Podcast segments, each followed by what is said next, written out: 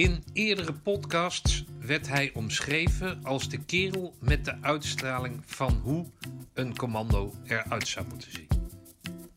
Geboren in Den Haag word ik altijd vrolijk van het taaltje wat hij spreekt. Deze twee ingrediënten zitten in ieder geval binnen deze podcast opgesloten. Lichting 86.4. Vandaag in de Mutstas podcast het levensverhaal van adjudant buitendienst Piet Oosterbaan. Adjudant BD Oosterbaan, 6010 065. We zitten vandaag bij uh, Piet. Piet Oosterbaan. Ik uh, sprak nog iemand anders en ik zei ik ga naar Piet. Hij zei naar Schedel. Was dat jouw bijnaam, Schedel? Niet dat ik weet. Maar mijn, mijn bijnaam was Oba, OBA. Oké, en waar staat Oba, Oosterbaan? Ja, Oba, dat is uh, de naam die uh, was eigenlijk, nee, dat in de verbindingen. Ik heb in, bij, uh, met Aard Groenendijk en zo heb ik in de verbindingen van het korps gezeten, in het verbindingspeloton. Ja. een jaar of twee, zoiets in het begin. En nou, dan hadden we allemaal afkortingen van de, van de namen. Aard Groenendijk was Gro bijvoorbeeld. Ik was Oba, nou daar is, dat, daar is het van gekomen. Oké. Okay. Maar dat schedel, dat heeft met je kale hoofd te maken. Heb jij altijd, want ik ken jou van de panorama. Daar, daar ja. heb jij prominent in staan. Toen had je ook al een kaal hoofd. Ja, ik was op mijn... Nou, wat zal het zijn? Op mijn achttiende begon ik al kaal te worden. Want ik, oh. ik, rijd, ik rijd natuurlijk brommer en daarna motor gaan rijden. Dus altijd een helm op. Nou, dat schijnt het ook te versnellen. Dus ik begon al kaal te worden en dan krijg je zo'n priesterkapsel. Dus toen dacht ik bij mezelf van, nou weet je wat, dan haal ik gewoon alles eraf. Dus in het begin deed ik dat nog met de tondeuze op een millimeter stand. Ja. En op een gegeven moment dacht ik bij mij van, nou ja, gewoon scheren is wel net zo makkelijk. Dus dat, dat doe ik eigenlijk al sinds 85. Okay, dus dat is een soortje handelsmerk geworden. Dus dat scheelt wel dat, nou ja goed, als je daar nooit van hoort, wordt het vanaf nu uh. Hartstikke goed. Waar, uh, waar uh, als ik, nou dat vaak altijd, omdat ik dat van mijn ex heb geleerd, moet je, weet je wat je moet doen? Je moet een vraag stellen, moet je ogen dicht doen en zeggen van, als ik Piet nou eens op zevenjarige leeftijd, als ik daar eens naar terug ga, wat zie ik dan? En, uh, Kortom, vertel me eens wat over je jeugd. Waar kom je oh, vandaan? Waar okay, ben je geboren? Dat is, nou, dat is een ander verhaal natuurlijk. Ik denk specifiek zeven jaar. Ja. Uh, geboren in, uh, in Den Haag. oh, dat hoor je nog steeds, ja. Ik kom ook uit Den Haag. Oh. Ja. ja dat is waar, kom je, waar, waar ben je geboren? Uh, Warmerstraat. Okay. Maar mijn vader was een Scheveninger. En die waren in de oorlog waren natuurlijk allemaal Scheveningen uitgegaan. Ja. En die, uh, ja, die wou, wou, wat graag terug naar Scheveningen. En zijn broers ook allemaal. Dus iedereen woonde verspreid door Den Haag. Maar elke zondag zat iedereen zat, uh, in een café in Scheveningen. Wat weer van mijn oom was. Okay. En daar kwam iedereen altijd zondags bij elkaar. Dus ik ben geboren in, uh, in Den Haag. Maar we zijn, toen ik vier jaar was, zijn we terug naar Scheveningen verhuisd. En daar heb ik eigenlijk gewoond totdat ik bij Defensie ging werken. Okay. Waarom wilde jij militair worden dan? Als jij zegt, voordat ik, hè, tot, ja, toen ik weer Defensie, was dat dienstplicht? Was dat... Dienstplicht, ja. Dienstplicht. ja? Okay. Oh, dus zo is het begonnen? Ja. Het, uh... Of wilde je altijd een militair worden? Nee, nee, nee. ik had, uh, eigenlijk uh, had ik zoiets van, nou, niemand gaat mij vertellen wat ik moet doen. Ik, ik ben een vrije jongen, ik doe het allemaal zelf wel. Maar ja, toen had ik een akkefietje lopen bij, bij de sociale dienst in Den Haag. En ja. Hoe ziet een akkefietje bij de sociale dienst eruit? Wat nou, is dat? Kijk, als je, als je werkt, maar je krijgt ook een uitkering. Oh, ben je er zo in, Piet? Ja? ja, daar stappen we op. Want uh, ja, nee. nou, we, we zouden heel eerlijk zijn. Nou, luister, ik, uh, ik was gewoon... Uh, ik was van school afgegaan. Ik, ik had al werk. Uh, maar dat was natuurlijk zwart werk. Dus ik had al werk en ik was van school afgegaan. En ik... ja, ik, ik ging langs een, langs een instantie op de Seinpolstraat om mijn eigen in te laten schrijven. Dus ik, Seinpoststraat. Seinpoststraat, ja. ja. Dus, nou, dat weet, ja, Verscheveningen. Dus ik, ik, zit, ik zit daar uh, op dat bureau en er zit zo'n geitenwolle sok tegenover me. En die probeert me allerlei dingen aan te praten. Ik zei, joh, ik hoef me alleen maar in te schrijven. Ik zei natuurlijk niet dat ik werk had. Ik zei, je hoeft me alleen maar in te schrijven en dan, uh, dan ben ik weer weg. Nee, nee, want je hebt ook recht op een uitkering. Ik zei, ik hoef helemaal geen uitkering. Dat, uh, ja, daar heb je recht op en dat moet. En, nou ja, oké, okay, als je zo aandringt. Dus ik... Nou, die werd formulier ingevuld en toen kreeg ik dus gewoon elke week kreeg ik een check thuis met geld. Nou, dat ging nog maar heel even goed natuurlijk. Want eh, ik werd er gepakt en eh, vervolgens, tenminste ik niet, maar de vent met wie ik werkte, die werd gepakt. Wat voor werk was dat dan? Ik werkte in, eh, in Hoven, bij een hoveniersbedrijf. Ah, oké. En ik rugbiede toen op hoog niveau. Ja. En ja, dat, dat, dat werk in het hoveniersbedrijf was super. Want ja, dat was een, een extra rugbytraining was dat erbij. Ja. Waar je scheppen en kruiwagen rijden Ja. en sjouwen en zo. Fantastisch.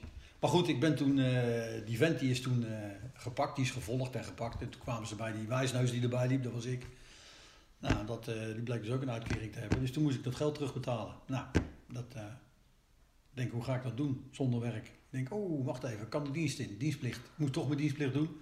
Dus ik nou, dan ga ik maar de dienst in. En dan, dan zie ik het wel. Dus toen ben ik de dienst ingegaan en toen is het eigenlijk een beetje gaan groeien. Van, toen zei de vader van mijn ex, die zei van, eh, is dat niks voor jou dan? eh, want die wou natuurlijk vastigheid voor zijn dochter. Dus die zei, is dat niks voor jou dan, eh die, heet het, beroeps? Ja, ja, misschien wel. Dus zo is dat eigenlijk gaan rollen.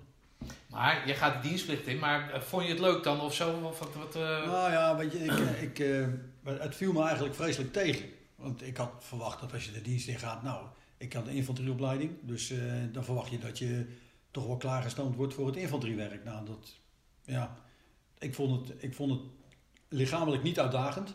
Eh, Maar waar bestond dat dan uit? Waar, waar kwam je op dan? Is dat het harde ik ben of zo? Ermelo, nee, ik ben Oh, in Ermelo opgekomen. En ik ben in Ermelo opgekomen en eh, aansluitend ben ik naar Weert gegaan om beroeps te worden.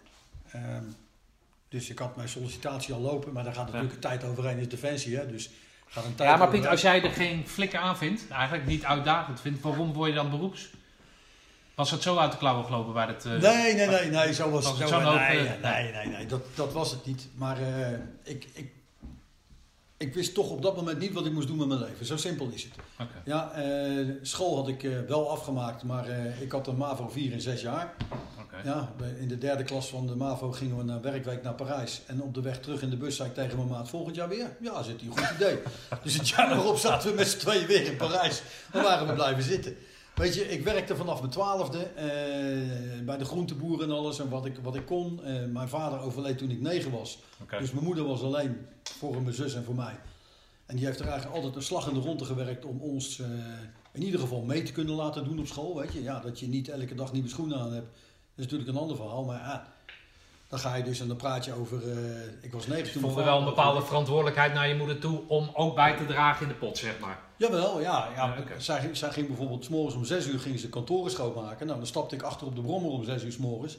Dan reden we met z'n tweeën in de regen. Ja, want eh Scheveningen. dus je reden reist altijd. Dus dan reed je, dan reed je naar, eh, dan, naar dat kantoor, dan maak je dat kantoor schoon. Was je om half acht thuis, dan vervolgens ontbijten, op de fiets naar school. Nou, dan kwam je terug van school, dan eh moest je eigenlijk huiswerk maken. Maar ja, dat had ik natuurlijk nooit. Dus, eh, en dan ging ik werken. Nou, en dan s s'avonds eh eten en dan de volgende morgen weer precies hetzelfde. Hm. Dus, eh, en dan in het weekend had mijn moeder nog twee andere kantoren waar we dan ook... Ja, eh, joh. ja, die moest, ja, daar moest gewoon geld van Leeft je moeder nog? Nee, die is eh, in 2019 is die overleden. Oké. 92 jaar. En dat, eh, 92 jaar? 92 jaar. Oh, dat zei je net inderdaad. Ja. Zo. Die is 92 geworden en die werd een beetje dement op het einde. Dat is wel jammer. Want ze is, het is altijd een hele sterke vrouw geweest. Ze heeft altijd de boontjes gedopt zelf. Weet je. Ze heeft nooit de hand opgehouden. Ze heeft altijd keihard gewerkt. En eh, ja, dat was ons Zij voorbeeld. vrij vroeg de man dus overleden. Jouw vader? Ja, ja, Oké. Ja. die was eh, mijn vader is 57 geworden. En Dat was niet het. oud. Nee, dat is niet oud, nee. Dus daar ben ik al overheen. Dus die, die slag Ja. heb ik al gewonnen. Ja. Maar, maar het is wel, eh, ja, dat, dat, dat is wel het voorbeeld wat je krijgt. Mijn moeder heeft gewerkt totdat ze 75 was. Oeh, joh. Ja, die, eh, die had ook overal klussen. Ja, maar dan rolden ze daar weer in en dan kon ze daar weer. En omdat mijn vader natuurlijk Scheveningen was en dan op Scheveningen. Ja. Ja, dan kenden ze daar weer iemand en dan kon ze daar weer aan de slag, weet je. Dus dat... eh, maar die heeft altijd hard gewerkt en dat is eigenlijk... eh, ja, je draagt dan bij in de pot. En hoe word je dan militair? Ja, ik, ik denk, wat moet ik met mijn schoolopleiding als ik dan rondgekijk? Ik denk, ja, ga de bouw in. Nou ja, dan zitten ze niet te wachten op een vent die niks kan. Je, Nee, ja, maar je kon wel hard werken, want je had Ja. er wel de bepaalde... ik had wel hard werken. Ja. Alleen, eh, dan moet je nog wel iemand vinden die jou de kans geeft om Ja, hard te werken. dus die hovenier gaf jou de kans. Het zegt van jammer dat je tegen de lamp liep. Maar het- voor de rest, als je een goede Ja. bouwvak had gehad, die jou het vak had geleerd, had je net zo goed nu bouwvak kunnen zijn. Ja, en je, eh, je kan ook bij de HTM, weet je dat. eh, Ja, nee, tuurlijk. Weet je, dat, Ja. dat soort dingen. Dus er zijn wel mogelijkheden, maar je zit dan te kijken. Je denkt bij ja, maar ja wat, wat, wat wil ik nou eigenlijk? Ja, dat was, was bij mij helemaal niet duidelijk. Haagse trammaatschappij. Ja, Even voor de Haagse, Haagse, ja. Haagse HTM, Haagse Tremmaats, maar Ed Wevelingen, ik zei dat wel vaak. als we dan, Ed Weveling was een van mijn ploegcommandanten in de 104. En uh, dan zeiden we tegen elkaar, godverdomme, weet je wat, we stappen eruit en we gaan werken bij de HTM. Ja, ja, goed idee. Weet je. Als je dan met z'n tweeën weer ergens in de zijkregen stond te wachten. ja, die tram is altijd droog en uh, ruitenwissers. ja. Goed, maar jij vond het dus niet leuk, maar je, je kijkt in de spiegel, ja, wat kan ik nou eigenlijk? Dus laat ik maar beroeps worden. Ik denk dat dat met heel veel van mijn leeftijdgenoten was. Uh, zocht je avontuur, ja, afwisseling, dat wel. Oké. Over welk jaar hebben we nu? Uh, 1980. 1980, oké. Dus ik ben in 80 als dienstplichtig opgekomen. En daar ben ik toen... Uh, ja, ik, had, ik was toen eigenlijk ook al bezig om beroeps te worden. Weet je, met zo'n met zo'n folder. Uit, uit de troskompas haalde je dan zo'n zo'n bonnetje, vulde je in, huppatee. En dan stond je, voor je het weet, stond je in... Bij Leusden was dat, Kamp Waterloo. En dan kwam je voor de keuring. Oh ja, dat ken ik. Ja. Maar als jij zegt, nou je geeft een beetje aan dat mensen jou niet hoeven te vertellen wat jij moet doen. Hoe werkte dat in dienst dan? Als mensen zeiden tegen jou van, zonder uit te leggen waarom jij in de houding moet staan, hoe, hoe, hoe, ja, maar dat is hoe ga jij daarmee om? Dat, dat is eigenlijk heel tegenstrijdig. Aan de ene kant zeg ik van, luister, je hoeft, uh, je hoeft mij niet te vertellen wat ik moet doen. Ik heb hier af en toe ruzie gehad met, uh, met schoonzonen die hier, uh, of ruzie, dan was er een, een, een conflict. En dan zei ik van luister, alles goed en wel, maar er is godverdomme niemand die mij hier in huis, in mijn eigen huis gaat vertellen hoe ik hier de zaken moet regelen. Is prima, je kan je advies geven en alles, maar ik kom hier mij niet vertellen wat ik moet doen. Nou, en dat, wat, die... voor, wat voor jongens zijn dat dan die dat, tegen jou zeggen? zijn die er nog, sowieso? Uh, nee. Even kijken. Ja, dan hangen hier vrij veel foto's. Kan je ze aanwijzen? Uh, nou, we hebben toevallig hebben we weer een zuivering doorgevoerd. Want, nee, de ellende is echt waar. Want er zitten goede jongens en meiden tussen. En dan, en dan weer weg, weet je. Mijn oudste zoon is gescheiden. Gaan nog wel heel goed met elkaar om, hè. Kleintjes erbij, weet je. Maar wel uit elkaar. Uh, mijn middelste zoon is van zijn vrouw af. Ja, vervolgens een andere vrouw leren kennen, woont in Amerika. Uh, mijn jongste zoon, nou, die, hebt dan, die, die woont nou samen met een meisje. De oudste dochter is net van de man af, een paar maanden. En, en de jongste dochter, die zit... Uh, ja, die heeft nou een aantal jaren hebt die, hebt die een vent. Die had een hele goede vent. ja, die, die als je was niet zo. Maar oké, die andere kennen we dus niet. Nee, maar de, de, weet je, je kan wel eens een conflict hebben, of er kan wel eens iets zijn en dan, dan lopen de gemoederen hoog op en dan, uh, en dan zeg je op een gegeven moment, alles goed en wel, maar ga mij niet in mijn huis vertellen uh, hoe ik mijn leven moet leiden. Nee, ja, maar goed, in, in het begin van jouw militaire carrière, uh, als vrije jongen, laten we het vrije jongen noemen, gaat iemand anders, die bijna dezelfde leeftijd heeft, misschien nog wel jonger, tegen jou zeggen dat je in de houding moet gaan staan. Ja, en, en dan krijg je dus iets heel raars. Als jij er dus voor kiest om dat vak te gaan doen, dan moet je dus niet ouwe hoeren. Maar dan horen dit, zijn dit de regels die bij het vak horen. Was dat iets wat jij tegen jezelf zei of is dat jou aangeleerd in vrij korte tijd? Ik dat, volgens mij heb ik dat vanuit de rugby hier meegekregen. Oh, je rugbydeel? Ja, ik, uh, ik heb, uh, dat mis ik. Ik vind het de fantastisch, de beste sport die er is, echt waar. En ik heb vanaf mijn twaalfde tot mijn twintigste heb ik gerugbied, echt actief, uh, bij Den Haag. En later ben ik nog bij Roosendaal, heb ik nog even gespeeld. Maar ja, ik kom bij Den Haag kon ik niet verder, want ik ging natuurlijk de hele week in Ermelo in dienst. Dus kon je niet trainen. Dus viel je automatisch terug naar het derde, vierde team. Ja, en, uh, en ik was natuurlijk zo weinig uh, in, in, in Den Haag meer. Dat, ja. Maar goed, daar, heb ik, daar, heb ik, daar is wel een hele grote basis uh, van, van vorming. Stel eens wat, rug, wat rugby is. Ja, niet zozeer het spel, maar wat, wat heb jij daar dan aan, aan ah, waarde en normen geleerd? Het is, een, het is een teamsport waarbij je, je eigenlijk, ja, in je eentje kan je niks. In je eentje word je onder de voet gelopen, maar juist de kracht van het team en de motivatie van het team zorgt ervoor dat je, dat je gewoon hele goede eh, wedstrijden kan spelen. En, als, als een team echt werkt zoals, en dan, dan kom je eigenlijk een beetje op het commando uh, gebeuren terecht. Als iedereen uh, super gemotiveerd is en het nut inziet en, en weet van oké, dit gaan we klaren, die klus, dan lukt dat ook. Ja, en, en die, die mentaliteit, die heb ik eigenlijk bij de rugby is dat een beetje ingevallen. Hele, hele rare coaches hadden we af en toe hoor. Want het was, er werd bijvoorbeeld niet gerookt. Er was een, we hadden een jeugdcoach. Nou, dat was, uh, oh jij rookt. Nou, dan speel je niet. Dus als je wou spelen, dan moest je dus niet roken. Want die had een hekel aan roken. Ja, en, en er waren dus, dus trainers tussen, die hadden hele specifieke dingen. En ja, op een heel hoog niveau. Echt, en dus er was constant uitdaging, je was constant aan het leren. Uh, tegenstanders moesten we toen de tijd zoeken. En dan praat ik over 76, 77. Moesten we echt zoeken in het buitenland. Omdat in Nederland, ja, het klinkt heel blufferig. Maar in Nederland rolden we alles op. Maar we hadden een team met jongens, nou, die, die kenden elkaar van haver tot gort. Louis Straathof, nou, uh, God hebben ze ziel, die, die is al jaren dood. Dat was, dat was mijn medeflanker. Als Louis ging lopen, dan liep ik achter hem aan. En dan wist ik, die bal komt ergens uit. En ik wist altijd waar hij eruit kwam. En hij wist altijd dat ik daar was.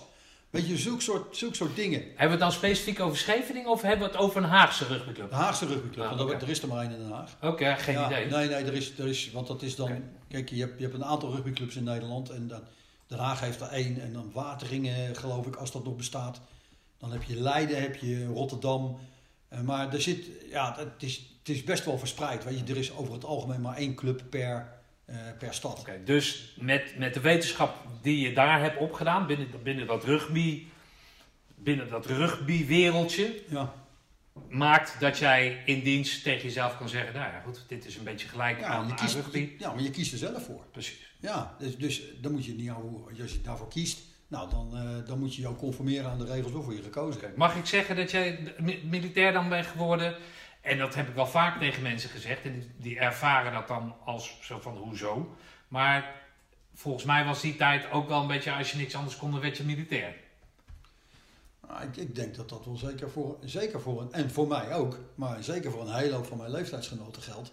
Die, die er gewoon ingestapt zijn van, nou ja, oké, nou weet je wat, dan... Uh, en die kozen dan meestal een makkelijk vak. Zoiets als uh, intendance of, ik wil niet zeggen dat dat makkelijk is. En, oh, pas op wat je zegt.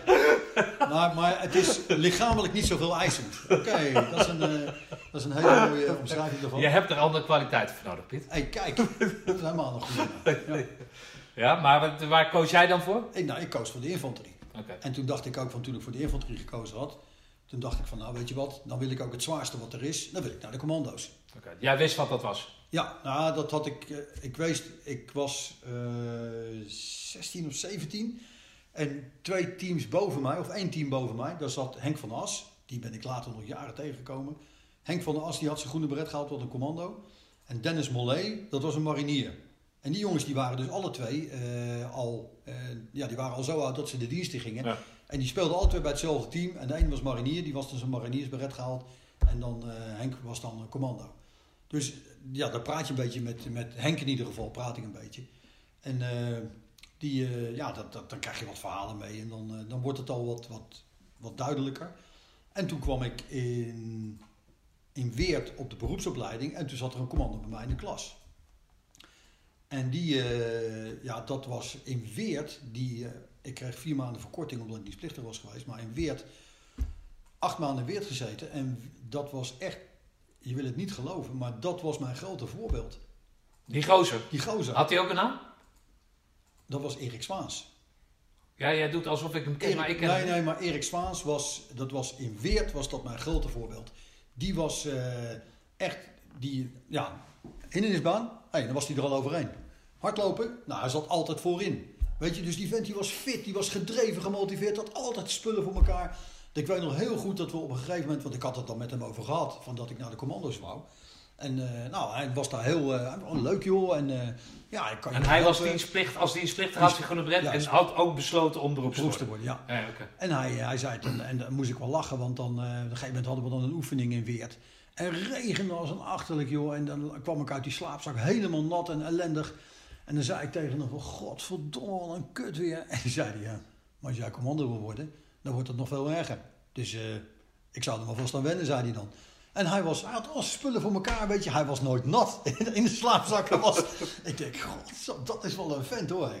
Dus dat, ja, dat was, hij was in Weert was hij echt mijn grote voorbeeld. En, okay. en ja, fotoboeken Ook een Hagenees van dit? Nee, nee, nee. Oh, echt een Roosendalen. Want oh, zijn, okay. vader was, zijn vader was ook commando, geloof ik, geweest. Dienstplichtig commando, geloof ik. Dus die, hij was echt een Roosendaler. En uh, ik geloof dat hij nog steeds leeft hoor, weet ik niet zeker. Maar, uh, ja goed. Maar in ieder geval, die... Uh, dat heeft mij doen besluiten om dat, uh, om dat te gaan doen. En toen kwamen we in Harderwijk in de infanterieopleiding. En toen zaten we met Eppie van Bennekom en Robert Houter en uh, Nico Spierenburg. En Nico Spierenburg, krijgsmachtadjudant geweest, recent nog. Maar we zaten met een clubje lui bij elkaar en er was, was echt niks te gek. Dat, iedereen was fit, iedereen ging 100% voor die, voor die baan. En En er was dus een heel klein clubje dat wou allemaal de groene beret halen. En dat waren er best wel veel die dat wilden. En uh, ja, dat, dat, die motivatie, die, uh, dat wordt dan steeds sterker, weet je. Dus je gaat steeds meer dingen verzinnen om zo snel mogelijk naar Roosendaal te kunnen komen. En zit daar nog iets van de restrictie op? Zo moet je dan een, toen de tijd een toelating doen, dan moet je aanmelden, ja, ja, schrijven. Hoe zit dat in elkaar dan? Uh, je moest dan aangeven in de opleiding, in de infanterieopleiding, dat je je groene bret wil halen, dat je commando wil worden. En dan kreeg je een, een, een test, kreeg je dan. Dan kreeg je eerst een sign-test. En als je daar doorheen kwam, die sign-test was dan altijd de, de, grote, ja, de grote zeef. Ja. En als je daar doorheen kwam, dan uh, uh, kreeg je de fysieke test uh, op de kazerne Roosendaal. Nou, en de sign-test, ja, we hadden natuurlijk overal onze, onze voerhorens uithangen. Louis Breyer, die, die had ook goede contacten. En Louis, Louis Breyer die had gehoord, weer van iemand, dat tijdens de seinntest moest je echt alleen maar geconcentreerd blijven op je seinpapier. Hij zei, wat let op, daar gaat iemand binnenkomen en als je dan opkijkt, dan haal je het niet. Ja, ja, ja, ja, ja fantastisch. Dus, uh, ja, ik, dus aan de ene kant, ik nam dat met een korrel zout. Maar goed, we zitten in de seinntest en verdomd, de deur gaat open. En er komt iemand binnen. Dus ik denk, niet kijken, niet kijken. Dus ik was eigen helemaal concentreren op dat blad. Twee lui die keken, die hebben alle twee de seinttest niet gehaald. Dat weet je niet. Ja, serieus waar. Oh, maar het... Een man of acht zat daar binnen. En dus vroeg later, wie kwam er binnen? Ja, dat was onze klassencommandant. Die kwam binnen en die, ja, die kwam binnen. En, en die twee jongens die dus, uh, die dus gekeken hadden, die, die hadden hem zien rondlopen door de klas met zijn handen achter zijn rug. En dan liepen we weg. Echt nutteloos, weet je. Dus, dus uh, dat hoorden we dan later. En die twee jongens die hadden opgekeken, die hadden hem niet gehaald. En dan volgens mij is die later, is die, heeft hij dat nog wel geprobeerd? Ja, er zijn nog wel jongens die hebben het geprobeerd. Niet iedereen heeft zijn beret gehad. Eppie van Bennekom, uh, Louis Breyer en ik wel. Er was volgens mij nog een, een, Robert Houter heeft het niet gedaan omdat hij... Die had een heel zwaar auto-ongeluk gehad. Die heeft heel lang lichamelijk in de kreukels gelegen. Dus die heeft nog wel zijn rode beret gehaald. Maar die, kon, uh, die was te oud, vond hij ook. En die kon dat, uh, hmm. dat traject niet meer in. Maar ja, daar, daar wordt dan een, een bepaalde, ja, bepaalde wil gesmeed eigenlijk om die kant op te gaan dat, uh, ja, daar, daar heb je dan alles voor over. Oké. Maar goed, dus dan blijven er drie over. Of nee, de drie blijven die groene bret. Maar een clubje gaat dan naar Roosendaal. Ja.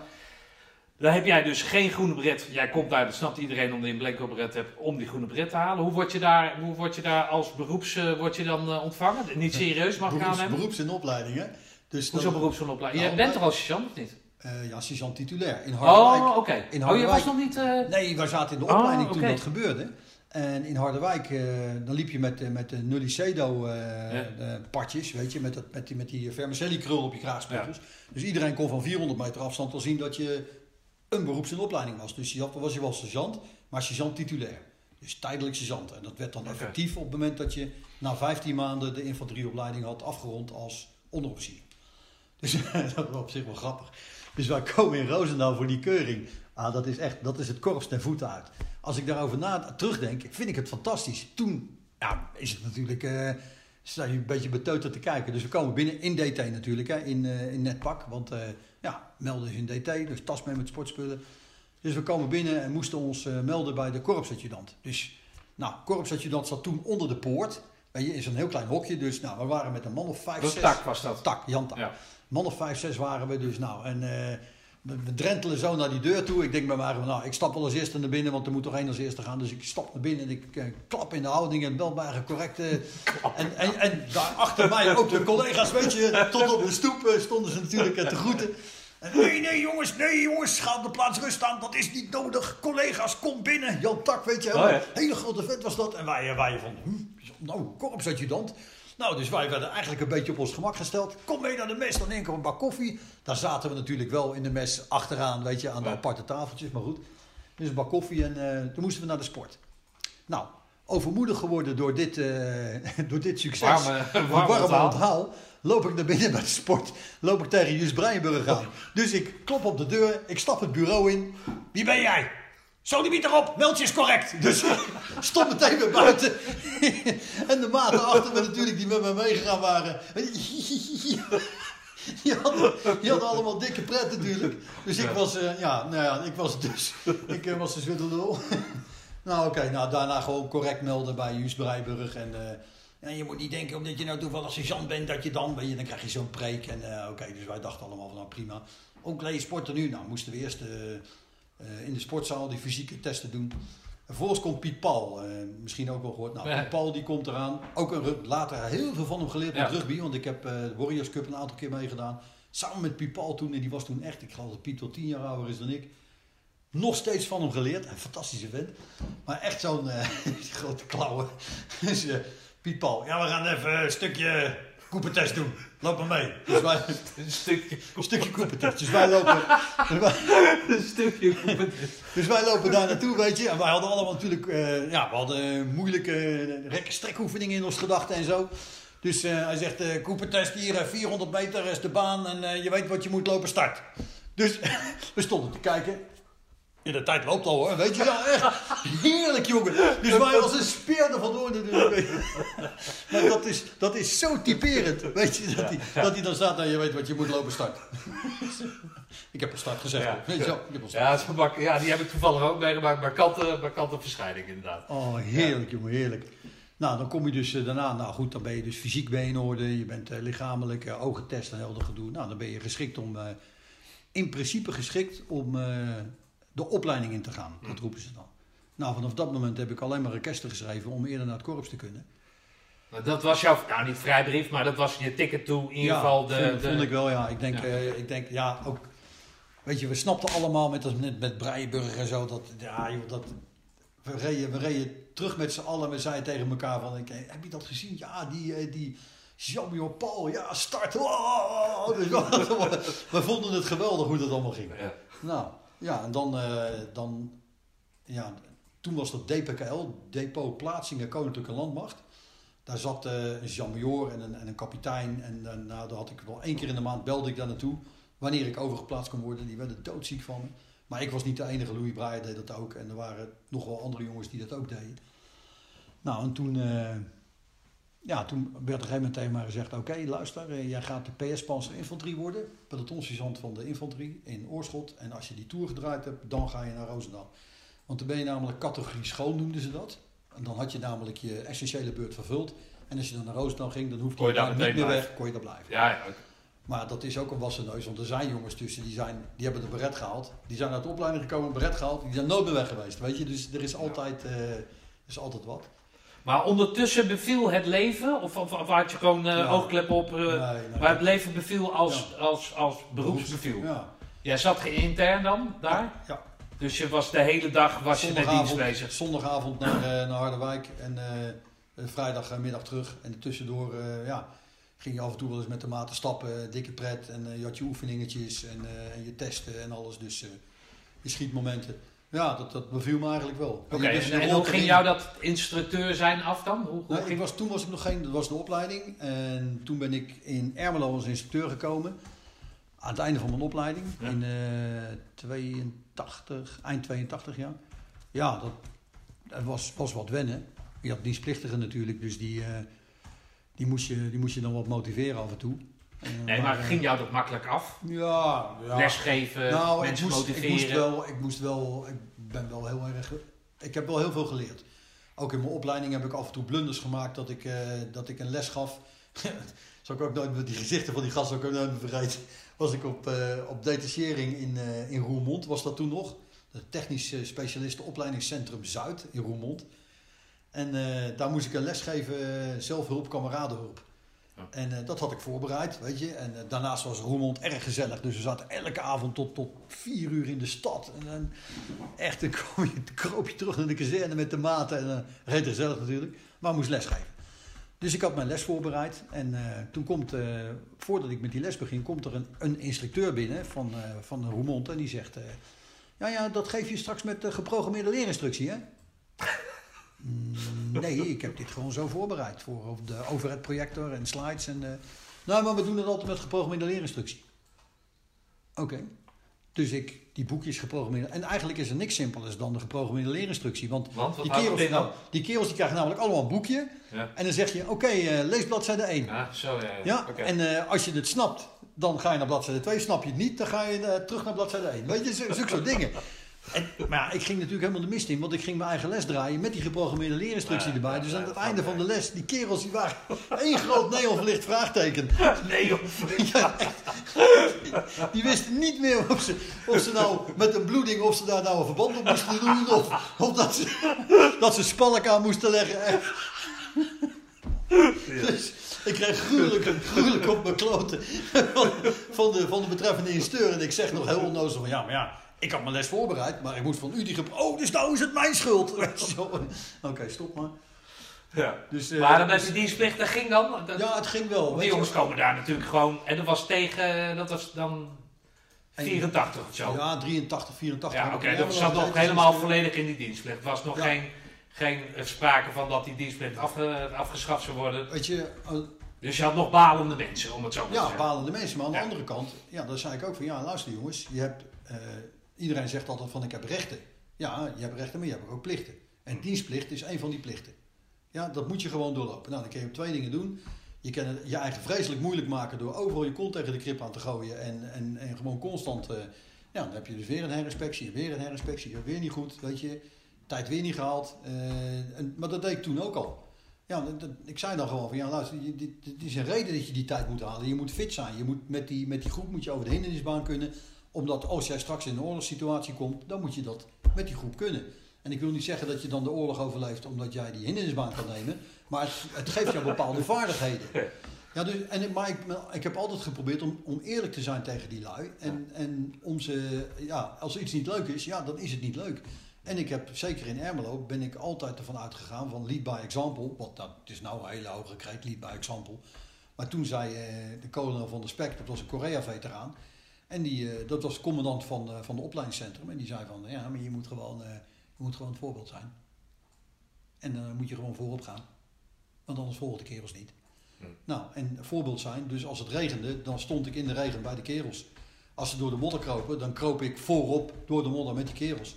Weet je, om, om het voorbeeld te geven. En dan, ja, dan accepteren ze dat veel makkelijker. Als jij daar staat in een besmeurd pak, ja, dan, dan is dat, ook al vind je het vervelend, maar hij doet het ook. Weet je, dus ik heb wel de balen van dienstplicht. Maar oké, omdat hij het doet, ga ik dan toch ook met hem mee. En dat heb ik, dat heb ik altijd geprobeerd. En die kolonel van de Spek, die had een geweldige vent, vond ik het toen. Die kwam dan kijken op de, op de hei. En die kwam dan altijd als het slecht weer was. Dan zag je de kolonel van de Spek, weet je. Dan regende het echt, dat was niet normaal. En dan stond jouw eigen kompiescommandant, die stond helemaal zielig onder een boompje met, een- met een sjaaltje om. Stond hij eh, van een afstand te kijken en dan stopte de jeep en dan sprak de kolonel van de Spek, sprong daaruit. Met, met gewoon zijn gevechtsjas aan, geen sjaal, niks. En die benen door het veld heen. En die kwam dan naar je toe en dan meldde ik me correct. eh dus Jan Oosterbaan bezig met eh, de aanval te voet, de kolonel. Oh, aanval te voet, keurig. Waar is de mag? Daar, kolonel. Nou, dan rende hij naar de mag. Plop, lag hij naast de mag. Dus die machtschutter ziet ineens naast zich een kolonel liggen. Kan je hier wat zien, kerel? Eh, ga me toch niet vertellen dat je hier gaat liggen terwijl je niks kan zien? Eh, verplaatsen met die mag. Je weet toch hoe dat moet? En dan kroop hij met die vent, met die mag, kroop hij een stuk tevoren. Die kerel was helemaal onder de indruk. En jouw eigen kopiescommandant stond daar dan onder de boom heel lullig bedremmeld van. Dus oh, hij bracht het ook in praktijk. Dat is ja, was, was echt. Dat was, was, en dan zie je zo'n vent en Ja. dan zie je wat voor effect dat heeft op die kerels. En dan denk ik bij jou van ja, het werkt dus nog steeds. Voorbeeld geven. Ja. Ja, en dan komt later komt dan, dan gaan we helemaal Engels en dan gaan we lead by example gaan we dat dan noemen. Want dat staat natuurlijk een stuk beter dan het goede voorbeeld geven.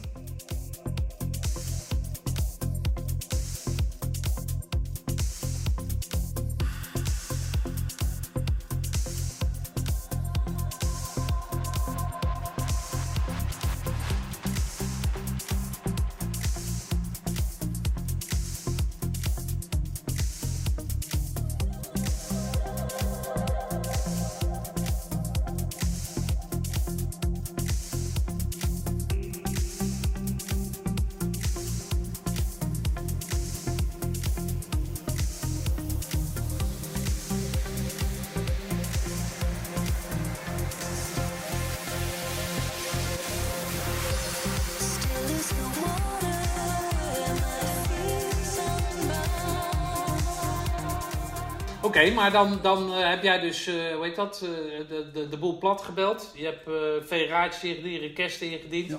En uiteindelijk komt dan het verlossende nieuws. Doe even één tour. Ja. En dan mag je naar Roosendaal. Ga je dan alleen naar Roosendaal? Of Nee, ik, nou ja, goed, dat was wel. Maar Louis Breyer was twee jaar voor mij gegaan. Louis en ik waren twee handen op één buik toen de tijd. En ja, Louis die was, die was al twee jaar eerder was die al gegaan. Die had het dus wel voor elkaar gekregen. En eh, nou goed, ik moest PS panzerinfanterie worden. Nou prima, je, dan, eh, dan doe je dat. En ik kom in Oorschot. Ja, luister, de infanterie werken ook allemaal, eh, allemaal capabele lui. Hè? Dus ik kom in Oorschot en ik loop daar tegen Kees de Waard aan. Die kende ik helemaal niet. En, maar Kees de Waard die, die zou ook naar Roosendaal gaan. Ik zei, oh, commando's gaan, wanneer dan? Ja, in dezelfde periode als ik. Ik zei, nou ja, ja dat, is wel, dat is wel apart. Nou, dus wij gingen dus, Kees en ik gingen met z'n tweeën naar, eh, naar Roosendaal. In, volgens mij was dat mei, 5, mei 86, zoiets. Ja. We hadden een lichting gedraaid in Oorschot. En eh Kees die zat daar al, die was, die was gewoon eh, die was een groepscommandant geweest, schoolzet en alles. En die was PS geworden. Nou, en ik ben dan eigenlijk een, een beetje een neusje wat dan niet uit het bataljon komt. Binnenkomt in het bataljon en door DPKL, de, door de plaatsingautoriteit, op een PS-stoel gezet wordt. Terwijl ik eigenlijk voor het bataljon niks betekend heb. En normaal gesproken gaat er bij een bataljon, ja, je wordt groepscommandant of je gaat de schoolzet in. En vandaar ga jij, eh, word jij PS als je, als je je eigen bewezen hebt na een aantal jaren. Nou, en ik had maar niks bewezen. Ik kom gewoon eh, uit, het, eh, uit het niks en huppatee, PS. Dus eh, ik heb, ja, het vak was niet moeilijk, omdat ik dat geleerd had in, eh, in Harderwijk. Maar het is, je moet wel even je plaats vinden binnen de, binnen de eenheid natuurlijk. Oké. Maar goed, met Kees de Waard samen naar Roosendaal. Ja.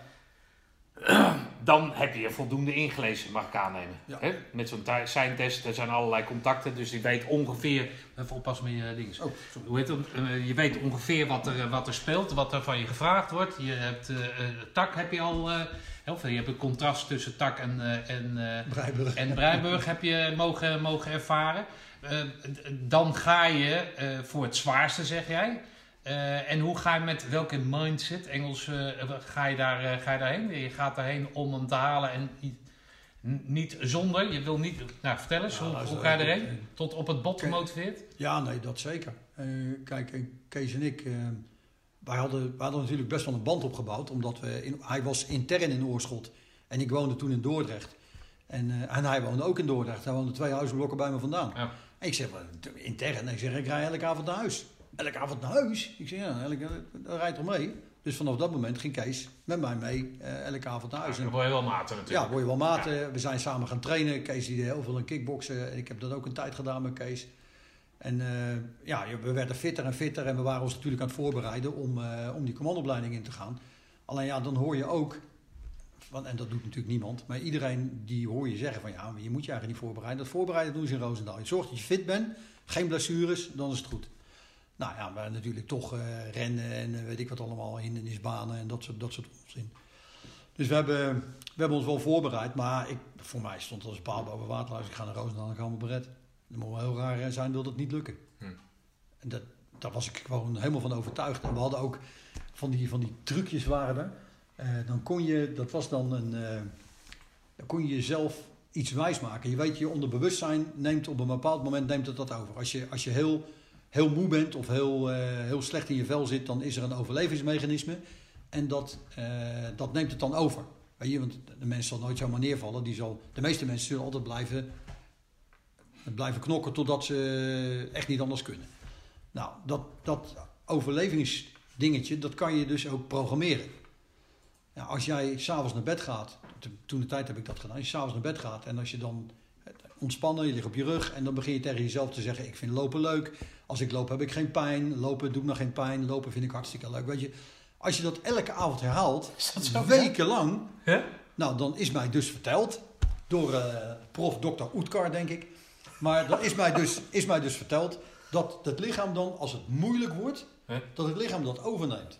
Dat het lichaam dan naar boven krijgt van, ja, maar je vindt lopen leuk. Je bent aan het lopen, dus dat is toch leuk?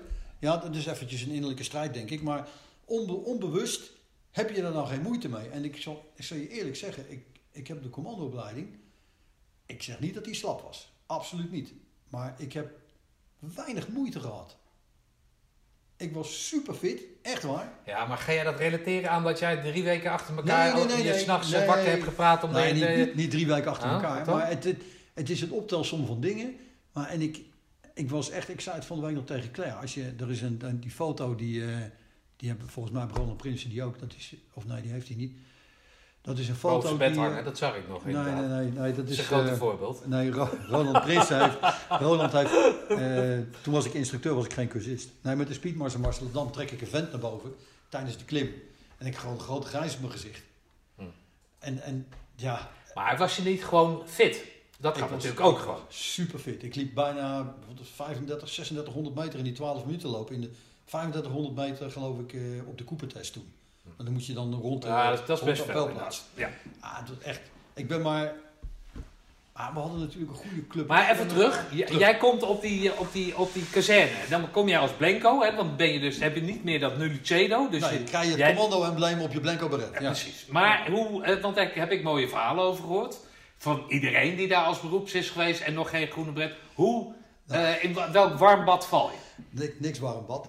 Eh, Kees en ik die komen dus eh, de kazerne op. En Kees en ik die hadden tegen elkaar gezegd: we stellen ons aan iedereen voor. Want dat was ook weer zoiets.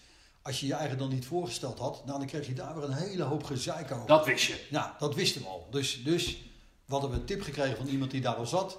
Was in Ermelo ook zo? Of was Nee, specifiek nee, op Roosendaal? Specifiek Oh, Roosendaal. Want daar, daar Dat was de tip. Jongens, Ja. als jullie nou in Roosendaal zijn, stel je aan iedereen voor. iedereen voor. Zorg ervoor dat je niemand gemist hebt. En dan, je kan beter een, een zeikopmerking krijgen dat je je twee keer hebt voorgesteld. Dan dat je te horen krijgt van, oh nee, ik ben zeker niet Dus je loopt op iemand af, je, je, je groet hem en daarna steek je je hand uit. Van, ik ben de sergeant en ik Nou kom ja, hier om een groene Groeten, halen. groeten dat, eh, dat, dat was dan niet meer eh, toen. Oh, dat- maar eh, ja, als je je eigen meldt op een bureau, dan natuurlijk nog wel. Maar eh, ik, het, het mooiste voorbeeld is, we liepen natuurlijk, dan liepen we rond en zagen we, oh ja, kijk dan op die en die. Nou, lopen we er naartoe. eh, goedemorgen, sergeant, die en die. Ik, wil ons, ik wil mij voorstellen, ik ben, ik ben sergeant En Oosterbaan. dit is mijn vriend, En ik kom- Kees. En, nou ja, dan Kees de- Of Kees die zei het eerste woord en dan. Dus een van de twee die deed het dan. Op een gegeven moment zien we Louis Vervoort het gebouw uitlopen. Die hadden we nog niet gehad. Ik zei, hey, daar loopt Louis, eh, loopt uh, Sergeant Vervoort. Even snel voorstellen. Dus wij er naartoe, Kees en ik. En eh, ik zeg tegen hem, zeg, eh, Sergeant Vervoort, ik wil hem even aan u voorstellen. En hij rent keihard weg. ik krijg... Kees en ik keken elkaar aan. We zijn echt een kwartier lang hebben we pissend van het lachen hebben we naast het gebouw gestaan. Echt waar. En, en ik zie het Kees nog steeds doen. Zegt hij, eh Sergeant Vervoort, ik wil me even aan u voorstellen. En, en waarom hij dat deed? Ja, nou echt, Maar hoe kende jij zijn naam dan? Vervoort. Ja, daar Ja. had een naamplaatje staan. Oh, En toen de tijd had ik nog super oh je, ik wou zeggen. Super ogen. Dus ik zie die, ik zie die aan. Je kende de meeste instructeurs kende je wel een beetje. Maar uit verhalen dan of zo? Van, Nou ja, maar ja, eigenlijk uit verhalen. Maar je- omdat je zo'n interesse hebt in het. En de Ja, onderofficierswereld was klein, hè? is dat zo? Ja, geen Die idee. was, toen was die hartstikke klein. Weet je, iedereen kende elkaar, joh. Dus, Op de kazerne? op de kazerne. Ja, oké. Ja, dus, en nou, dan waren we wel eens uitgenodigd met een beretuitreiking, want dat zeiden ze ook tegen ons. Van, eh, weet je, je moet je interesse tonen dat je graag naar het korps wil. Dus als er dan een beretuitreiking is, eh, vraag dan toestemming om de beretuitreiking Ah, te ja, mogen bijwonen. Omdat, Dat je het hele korps opsnuift en eh, dat, het je- helemaal ja, ja, en, dan, en dan loop je dus tegen allemaal lui aan. En dan, ja, over het algemeen is het, eh, wat doe jij hier? Of eh, oh, kom je hier weer gratis suipen? Weet je, dat soort dingen. Ja. Ja, goed, dat deed ik later zelf ook, dus wat dat betreft. Maar vertel maar nou eens. Jij komt zo'n, zo'n als met Blenko, baret, geto- op, hè, getooid, kom jij zo'n onofficiersmes binnen. Daar st- staan alleen maar groene baretten, die hebben ze dan wel wellicht, of ja, niet op. Ja. Hebben net het verhaal wat jij vertelde. Jij komt binnen, of je komt daar binnen, daar hangt dan de koningin. En dan groet je de koningin, toch? Dat, dat Ja, was ja, dat, dat deden we toen. Eh, je neemt de houding aan richting het portret van Hare oké. Majesteit. Zo simpel is het. Ja. Nou, daar hoef je niet bij te groeten. Het is alleen maar de houding aannemen. Ja. Maar dan kom jij binnen en dan zie je alleen maar groene bret. Hoe word je ontvangen? Is dat inderdaad van, wat kom je hier Niet. doen? Niet. Oh, je wordt niet ontvangen, Nee, je wordt genegeerd. Je, nou, je, krijgt, je krijgt van de mespresident, want op het moment dat je daar geplaatst wordt, dan ga je je rondebriefje lopen natuurlijk, kom je bij de mespresident. Volgens mij was Riem Broeders toen de mespresident. Nou, hele amabele man, weet je, want eh, eh, collega's, eh, leuk dat jullie er zijn, gaan zitten. En, want er waren best wel lui tussen, die deden ook normaal, weet je. Maar goed, Dus gaan zitten en die legde dan de regels uit. Van luister, het is niet de bedoeling dat je aan de bar gaat zitten om je biertje te drinken. Je bent altijd welkom. welkom werkmansborrel ben je altijd welkom. Maar de bar is voor groene bereiddragende, dus je mag wat komen drinken. Maar daarna moet je toch terug naar het aspirantengedeelte. En dat is achter het gordijn eigenlijk, uit het zicht. Ja, nou zo was dat, weet je. Dus, eh, dus wij, waren, wij waren al lang blij dat we achter het gordijn mochten zitten. weet je.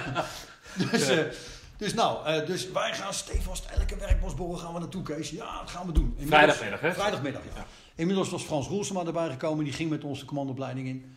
Ehm, en die, die, die draaide er ook in bij. Frans ook een Hagenees, dus die kende ik al wat langer. Maar die, die kwam er ook bij. Dus nou, dan kwamen we binnen met, eh, voor de werkmansborrel, houding aannemen. Nou, dan werd er hooguit even gekeken van, oh, Blanco, niet interessant.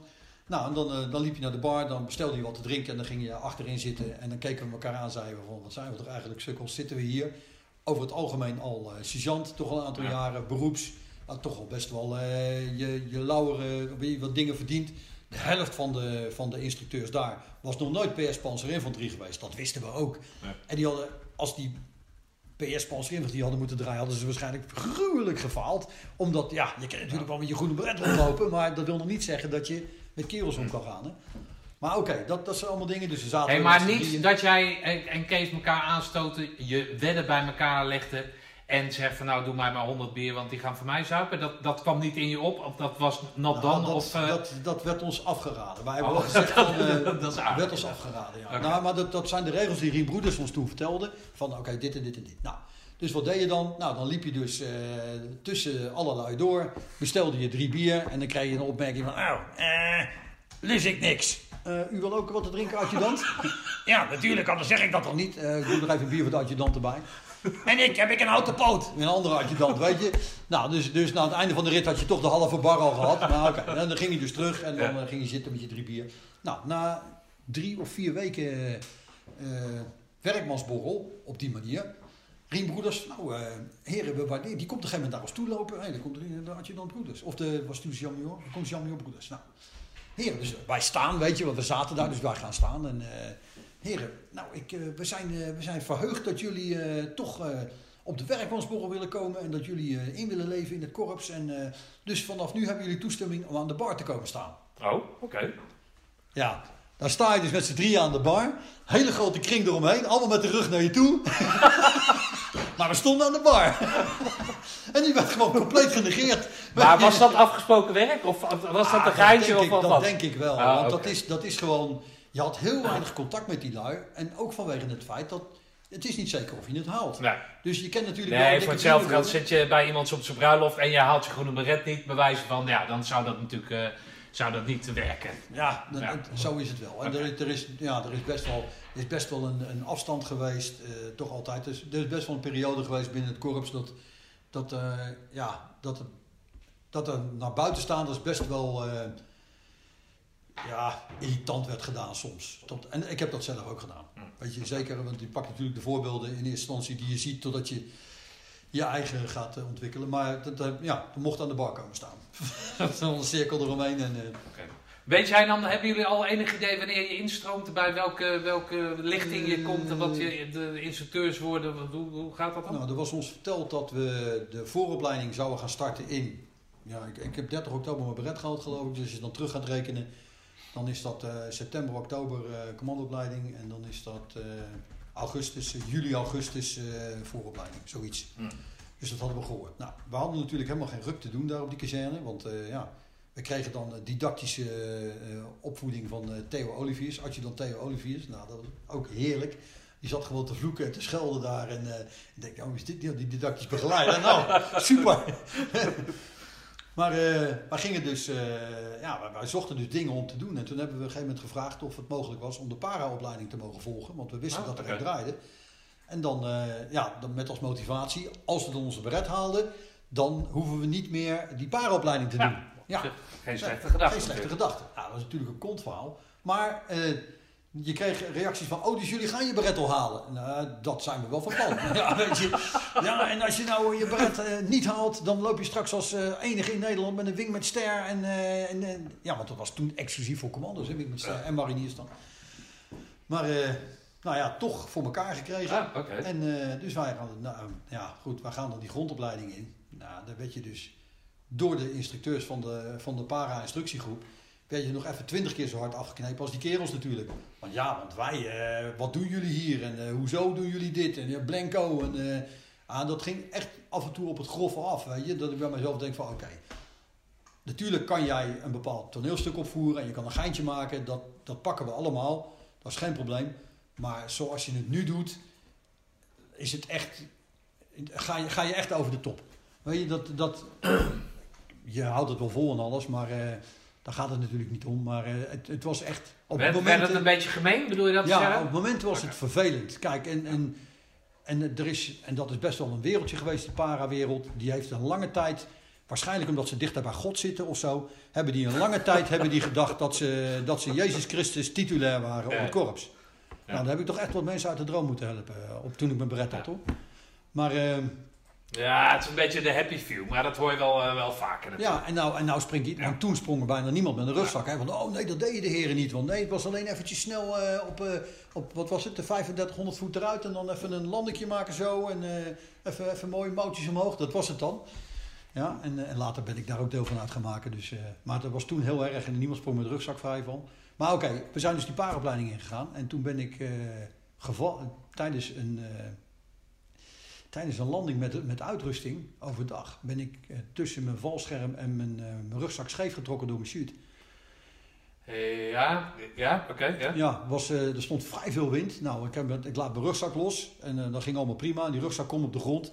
En nou, dat zijn de laatste vijf meter, dat weet je. En ik word scheef getrokken, dus ik moest mijn- hangriemen oplaten, de laatste vijf meter. Dus ik laat ze op. En mijn- koepel gaat die kant op, mijn rugzak, die Oh, natuurlijk veel te zwaar was. Want ja, ga als eh, blanco beroeps maar even je rugzak inpakken. Nou, dan is die, nee, is niet zwaar genoeg, nee, is niet zwaar genoeg, nee, is niet zwaar genoeg. Dus die, die rugzak die woog misschien, wel 50 kilo. Dat was, dat was niet normaal. Dus eh, ja, die bleef op de grond liggen, lekker lomp. En, eh en touw zat eraan en ik, ik kwam zo op de grond. Dus dit was het eerste wat de grond raakte. Dus schouder uit de kom. Joh. Ja,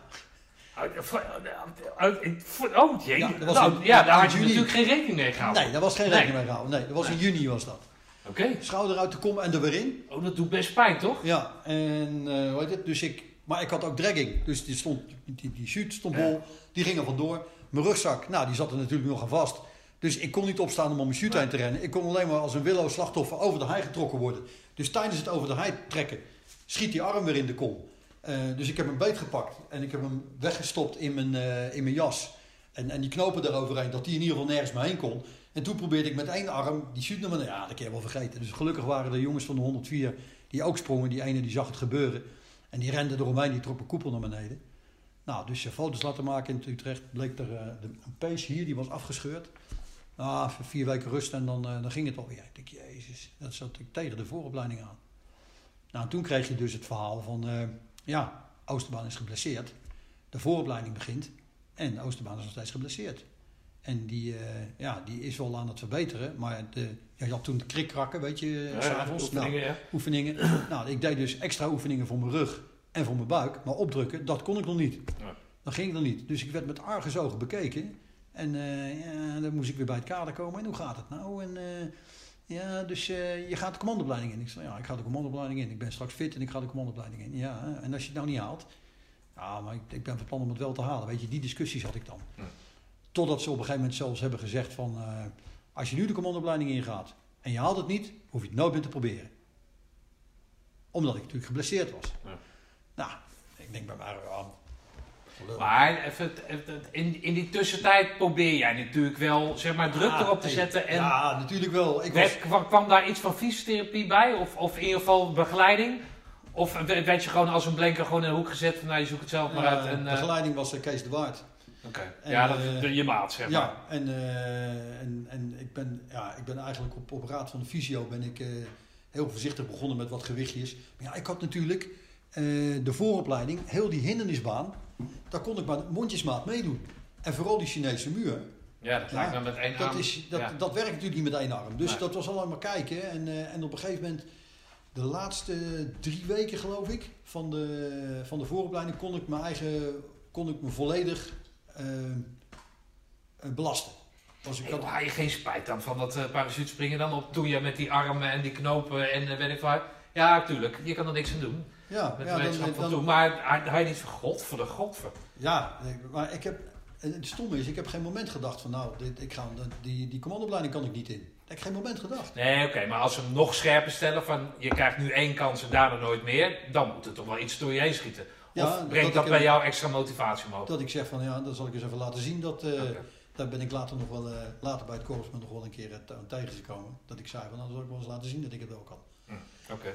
Maar Maar goed, dus die laatste drie weken de laatste drie weken hè? kon ik, toen had ik voor mezelf had ik het bekende indoctrinatiepraatje voor mezelf Je gehouden. hebt geen last van je arm. Je hebt geen last van je arm. Nee. En ik had voor mezelf een manier verzonnen om die Chinese muur over te komen, zonder dat ik dit hoefde te doen. Weet je, die lange rijk, eh, Ja. wat je eigenlijk Hij normaal- rijdt nu boven zijn Ja. hoofd, ja. Dat- Ja, dat- nou, wat, ik, wat ik dus had verzonnen was, oké, handen voor mijn borst, mijn, benen zo hoog mogelijk. Dan pak ik om, 1, 2, en dan trek ik met twee armen trek mijn eigen omhoog. Weet je, in plaats van hand over hand er tegenop lopen, zat ik dus gehurkt tegen de muur aan. Ik trok mijn eigen op. Mijn benen kwamen gewoon mee, want ja, buikspieren waren sterk zat. Ja, en dan 1, 2 handen, weer een trek. Dus Ah, eigenlijk. Op die manier. Dus dat deed ik de eerste keer. Dus dat Leon de Vrel, sportinstructeur, zat boven. Ja, dat is ook een manier om boven te komen. Ik nou, sergeant, als ik maar naar boven kom, daar gaat het om. Maar iedereen kende natuurlijk het feit dat ik dat gehad had. Ja. Niet dat daar medelijden mee was hoor, want eh, eigen stomme schuld had je maar niet moeten gaan parachutespringen. En eh, had je maar een commandoopleiding later moeten pakken. Ja. Dus eh, Oh, dat was wel een mogelijkheid. ja, nee, dat was wel een mogelijkheid. Want, Dus ik, ik skip even deze, dan pak ik de volgende. Dat was een mogelijkheid geweest. Oh, oké. Dus dan... Oh, nou, oké. ja, dat kwam het bij mij gewoon niet eens. eh, Dat landde bij mij niet eens, joh. Ah. Ik ging die commandoopleiding in met Kees de Waard en dat was het. Hm. Er was geen andere, mo- geen andere Oké, nou ja, goed. En dan? Maar je bent toch wel een beetje angstig? Of eh, heb je er totaal geen... Zit jij zo in elkaar dat het, als je het eenmaal besloten hebt, dat het dan... Dan ga je tegen jezelf praten in je slaap of voordat je gaat slapen. Ja, dat was, dat was dan toen. Toen dat? deed ik dat, ja. Ja. Eh, ik, ik heb, ja, ik, ik weet ik, Er staat niets bij van twijfel. Dat staat, Daar staat me dus niet nou ja, bij. dat is toch mooi? Weet je, dat is hartstikke mooi. En eh, dat, ja, het klinkt misschien heel erg blufferig, maar ja, zo ging dat. Ik, ik heb daar echt... eh, ik heb er geen moment bij stilgestaan om niet die commandoopleiding in te gaan. Ja, dan had de dokter moeten zeggen van oké, ik vind het niet verantwoord. Want ik, in de tweede week van de commandoopleiding, toen eh, hadden we een hoge hindernisbaan. En dan slinger je op een gegeven moment van, van de lage baan, slinger je naar het net. En dan moet je de hoge baan op, hè? Nou, Ja, ja, ja. De, de, dus de touwbaan is dat, touwbaan. En dat, dat net, daar slinger je in en dan moet je met je elleboog of met je oksel moet je moet je, je eigen vastklemmen. Om ervoor te zorgen dat je, want ja, meestal red je dat niet met je arm, want het was met de uitrusting en wapen enzovoort enzovoort. Dus ik wil mijn oksel klemmen, maar dat, dat gaat niet. En ik glij iets terug en ik kom aan mijn elleboog te hangen. Komt dus de druk staan arm- op? Ja. Die ging, die ging helemaal omhoog en die kraakte, jongen. Ik denk, oh jezus, ik denk, wat is daar aan de hand? En toen kneep ik hem wel even. En vervolgens, eh, nou ja, de, de touwbaan afgemaakt. Ik eh, naar de, hoe heet het, naar de, de instructeur en gevraagd of ik even naar de arts mocht. Ja, wat is er aan de hand dan? Ja, ik, ik moet even naar de arts, want ik heb het idee dat er, er is iets met mijn arm. Ja, we hebben het toch gezegd en nou, wegwezen. Dus ik naar de arts. Kom bij de arts. Ja, hier, hier te breed en daar te lang en draaien en trekken. Hij zegt, ja, hij zegt dat is gewoon, hij is gewoon stijf. Hij zegt het is gewoon rek. Hij zegt als hij er dan niet uitgaat, gaat hij er niet uit. Blijft hij voortaan altijd zitten. Ah, oké. Ja. prima. Dus ik was weer gerustgesteld. Ja, oké.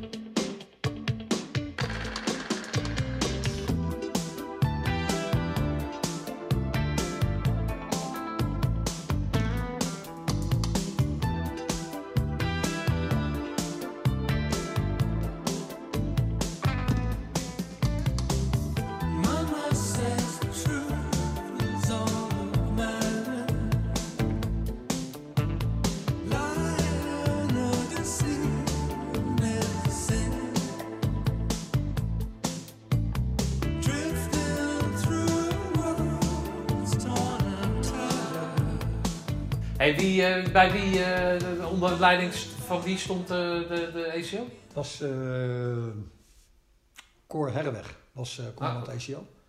Ken- oh, Met een H aan het einde, hè? Ja. Herweg, ja. Ja. En, en de instructeurs? Leo Rojakkers, Bert Thijssen, Henk van der Anker, Nico Somerwil, Albert Siegel was Jan Major. Oké. En, en Van Dalsum zat er geloof ik ook bij. Of, Marinier, toch? ja, die marinier, maar dat weet ik niet zeker, omdat wij hadden geen mariniers in het tentenkamp. Dus het zou best kunnen dat hij er niet bij was. Maar hij hoorde wel bij het team eigenlijk, Oké. Hey, maar jij bent dan beroeps, hè? dus dan, dan, dan eh, was dat eh, eigenlijk een eh, garantie voor dat je wat harder of in ieder geval wat intenser de, ECO eh, mocht genieten, toch? Ja. Ehm, eh, hoe gaan die instructeurs met jou om in, in, in binnen dat kader? Voel jij dat, hè, je weet dat het een spel is, zij weten dat het een spel is, jij bent beroeps, dus je bent een soort aankomende collega, ze gaan het je moeilijk maken. Hoe hou jij je daarin eh, in staande? Is dat dan, zoals jij zegt in Marseledam, lachend naar boven, geen centje pijn? Is dat het? Of hebben ze het leven zuur kunnen maken? Nou, dat, dat is bij tijd en wijle wel gebeurd. Maar wij zaten met best wel wat beroeps. Wil van der Holst die was uitgevallen in de commandoopleiding daarvoor. En die was er bij ons bijgekomen, Wil. Eh, Vanaf het begin. Vanaf het begin, ja. We hadden Frans Roelsema, beroeps. eh, Kees de Waard, beroeps. Ik was beroeps. En Richard Roelen, die was toen als jong sergeant. Ook eh, als beroeps. Dus we, en volgens mij waren we met vijf beroeps sergeanten. En dan Rob Rademaker was luitenant ECO. Of luitenant cursist. PC. Dus ja, ze hadden best wel wat mensen om zich Ja, op te, ja. Frans Roelsema, ja, ook een Hagenees. Maar Frans was niet zo slim. Die had altijd zijn mondje terug. Weet je, soms dan had ik het idee van, oké, dan moet ik even mijn kop houden. Maar Frans die gaf altijd een gevatte opmerking terug. Ja, dat is hem toch af en toe wel duurder staan gekomen. Die hebben wel wat extra meters moeten maken, ja. Maar, zeg- zeg dan eens, eh, vertel daar eens wat over, dat? Geef eens een voorbeeld dan, waar jij dacht van, nou, laat ik nou even, even een tandje in en dat hij dan eroverheen klapte? Ja, nou ja, het was niet zo dat we dan naast elkaar stonden en hij eroverheen ging. Maar ik, ik weet- gewoon wat voor, eh, wat voor vent Frans is. Een goed gewaardeerde collega, hij jaren de dienst uit. Die is op een gegeven moment bij Heineken gaan werken. Bij Proseco dan. Ah, oké. Ja, maar ik vind het altijd wel grappig als die mensen toch zichzelf blijven. Ja, en dan nee, in dat zo'n zo'n ja, dat, dat eh, klopt. Alleen, ding. Misschien ben ik dan wat, wat sluwer. Dat zou best wel eens kunnen. Of wat berekender. Dat ik op sommige momenten denk van oké, nou moet ik even... Want ik, ik kon ook geintjes niet goed plaatsen, weet je. Ik, ik, en ik had natuurlijk ik had die arm gehad. Eh, ik moest en zou die beret halen. Want eh, dat was voor mij... eh, ja, Ja. Dat, dat, dat stond als een paal boven water. Ik ging hem ook halen. Maar dan waren er best wel momenten dat instructeurs dan... Die, die konden dan net een, een, een snaar raken dat je bij je eigen dacht van... Kut, ik heb het niet goed gedaan of zo. Weet je, dat, Ja. dan, eh, ja, maar goed, ik, ik, heb, ik was heel fit. Ik heb ook heel veel geluk gehad. Dat een ding wat zeker is. Ik, eh, ik, ik zou je vertellen dat wij hadden op een gegeven moment hadden we een, een putlocatie gekregen. Nou, dat was het bekende verhaal, weet je. Je wordt eh, ingezet s'avonds. En ik ga verkennen. Ik denk, waar moet ik hier in godsnaam een gat graven? Nou, dat waren dus... Dat was, eh, dat was een greppel. Dan was het weer een stukje niks. Dan was het weer greppel. En dat was dus eigenlijk een, een stuk bos met, eh, ja, met een aangeplant bos. Maar ja, dat was wel oud. eh, Ik denk een jaar of 20, 30.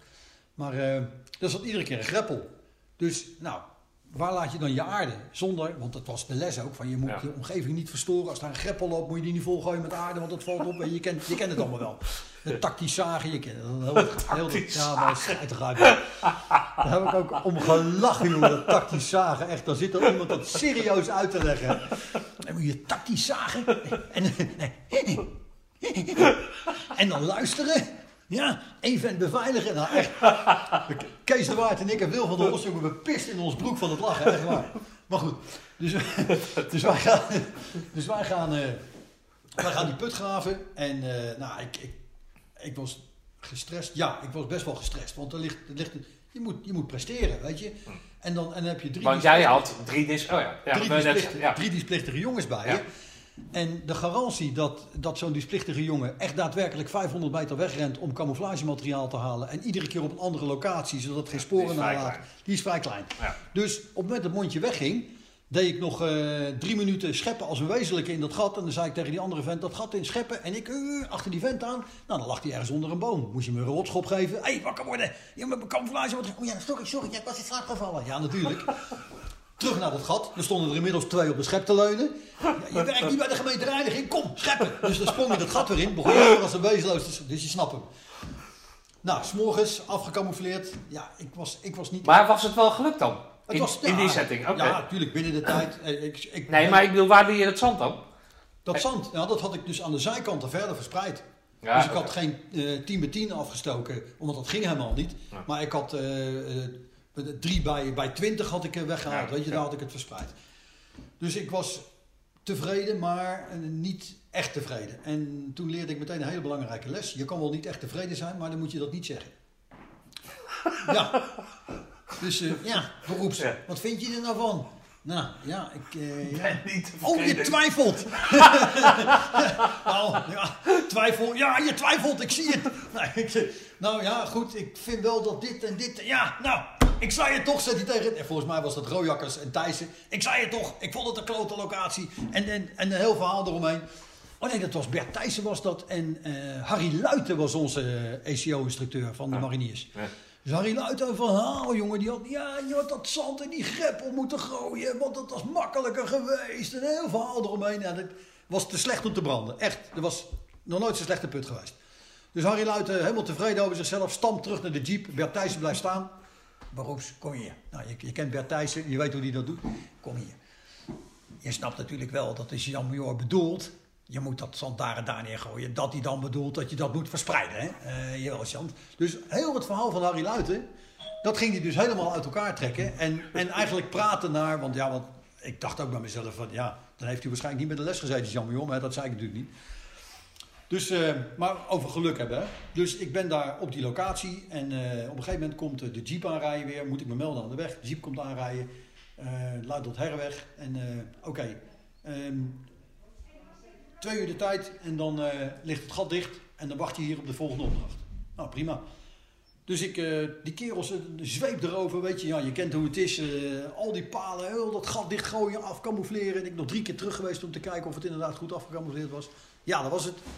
Wij zitten aan de weg. Nou, kwartier, twintig minuten, half uur, nog steeds niemand. Ik zeg tegen de eerste twee kerels, jullie blikken openmaken, vreten. Warm maken, vreten. Oké, nou, eh, die kerels gegeten. Oké, kerels klaar, alle spullen opgebruikt. Oké, nu wij met z'n tweeën eten, ook gegeten.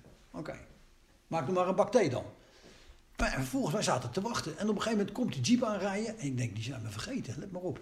Dus komt die jeep aanrijden. Nou, dan stapte dus, volgens mij was dat Herweg. Maar Herweg kon helemaal niet zo goed acteren toen hij nog luitenant was. Dus die stapt eruit en, eh, nou... En, locatie goed dichtgegooid? Eh jazeker, luitenant. Nou, mooi. Dan heb ik de volgende opdracht voor je. Maar hij ging niet kijken naar die locatie. Normaal gesproken gaan ze dan Ja. kijken, weet je, om te controleren. Nee, dat deed hij niet. Dus ik denk, ah, er is iets aan de hand. Dit is eh, eh, de route die je moet lopen en eh, dat is het eindpunt. Hoe lang denk je daarover te doen? Ik denk van, nou, het was drie kilometer. Ik denk, nou, dan kunnen we in 18 minuten. Ik zeg, eh 30 minuten, luitenant. Nee, 30 minuten, 30 minuten. 20 minuten. Prima, dat is steeds twee minuten langer dan dat we eigenlijk erover kunnen doen, weet je. Dus hij weg met die jeep en ik tegen die kerels, oké, hup, omhangen, wegwezen. Dus wij, eh wij er vandoor. Het eerste stuk heel hard gespeedmast, totdat we op een gegeven moment in het zicht kwamen van de rest van de club. En toen gewoon onze normale sukkel eraf gedaan en precies binnen de tijd komen we aan. Maar we zagen in de verte al, er stond een touringcar. En die, er was een bedrijvigheid, jongen. Dus ik zei tegen die kerels, oké jongens, we gaan niet in 18 minuten binnenkomen. Rustig aan, weet je, looppas, gewone pas, looppas. Tempo een beetje drukken. Dus we kwamen exact op 20 minuten aan. Hadden ze die, heel die ECO, hadden ze over de zandduinen heen gejaagd. En hadden er vreten ingenomen. En noem het allemaal maar op, weet je. Dus, nou, dus toen wij aankwamen, was het meteen eh, wapens onder in de bus, in de bus en rijden. Dus die hadden waarschijnlijk op ons staan wachten. En ik zeg, ik zeg naar Kees de Waard, ik zeg, Kees, wat is er aan de hand? Godverdomme Piet, we zijn helemaal, wat is er met jou aan de hand? Waar kwam je vandaan? Ik zeg, ja, ja, ik heb daar en daar zitten wachten. Hij zegt, we hebben ons vreten in moeten leveren, we hebben nog niet gegeten, we hebben dit en... eh. Ik denk, oeh, daar ben ik even goed vanaf gekomen dan. dus ik had, eh, ik had een gelukje, maar ja, je moet Ja, dan moet je geluk hebben. Maar ook geluk, nou ja, je was al tegen ongeluk aangelopen met je, met je poot. Ja, ja, Of met je arm. Ja. Zijn daar nog andere eh, mutaties uit voort? Nou, niet zozeer mutaties, maar ben je tegen andere blessures aangelopen? Nee, ik heb, ik heb hem helemaal ECO één blaadje gehad. Dat was tijdens de afmatting. De laatste, eh, ja, eigenlijk toen ik op de kazerne kwam, merkte ik dat ik een blaar had op mijn kleine teen. Oké. Dat was het. Natuurlijk wel pijnlijke voeten, maar dat was het. Dus ik heb geen andere blessures gehad. Die, eh, ja, ik ben nog één keer uit de Chinese muur gevallen de tweede, de tweede week. Omdat, eh, ja, toch geprobeerd om hand over hand te doen. En toch niet genoeg kracht. En regen, dus die Chinese muur is nat. Nou, en dan, ik was bijna boven en ik glij weg met mijn ene voet en ik flikker naar beneden. En ik probeer weer omhoog te komen en eh, het lukte me niet meer. Dus eh, ja, ik denk, ik ga er niet omheen lopen. Dus ik ben erin blijven springen en blijven klimmen. Maar ja, dat, je weet net zo goed als ik. Als je dat niet meer lukt, dan lukt je dat niet meer. Dus eh, vreselijk onderuit de zak gehad van Juus Breiburg, eh, de sportinstructeur. Eh, Wil van der Horst moest terugkomen om mij over de muur heen te helpen. En nou, dus werd er verder geen woord over vuil gemaakt. Toen werd ik daarna bij Just Breiburg geroepen. En die zei, bal gehakt. Als je dit nog één keer flikt, dan ga je eruit. Nou, je bret niet. oké, eh, Prima. Jawel, Sjant. Hey, luister eens, hoe lag, jij, eh, hoe lag jij in die groep? Want jij bent beroeps, dus het is anders. Waar, was er sowieso dienstplichtige kader bij of helemaal niet in de Ja, er was, ja, er was wel die splichter kader bij. Eén sergeant heeft het gehaald. Volgens mij was dat Kuut Scheuter. Dat, waarom ik die naam nog weet, ja, dat is een Nou ja, aparte naam, dus ja. daarom natuurlijk. En er waren inderdaad wel, wij hebben toen, eh, er waren een aantal dienstplichtige kaderleden, een stuk of vier, vijf geloof ik. En wij hadden in de vooropleiding al gezegd, jongens, dit moet je echt anders doen, want anders ga je je beret niet halen. Weet je, met de ervaring die wij natuurlijk hadden als, als beroeps, met het omgaan met, met de dienstplichtigen en, eh, en, en het je spullen op orde hebben. Nou, en toen zei er dus een, dat is ook, ook dat we vergeten, eentje zei tegen me, ah, dat zullen we dan nog wel eens zien. Dat halen we heus wel. Oké, prima. Hij was geloof ik de eerste die uitviel. Maar eh, er waren inderdaad eh, een aantal beroeps- en, eh en dienstplichtigen. En dienstplichtige waren vrij snel. Kuutschoten was een grote vent. Grote, sterke vent. Dus ja, die, wat hij dan tekort kwam misschien aan, aan, aan reserves of zo, dat had hij dan vanwege zijn kracht had hij dat dan wel. En ja, met de dienstplichtigen was het gewoon, ja, daar moest je gewoon achterna zitten. En, ja, maar dat wist je van tevoren. Ja, oké. Maar jij zat al zo in jouw beroepsding dat je dat makkelijk, Ja, makkelijk, makkelijk kon plaatsen. Ja, we wisten, hadden natuurlijk hadden Kees, Wil en ik en, en Frans Roelsma eigenlijk ook, we hadden, met z'n viertjes hadden we toch wel eh, iets geroepen tegen elkaar van, joh, die kerels, eh houd het in de gaten. We deden het ook met Rob Rademaker, weet je, en, en Richard Roelen ook, maar Richard die kwam volgens mij net van de school af. Dus die had nog niet echt veel ervaring. En die was, ja, die was natuurlijk zelf ook eh, druk bezig. En eh, we, hadden, we hadden wel Oké, die vent moet je opletten, die vent moet je opletten. En dan op een gegeven moment werden we ook apart getrokken. Hè. Ik, weet, ik weet nog heel goed dat Albert Siegel eh, mij eh, tijdens een puntoefening of zo moest ik eruit komen. Ja, doe deksel dicht, deksel dicht. Loop mee beroeps. Nou, dus ik mee. Ik denk, nou, wat is dit dan weer? Moest ik hem mijn puntmuts afdoen. Eh, even onder elkaar als eh, collega's. Ik denk, oh. Hij zegt, eh, wat vind je van die vent? Wat vind je van die vent? Wat vind je van die vent? Dus eh, we werden echt wel eh, gevraagd over onze mening Oké. en dat ging dan voornamelijk over hoe presteren ze als het kader niet kijkt. En daar, en daar waren best wel kerels tussen die, eh, die dan, als, als er geen commando-instructeurs aanwezig waren, nou, liepen ze de kantjes eraf. Ja, ja. Je, dan kon je honderd keer wat tegen ze zeggen, of dan, dan ruimen ze de spullen niet op, of, en daar werd jij iedere keer op afgetikt. Nou, het is wel prettig dat er dan even gere- gere- gere- Ja. gereflecteerd wordt, Ja, moeilijk wordt, gereflecteerd wordt ja. dan. Door zo'n Albert. Ja. Ja, toch? Dus dan word je altijd, heb je Ja, dan het gevoel was- dat je al een beetje... Albert was dan, eh, nou nee, ik- Albert was dan meer een beetje, ja, Albert was dan eigenlijk de vader van, van de club, weet je. Ja, hij is cha- champion natuurlijk. Ik hè? kan me niet herinneren dat Albert eh, de club eh, door, het, eh, door, door het bos heeft gejaagd of, of over de zeik was. Ja, hij was wel eens functioneel boos, denk dat het zeker is. Maar niet, dat liet hij aan de instructeurs over. Daar was hij niet Ja. voor. Weet je, hij was eigenlijk meer van, gaat het beroeps? Nee, wel eens jammer joh, prima, volhouden dan. En dan verder, weet je. Ja, ja. Ja. ja, ik hoor het hem zo zeggen, inderdaad. Ja, dat klopt. Maar goed, eh, de- dus ondanks alle averij die, eh, die je zelf hebt eh, aange- aangedaan, ga jij steeds langzamerhand naar, de, naar, die, naar die tranenport. Ja, ja. Je hebt die overtuiging dat je het gaat halen, sowieso qua motivatie, maar ook dan wordt het steeds sterker omdat je Ja. die arm hebt overleefd. Ja, en ik had, ja, luister, ik had natuurlijk een, een setje hele goede collega's om me heen. Hè. Kijk, Kees de Waard, Wil van der Holst, eh, Frans Roelsema. Frans was in de afmatting, die hadden, die hadden ze zo te pakken genomen dat Frans echt, eh, die, heeft, die heeft hem op zijn tandvlees uitgelopen. Kees de Waard ook. Eh, ja, Frans hebben ze echt, eh, die hebben ze echt En waarom hebben ze dan. Frans? Ja, hem Frans, vanwege zijn mondje, hè. Weet je, de, de, iedere keer, dan zei hij, Frans, hou dan je kop, man. Ja, ja, ja, maar dat laat ik me toch eigenlijk niet zeggen. Ja, nee, Frans, het- dat laat je het niet zeggen, maar het is niet zo slim, want nou ben je weer aan het stekkeren, weet je. En dan werd hij weer cursist van dienst gemaakt. Maar Frans was fel blond haar, had hij. Op een gegeven moment kwam hij uit het bos, helemaal zwart. Had hij echt, heel zijn haar was helemaal zwart. Dus had hij zijn eigen moeten camoufleren. Anders gezegd, ja, maar dat wit, die witte kop dan. dus hij was helemaal zwart. Maar goed, dus eh, nou, dat, was, dat was best wel... eh, ik, had, ik, ik zal je een leuk voorbeeld geven. Op een gegeven moment in de afmatting word ik ergens cursist van dienst gemaakt. Ehm, en eh, ik, ik krijg te horen, cursist van dienst. Eh, ja, oké, ik, ik kom, Nico Zomerhul was dat, cursist van dienst. Dus ik kom naar hem toe en ik meld me eigen. Hij zegt, het eten is daar. Zorg ervoor dat het eten verdeeld wordt. Dat, dat er een wachtrooster is en dat de kerels gaan onderhoud doen en dat de kerels gaan slapen. Jawel, Jean, anders er iets van orders? Nee. Nou, dus ik ren weg. Ik ren naar eh, Kees de Waard en Wil van der Horst, de eerste twee die ik kon vinden. Ik zie jongens, dit en dit en dit moet er gebeuren. En dit is de tijd en dit. En, en, maar ik was nog niet uitgesproken. Of Nico, die riep me alweer. Kussens van dienst. Nou, dus ik stek er weer terug. In de wetenschap dat Kees en Wil het allemaal feilloos in de klauwen Ja. hadden. Ja. Toen ben ik, ik denk wel een uur lang, door Nico Somerwil ondervraagd. En dan sta je in de houding als cursist, die weet het. En ga jij je opdracht halen? En jawel, Jan, dat ga ik halen. Ja, maar als je het nou niet haalt, ja, maar ik haal het wel, Jan. Ja, maar stel nou dat je het niet haalt. Ja, maar ik haal het wel, Jan. Ja, maar nou, even, even, stel nou dat je het echt niet haalt. Ja, wat zou ik dan niet halen? Ja, geen rare vragen stellen, hè? Wat, stel nou dat je het niet haalt. Nou ja, dan heb ik gefaald. Dus je haalt het niet. ja, maar ik haal het wel, sergeant. Heel het spel weer van voren af. Echt, en allerlei vragen op allerlei verschillende manieren. Maar dat was gewoon, kijk, hou hem bezig en kijk of de zaak in de soep loopt. Nee, want hey, PS Panzerinfanterie, dus dat betekent dat jij je Ja. taken verdeelt. Ja, en als je dan met z'n vijven bent, is het even wat makkelijker. En als je, dan, als je bedoel dan ik lui zo. hebt waar, waar je blind op kan vertrouwen, en dat is Kees en Wil, daar kon je blind op vertrouwen, weet je. Alle twee ex-infanterie eh, onderofficieren. Dus die wisten precies van, oké, dus ik kwam terug na mijn uren Nico Zomerwil. Had ik nog koud vreten, had Kees bewaard in mijn slaapzak in de hoop dat het warm bleef, weet je. Hij zegt, eh, hier, eh uppatee, we hebben je slaapzak uitgerold, hier heb je vreten.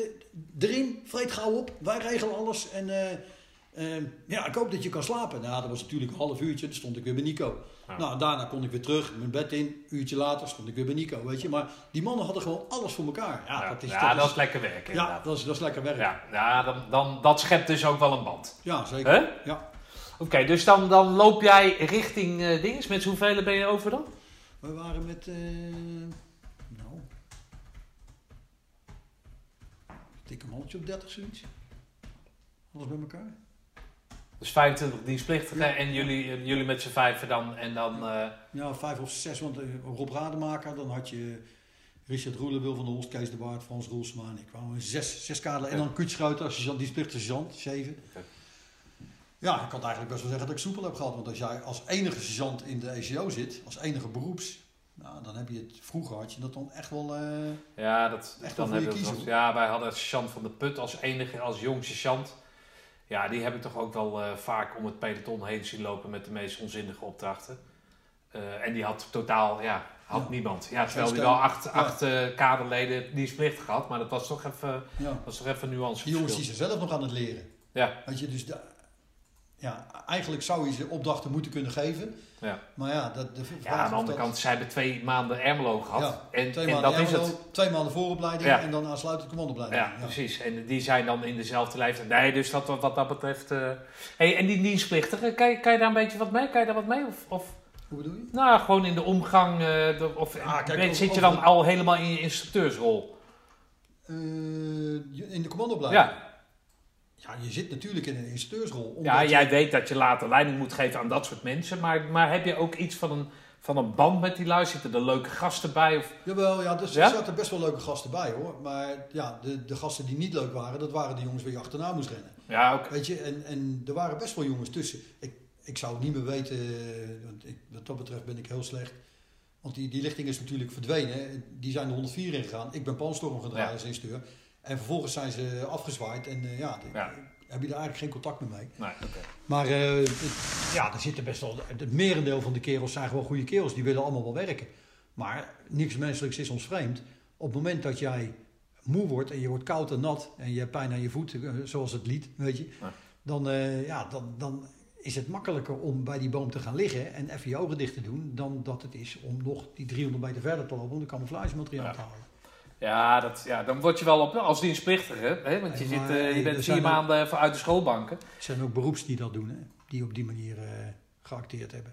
Dus Oh, dat zal best. Nee, Weet maar je, goed, dus laat ik praten uit de dienstplichtigheid. Ja. Uit de dienstplicht, als dienstplichtige, ja, je bent vier maanden eh, eh, van school, Ja. hè, om het zo maar te zeggen. En dan ga je in één keer, krijg jij dingen naar je hoofd geslingerd die je anders ja, nog nooit had gehoord. En binnen die, binnen die wereld moet je acteren. Dat maakt het juist ook wel weer zo grappig. Jawel, Ja, toch? was ook, was ook wel. En het mooie was, want in mijn tweede peloton in de 104 had ik eh, een, een meester in de rechten in mijn ploeg zitten.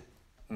En die zei dan gewoon tegen me van, nou, ik denk dat dit toch wel een hele rare uitspraak is van jou, zei hij dan.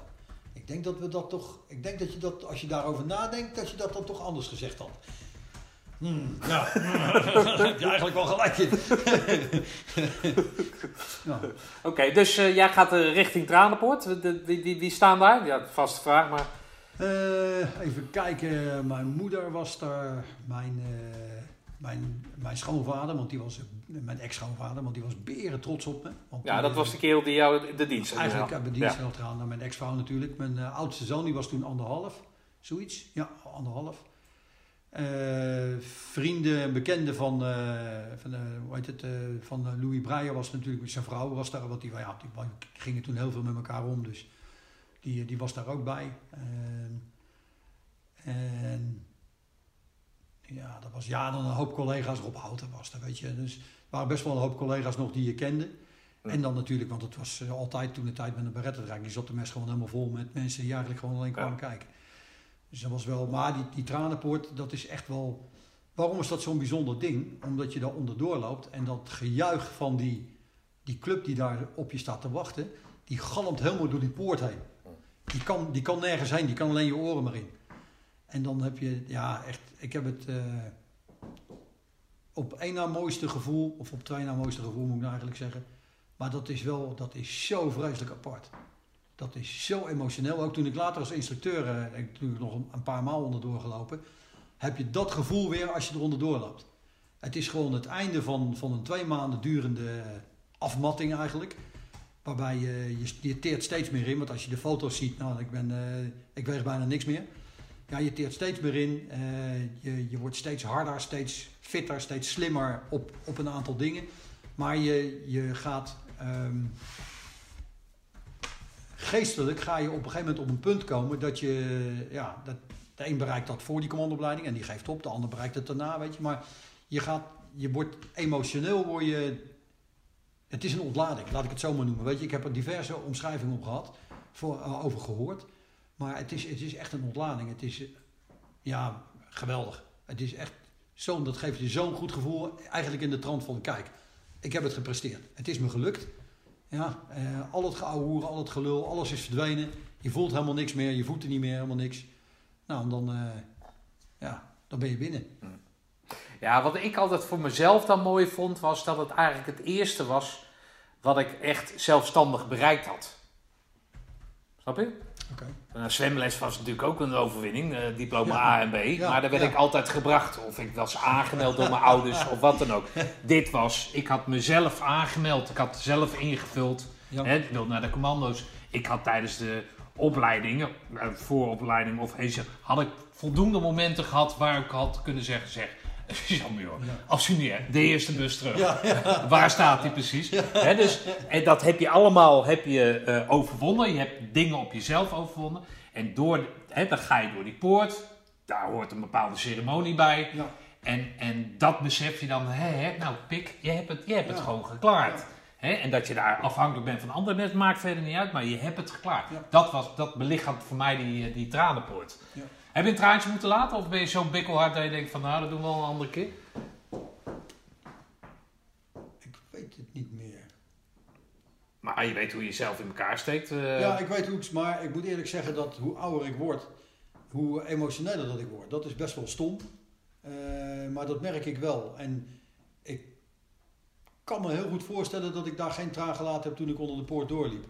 Aan de andere kant kan ik me dat ook goed voorstellen, van, maar ik kan het me niet meer herinneren. Hm, Ik kan me niet meer herinneren. Ik weet wel dat ik als instructeur nog eh, een aantal malen eronder doorgelopen ben, dat ik hetzelfde gevoel had. Maar ja, als instructeur ga je natuurlijk helemaal niet met tranen in je ogen lopen. nou, dat, eh, dat, zou, dat zou wat wezen. Janke de instructeurs achteraan. Oh, heb je hem weer? Ja. Moet je ontheven op eh, emotionele... Hij kon het niet aan. Ja, wat drinken trouwens. Ja. ja, we gaan even pauzeren.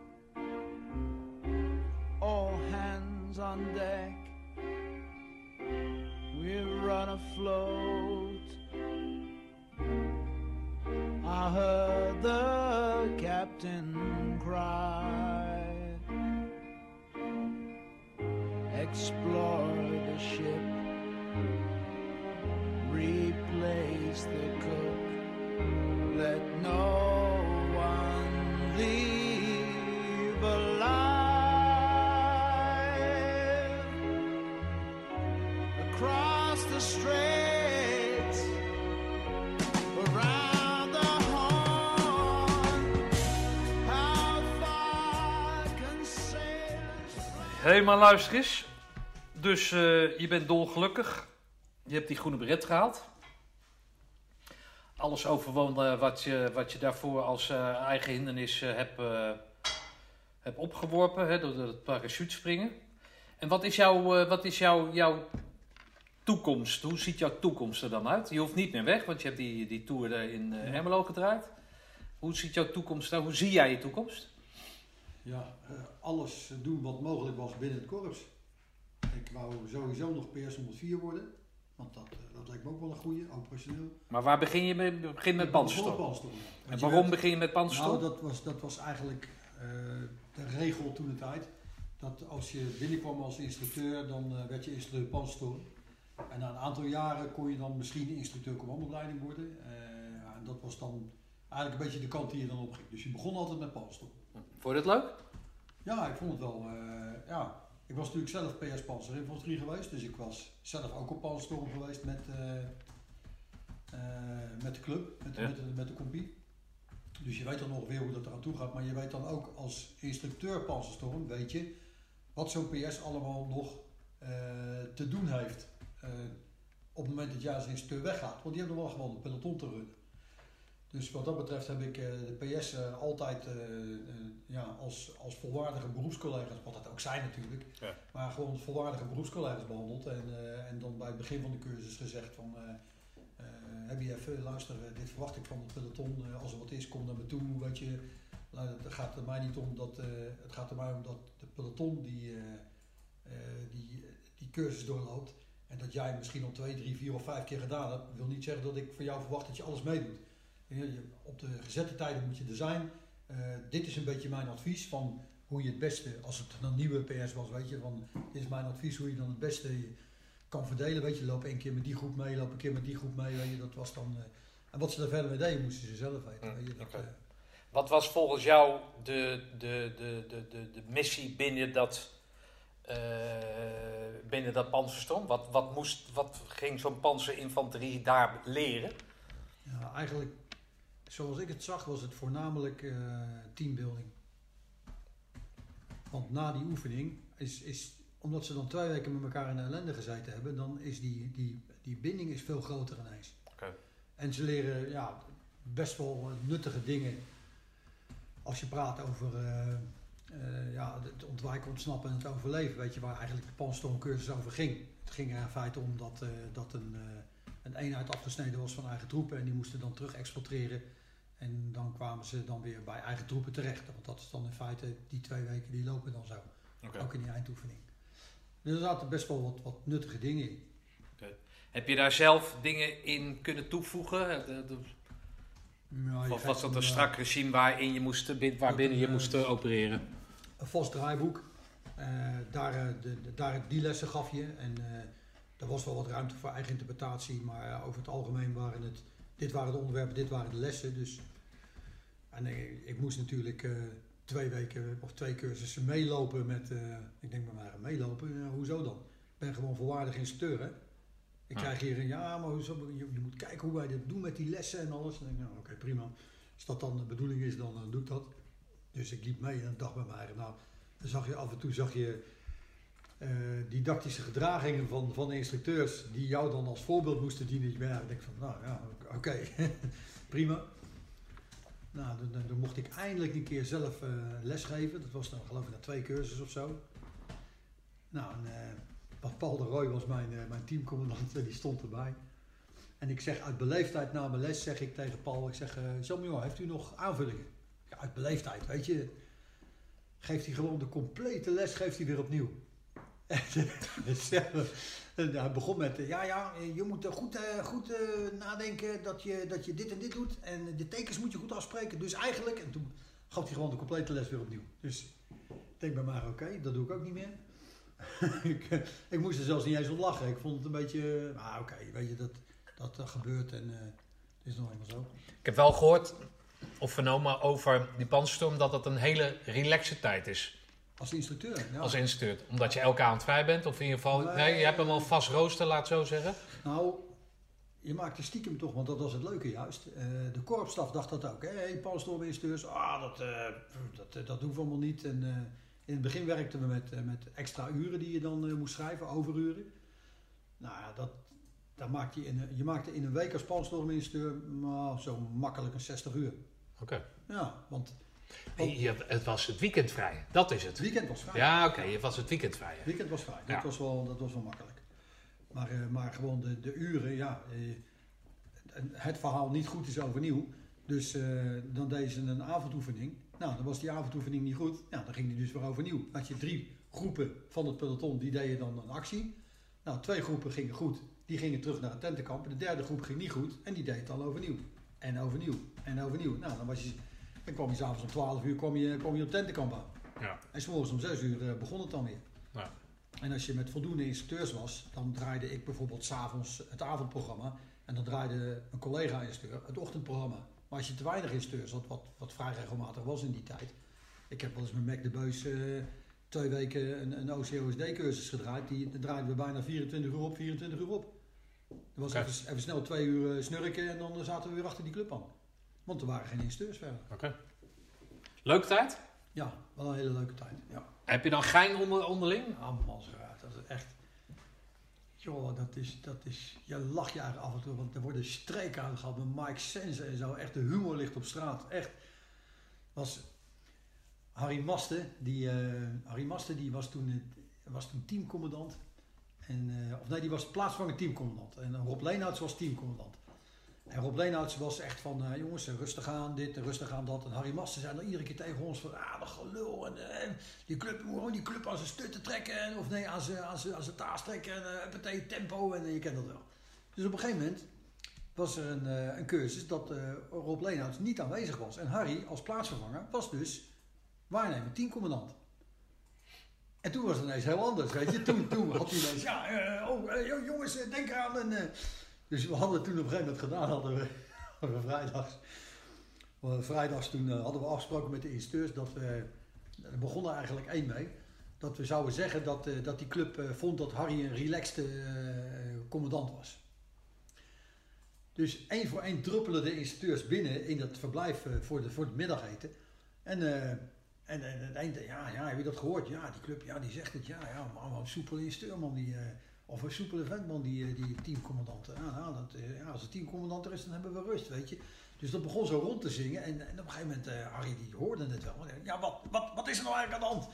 Ja, ja, ja, nee, eh, net even bij die club staan luisteren. En nou, die, die, die ging helemaal uit zijn dak. Die, die pakte een sinaasappelkistje, daar rende die mee naar, naar de appelplaats. Zette dat kistje neer om erop te staan. Stapte op dat kistje, gaat er doorheen natuurlijk. Dus toen was hij nog helemaal over de zeik. Dus, en die club die snapte niet wat er aan de hand was. En Harry, en die kreeg toespraak aan die club. Jullie denken dat ik soepel ben en een rondje rond de is echt- Dus wij stonden echt ziek van het lachen. Stonden we bij het instructeursverblijf natuurlijk. Totdat hij erachter kwam wat er eigenlijk aan de hand was. Nou, zulke soort dingen, weet je. Je, werd, je, werd, ja, je moest gewoon goed opletten. Want je werd Maar het- dat waren vaste teaminstructeurs die erop zaten. Dus dat, dat betekent dat als je dan ook nog zeg maar, een soort uitloop hebt naar mogelijk 24 uur, dat schept dan een band. Ja, Je vreet met elkaar, je doet alles Ja. met elkaar, je gaat samen niet naar huis. ja, ja, ja, het ja, je gaat er wel naar huis, maar je komt om, om 12 uur kom je binnen.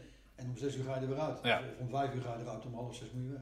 Oké. Dus ja, dat is, soms is het dan beter om maar gewoon op tentenkamp te blijven. En er waren altijd slaapplaatsen, dus dat was... Dat was Nee, ja, dat zal het probleem niet zijn geweest. Hoe, de- hoe, hoe zag jouw privé er er toen, eh, toen de tijd uit? Ja, was niet zoveel privé. Weet je, eh, eh, we hadden net, net een kleine, ja, die, die Aad- was toen eh, anderhalf.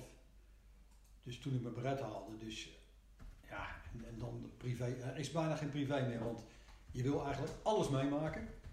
Dus dat betekent, de, als je het programma volgt, dan is dat al vol. Maar daarnaast wil je natuurlijk, hé, hey, die cursus daar, die wil ik graag doen. Een cursus in Duitsland wil ik graag doen. Een cursus in Frankrijk, kan dat? Kan ik op een cursus naar Engeland? Weet je, dus er waren hoopjes cursussen waar je voor in kon schrijven. En dat waren allemaal cursussen die, eh, die allemaal ter meerdere eer en glorie waren van het werk als waarnemer verkenner, Ja. vaak. En, eh, ja, en het was voor, voor de instructeurs natuurlijk eh, verdieping en verbreding van het vakgebied. Ja. Dus ja, als je, je zat naar het programma te kijken, want je had, krijgt dan een jaarprogramma met Panzerstorm. Oké, dan draai je dan, dan draai je dat. Oké, hey, dan is er twee weken geen cursus. Eens even kijken, kan ik dan wat doen in die, die twee weken? Oh, dan draait er in Duitsland een cursus. Nou, nou schreef daarin. Dan schreef je Maar er was niet zoiets vanuit CKST van even, jongens, we, we draaien 60, 70 uur per week. Dan heb je twee weken tijd. Je hebt ook nog een gezin. Eh ben je wat jij doet? Je blijft even een weekje thuis.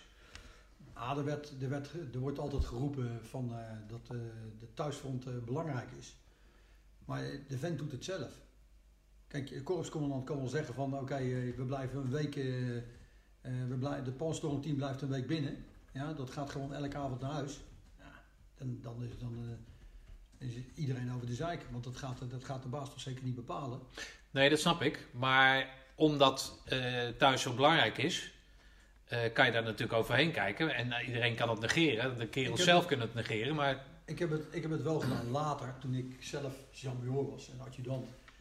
Toen heb ik wel jongens, daar heb ik tegen gezegd, omdat ik wist hoe de thuissituatie was. En dan zouden we, naar, eh, zouden we drie weken naar Amerika gaan of vier weken. En dan wist ik hoe de thuissituatie was en dan zei ik tegen hem, jij gaat niet mee. Eh, helemaal over de zeik. Ik zei, nee, ik zei, luister, dit en dit is er de vorige keer gebeurd. Wat ik niet kan hebben is dat er nu een vent eh, daar zit die eigenlijk terug zou moeten als dat nodig is. Ik zei, dus jij gaat gewoon niet mee. Nou, dat was echt een oorlog, jongen. Wat, en dan, denk ik, dan dacht ik ook bij mezelf. Aan de ene kant denk ik dan van, eh, ik snap het helemaal. Want ik ben geweest zoals jij. En er was ook niemand, geen enkele adjudant of Jean die tegen mij zou, zou zeggen van, eh, hey, eh, jij gaat niet mee op die cursus en er dan mee wegkomen. Maar aan de andere kant dacht ik bij mezelf, ja, maar denk, denk nou eens even verder. Als je met deze vrouw door wil, dan zou je er wat effort in moeten stoppen. Want anders dan, eh, dan, ja, dan kan je net zo goed nauw afhaken, want dan gaat het niet goed komen. Ja. Dus ik heb het later zelf wel gedaan, toen ik zelf een leidinggevende functie had. Maar jij liet het je in die tijd niet vertellen. Ik liet het me niet vertellen, maar... En niemand niet. Ja, Richard Melinka. Richard Melinka is mijn teamcommandant geweest een tijdje. En die was, die was ook gewoon heel simpel. Hé, hey, je gaat naar huis, wegwezen. Ja, maar Richard, nee. Naar huis. Ik zeg het niet nog een keer, wegwezen. En die was daar gewoon heel simpel. Richard Melinka was, maar daar heb ik dat ook van geleerd van hem. Hè. En dan ga, je, dan ga je nadenken, denk ik, ja, van, ja, wacht even. Waarom doet hij dat? Dat doet hij omdat hij eigenlijk wil dat de volgende keer dat hij dan tegen mij kan zeggen van nee, je moet blijven, want ik heb je nu nodig. Ja, en dat ze dan thuis ook accepteren dat, want de ene keer Ja, dan ge- geven en nemen. mogelijk is, ja. Ja. geven en nemen. Ja. Dus daar heb ik best wel veel lering uit getrokken. hoor. Zo'n man als Ries, bijvoorbeeld Richard Melinka, Jos Hesp bijvoorbeeld. Echt, dat is ook een voorbeeld voor mij geweest. Daar heb ik ook weer zo vreselijk veel van geleerd van die man. Voorbeeld in dat menselijke, in die menselijke in- benadering. Bijvoorbeeld Jos Hesp, bijvoorbeeld. Jos Hesp had nooit geen gelul met zijn team als eh, commandant Panstorm. En waarom niet? Want Jos was namelijk iemand die zei: Oké, eh, deze club zit aan zijn tax. Die jongens die, eh, die halen de speedmarstijden, krap of net niet. Die club zit aan zijn tax. Tandje eraf. De andere club, daar zei hij van ja, wacht eens even. Die club die loopt gewoon makkelijk de tijden van de speedmars. Zijn hartstikke fit, halen alle tijd op de hindernisbaan. Ook die club moet zijn moment krijgen, tandje erbij. Hm. Kijk, als je zo iemand hebt, maar Jos die deed dat vanuit zijn, zijn sportachtergrond natuurlijk.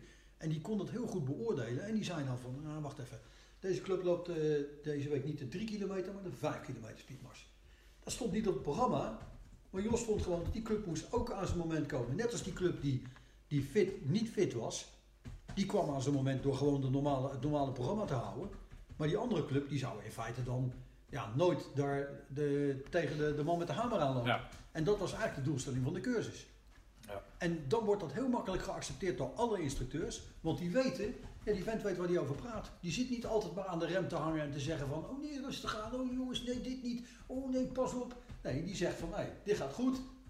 Bestendigen. hey, dit gaat wat minder. Nou, dan gaat het tandje af. hey, dit gaat super. Dan gaat het tandje bij.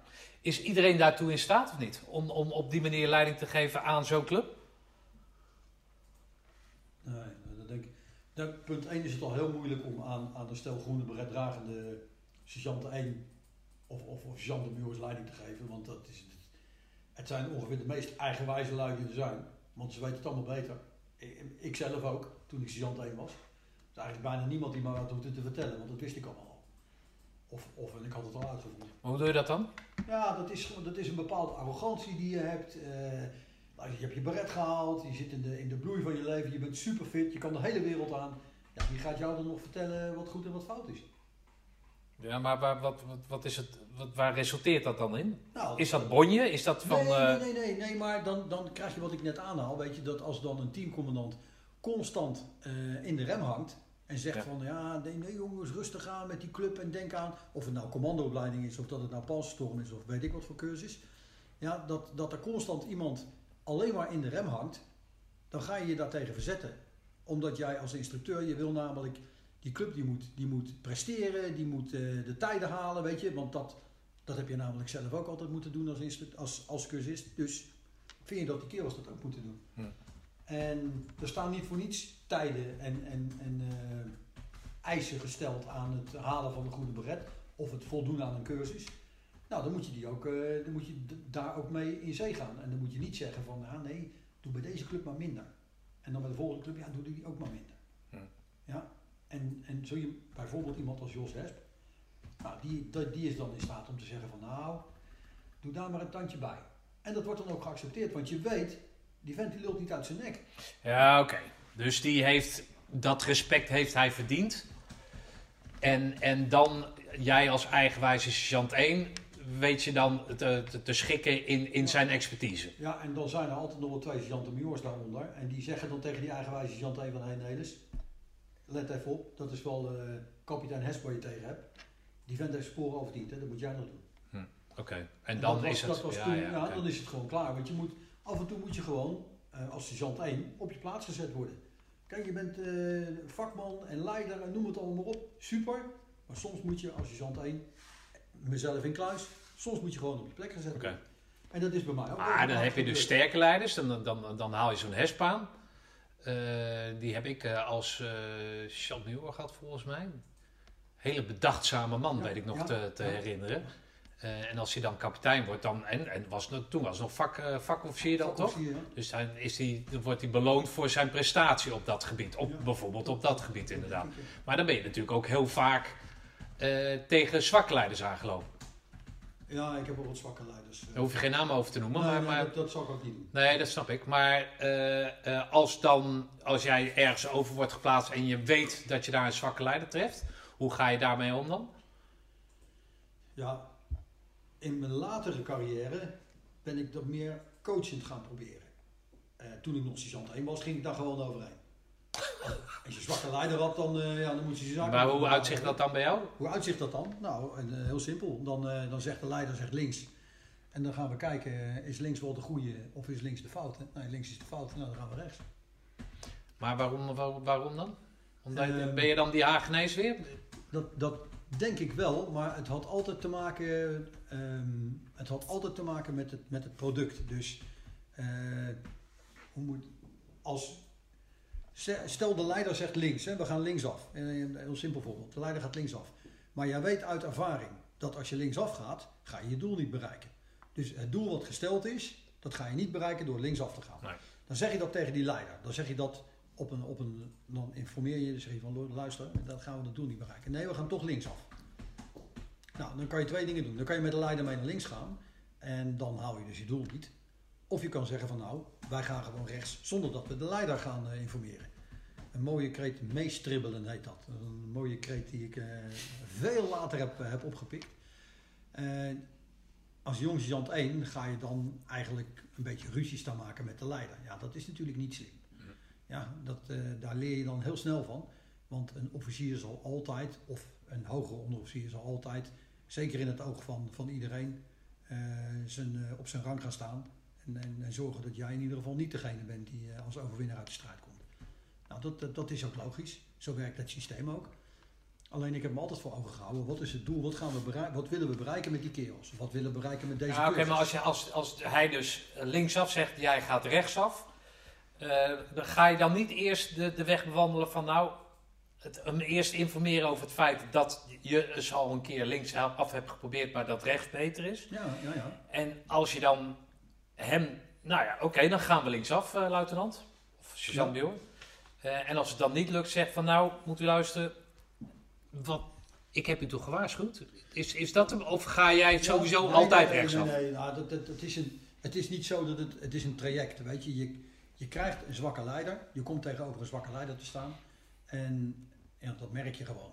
Je merkt gewoon aan de, in de commandoopleiding, Wil van der Holst en ik zitten achter in de, de vrachtwagen op weg naar Marseledam eh, voor de, eh, de, de bergdinges, weet je, in de zesde week Ja. Marseledam.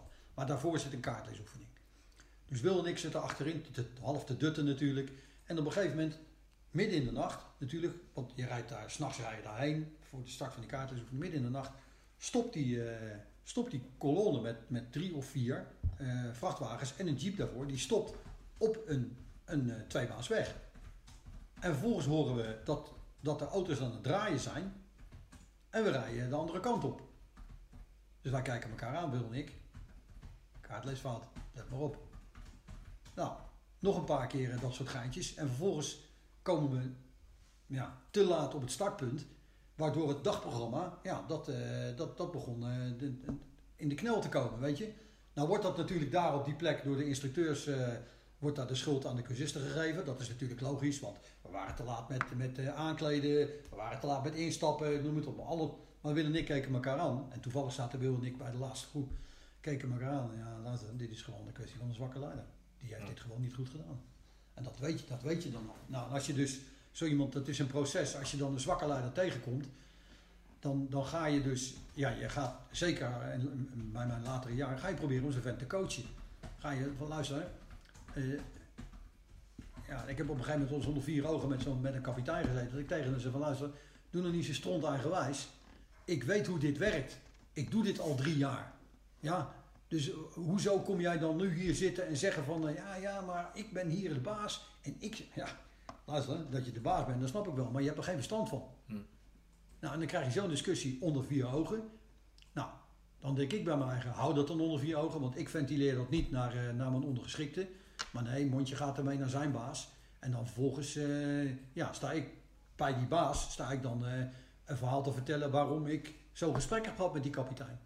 En wat komt daar dan uit? Ja, daar komt natuurlijk niks uit, want die houden elkaar allemaal de hand. Want Oh, is dat zo, ja? Ja, de een was een golfmaatje van de ander. Oké. Ja, nee, dan gaan we niet. Ja, nee, Piet, je moet wel begrijpen dat. eh, Maar dan zeg jij, of dat zeg ik, dat, dat maak ik ervan, dat is dan in principe ook een zwakke leider. Maar goed, Maar heb jij nooit situaties meegemaakt waar die bovenste vent hè, dan zegt van, nou Piet, je hebt gelijk. Alleen ja, even je bek houden, want het, zo zit het nou helemaal in elkaar. ja, maar dat zijn. Dat, dat- dat zijn zeldzaamheden, zijn dat. Eh, normaal er zitten vreselijk goede jongens. Zitten daar wel links en rechts. Maar ja, een hele hoop goede jongens moeten ook aan de carrière denken. Ja, is het allemaal carrière? Ja, ja? ik wil niet zeggen allemaal, maar er zijn, er zijn wel dingen tussen die. eh, ja, luister, je kan wel. je kan wel een, een, een probleem hebben met iemand, maar op het moment dat je. Ja, dat die iemand verder gaat dan jij en hij kan later over jouw eh, carrière beslissen. Ja, dan vind jij je eigen misschien wel uit rancune, vind jij je misschien wel terug ergens in de biesbos eh, op een vlot.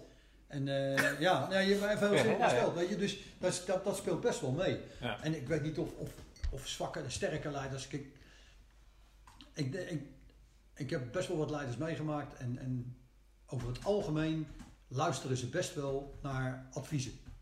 Over het algemeen wel. Maar was dat, wat jij nu beschrijft, was dat niet inherent aan die tijd voordat de uitzendingen waren? Ja, ja. Ja, want nou, nou heb je echt jongens. Nu zitten er echt wel jongens die weten van oké, eh, als het misgaat, dan, eh, dan reageren de mensen zo. En toen de tijd was het allemaal theorie. Ja, dat bedoel ik te zeggen, ja. Ja. Want dan kan je het staande houden als zwakke leider. Want ja, als je dan maar een goede borrel drinkt met de juiste personen, dan, dan komt het allemaal goed. Ja. Alleen als je afgerekend moet worden op prestaties, en dan heb ik het niet over dat die speedmarch binnen de tijd moet, maar gewoon hè, voor het echi, dan, dan gelden andere normen en waarden, het, toch? Daar kan ik je verhaal over vertellen, maar ja, dat, is, dat is niet voor, voor dit eh forum. Nee. Maar eh, het, ja, er zijn inderdaad Ik heb inderdaad schijnende dingen gezien. Weet je, wat ik, dat ik denk van Jezus, was nou eens eerlijk geweest. En, en zeg nou eens gewoon wat er aan de hand is. In plaats van te proberen je eigen te verstoppen achter allerlei smoezen en, en, eh, en het recht te breien voor jezelf. Iedereen heeft het door. Tot, tot aan de, de laagste corporaal. Die ziet wat er gebeurt. Die, die weten van, dit, dit gaat niet goed. Ja, en dan toch vol blijven houden dat, ja, dat, dat is zonde, weet je. Daar doe je jezelf geen, geen plezier mee. Maar ook, eh, ook de eenheid doe je daar geen plezier mee. Hey, ehm Panzerstorm. Ik hoorde jou zeggen een paar tours eh, als PS in de 104. Nou, ik heb uh, Palstorm gedaan. dat was ook wel leuk. Palstorm, eh, op een gegeven moment komt eh, Leen vroeg op. Die was toen eh, hoofdpersoneel. En eh, ik draaide een jaar Palstorm of zo. En eh, Leen vroeg op die komt binnen en die zegt... eh, eh, die, die kwam mensen werven voor het verbindingspeloton. Want toen hadden ze dus helemaal niemand voor het verbindingspeloton. Nou, of niemand, ja, die waren onder bezet. Nou, die draaide ook stevige oefeningen. Stevige, die- die draaide ongeveer 37 weken oefening per jaar. Nou, toen was dat echt, dat was wel echt een top bij het korps. Als je zoveel oefeningen draaide. Maar ze hadden geen shiftcommandant en zo. Dus ik zeg tegen vroeg op, ik zeg, oh eh, kapitein, verbindingspeloton. Wat, eh, wat houdt het eigenlijk in, verbindingspeloton? Ja, ja, dat, dat en dat en dat. Dat was op een donderdag of zo. En ik kom maandag kom ik het tentenkamp op. En toen zegt, eh, volgens mij was dat Frans Klaas, de beheerder. Hij zegt, eh, wat doe je hier? Ja, wat doe je hier? Ja, je moet op de kazerne zijn. Hoe zou op de kazerne zijn? Ja, je moet je melden bij het verbindingspeloton. dus omdat ik had gevraagd aan vroeg op van, eh, wat is dat eigenlijk, het verbindingspeloton? Nou, had vroeg op er een gezien dat ik interesse had en die had mij geplaatst. Hop. Dus ik, eh, ik eh, het verbindingspeloton heb ik eh, anderhalf jaar geloof ik, anderhalf jaar verbindingspeloton, ja, anderhalf jaar verbindingspeloton gedraaid. Best ook een hele leuke tijd, heel interessant. Vanwege, ja, Piet Filius was natuurlijk eh, de, goeroe op verbindingsgebied Ja. toen. Nou, ik krijg de groeten nog van eh, Theo Alsomgeest. Oh, serieus? Ja. Die- die- Ik vertelde dat ik naar je toe ging. Hij zei, ja, dat, dat, dan moet je hem echt absoluut te goed voor mij doen. Ja, die, ja, die ken ik. Die was toen commandant 104. Toen Ja. ik ook zo, inderdaad. Een hele gerespecteerde commandant ook. Ja. Ja, die daar, eh, ja inderdaad, ja. Maar die zei dus van, ja, iedereen lulde altijd over dat verbindingspeloton. Ze van, ja, nou ja, ja, nou ja, ze hebben dan wel een groene beret, maar wat doen die lui eigenlijk? Hij zei, maar eh, dat is echt wel de kern, hè? het is echt een kern van, van, van onze operatie toen geweest. Zonder verbinding, ja, dan kon je er 300.000 man naar, eh, naar Rusland sturen, maar dat, hè, het ging om, over die verbinding. Dan kon je gewoon grondgolven, hè? Als Ja. je geen verbinding had. Dan Ja. kon je met je berichtjes kon je naar de voorwaartse basis rennen Ja. vanuit je put. Ja, dus zo belangrijk was dat dus. Ja, dat hadden wij natuurlijk ook niet door. Nee, maar ja, dat is... Ja, waarom? Ik, ik denk omdat het niets te maken had met, eh, met eh, kipslachten en vallen en strikken lessen en hindernisbaan. Ja, daarom was het niet... Het was niet sexy. Nee. Nou, ik was natuurlijk bij het verbindingspeloton zat je, eh, er was een wisselschema, drie weken, nee. Je draaide, eh, twee maanden draaide je instructie. Dan gaf je dus eh, verbindingsinstructie aan VO-ECO. Twee maanden draaide je als commandant voorwaartse basis en vier maanden achterwaarts. Zoiets was het. Nou, vier maanden achterwaarts was dan natuurlijk eh 6 uur op 12 uur af. Als er een oefening draaide. En dan Ja. zat je in de shelter.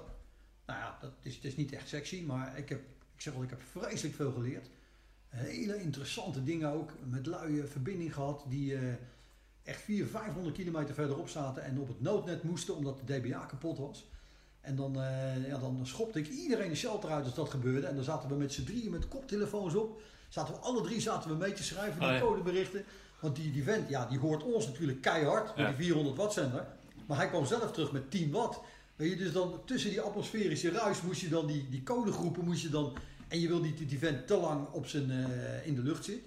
Dus eh, ja, je, je moest het allemaal goed hebben. Dus nou, dan had hij dan zijn bericht verzonden en dan gingen we bij elkaar met z'n drieën. Nou, dan, eh, een vent ging dan coderen deco- of decoderen en dan gingen we die groepen vergelijken of dat klopte.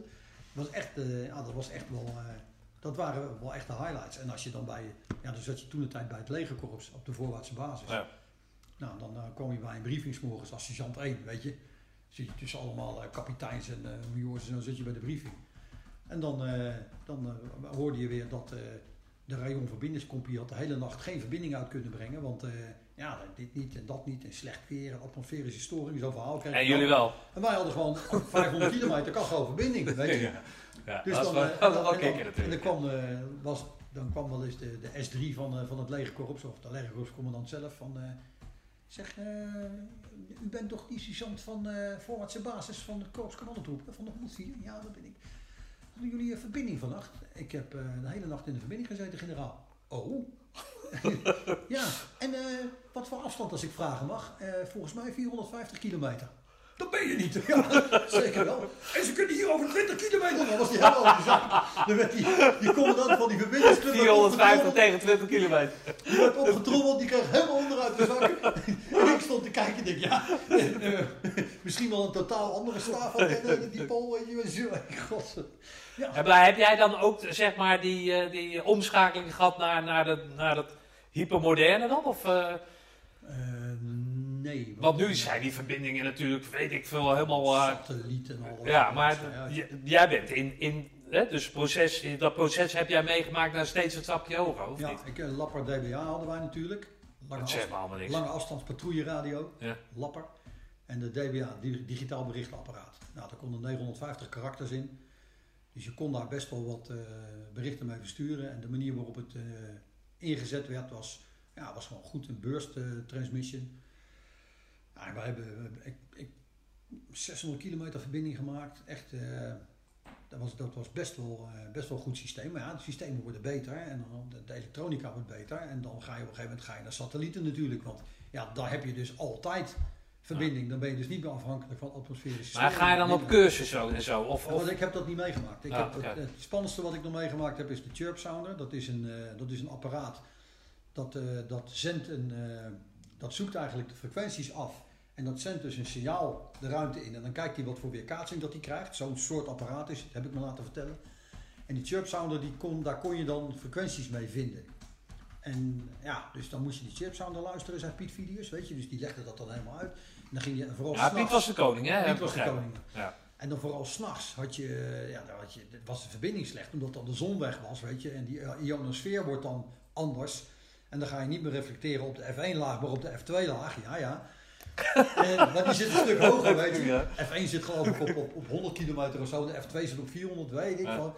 Dus ben ik allemaal weer kwijt. Maar dat was de, een beetje de grond. Want je ziet die laag, die ga je dan op, op, op eh, reflecteren op, eh hoe heet dat nou?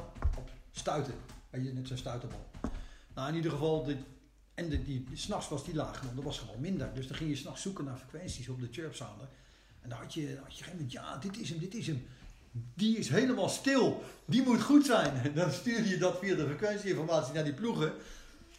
En had je gewoon een, uur lang helemaal niks, weet je. Wat is dit dan, joh? En dan kwamen ze na dat uur kwamen ze terug op de andere frequentie. En dan krijg je de berichten binnen. En zei Piet Filius, hoe is met de verbinding gegaan? Ja, zo en ik heb, eh, ja, maar heel raar. Ik had een eh, frequentie uitgezocht en eh, die was helemaal schoon en er kwam niks binnen. Hij zei, nee, dat is logisch. Als die helemaal schoon is, gebruikt niemand hem. Dus een waardeloze frequentie. Oké, dankjewel voor deze tip. Ervarend leren noemen ze dat tegenwoordig.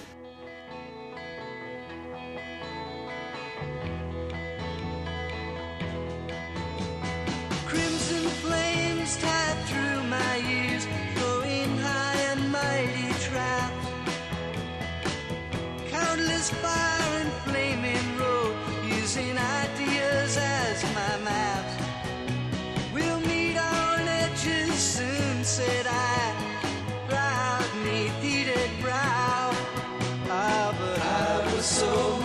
older then, I'm younger than that now.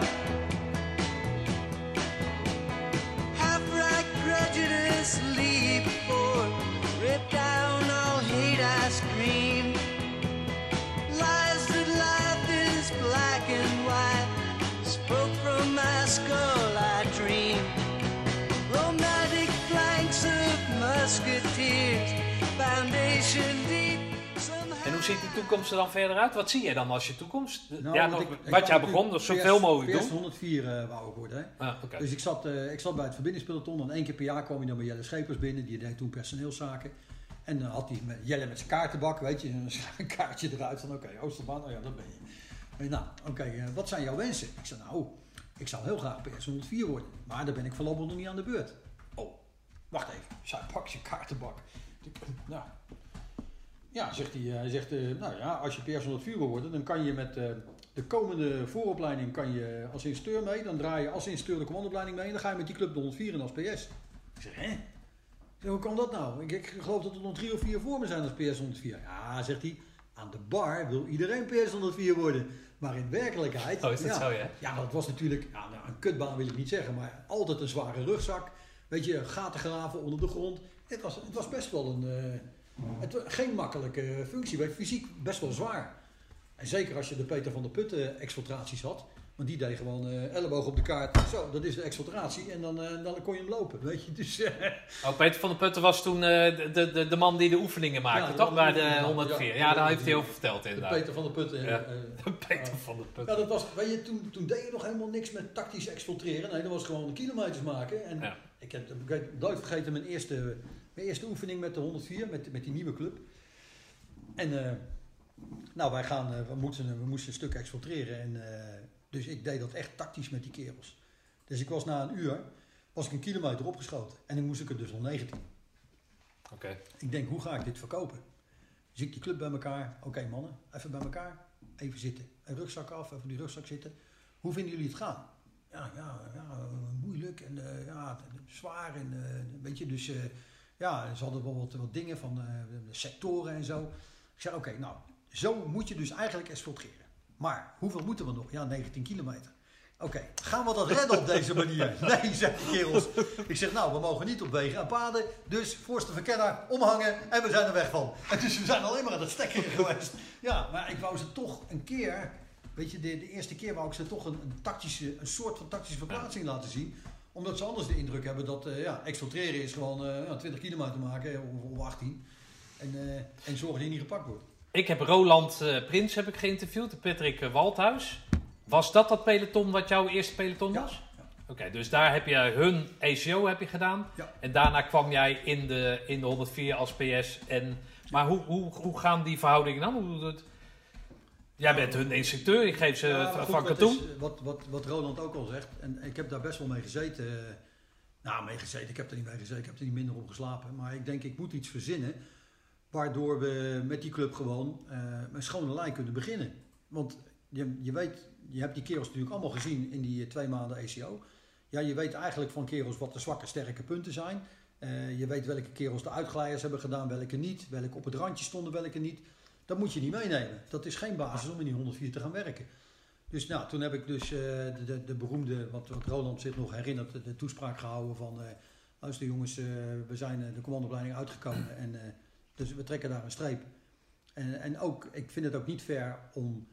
Die kerels die moeten ook niet tegen mij aan blijven kijken als, als instructeur ACO. Want dat ben ik op dat moment niet meer. Dat is een rol die je vervult daar. Ja, en nu ben je PS 104. En dat betekent als PS moet je ervoor zorgen dat je kerels eh, te eten hebben. Dat, eh, dat de oefeningen geregeld zijn. Dat de noodrandsoenen opgevoerd worden. Weet je, dat soort dingen allemaal. Dat, daar ben je dan voor. En je bent er niet voor om... eh, ja, natuurlijk moest er disciplinair nog wel eens wat gebeuren. Ja, daar hadden we toch best wel een... een nou ja, soms, weet je, soms maakt zo'n club gewoon een uitglijder. En dan... Zo was het een stoute club, om het zo maar te nou, zeggen. Wat dan? Ja, er, er worden altijd streken uitgehaald, weet je. En ik kan me niet zo goed meer wat herinneren. Ehm, maar we hebben wel, eh, ja, en ik heb ook weer geprobeerd iedere keer als voorbeeld van oké jongens, we gaan wat doen. Bijvoorbeeld de demonstraties eh, op de berettendreiking van de volgende club. Nou, waren wij demonstratiepeloton. Oké, looping down vanaf 16 meter. Weet je, dat zat er dan ook. En je kent de looping down, Ja. weet je, van de zijkant. Nou, ik had hem alleen van 10 meter gedaan als instructeur Panstorm. Dan nooit van 16 meter. Ik denk, ja, ken ik van die kerels verlangen dat ze van 16... Dan zou ik hem toch zelf eerst moeten doen. Dus, eh, dus ik die uitleg. Oké, we weten allemaal looping down. Ja, we kennen allemaal. Luister, hij gaat ook gedaan worden vanaf 16 meter. Ja, want dat is de demonstratie. Dus twee man doen hem van 10. Twee van 16. Wie? Doen we van 10? Nou, er waren natuurlijk een hoop lui. Oké, jullie twee van 10. Wie van 16? Daar waren wat minder lui. Maar oké, oké, jullie doen van 16. Goed. Let goed op, want we moeten ook reserves hebben. Stel, enzovoort, enzovoort. Dus ik naar boven de 16 meter.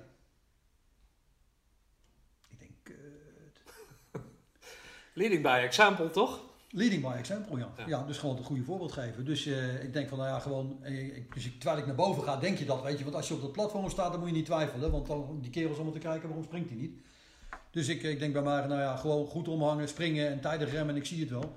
Dus eh, ik, ik spring zo ver mogelijk van de platform af. En terwijl ik begin te vallen, begin ik al te remmen. Nou, maar goed ook dat ik dat deed. Het was de perfecte demo. Oh ja. Ik kwam precies in de beginbak terecht. Die kerels allemaal alsof ze niet anders verwacht hadden, weet je. Dus die stonden echt allemaal te knikken zo. Oké, luister jongens, nog een paar puntjes. Als je afspringt, begin dan meteen met remmen. Want anders... Ja, Oké. Dus, nou, ik zeg, iedereen een keer vanaf 16 meter, dat sowieso. Ja. Nou, ik heb natuurlijk alweer, geloof ik, twee of drie jongens die kwamen op de straat terecht. Die waren te laat begonnen met remmen. Eén zijn enkel verdraaid en naar de ziekenboeg, weet je, dat, dat is best wel kut. Eh, maar ja, goed, dan, dan deed je dus die demo's. En, en ja, dat, dat, zijn, dat zijn dan momenten dat je, dat je dan als PS moet laten zien van... eh, Oké, luister, zo doe je het. Ja. Ook al heb je het zelf nog nooit gedaan. Ik kan dan moeilijk gaan staan en zeggen van... Nee, tuurlijk. Hé, maar hoe ga jij in de omgang, hoe is dat dan met, met, met die kerels?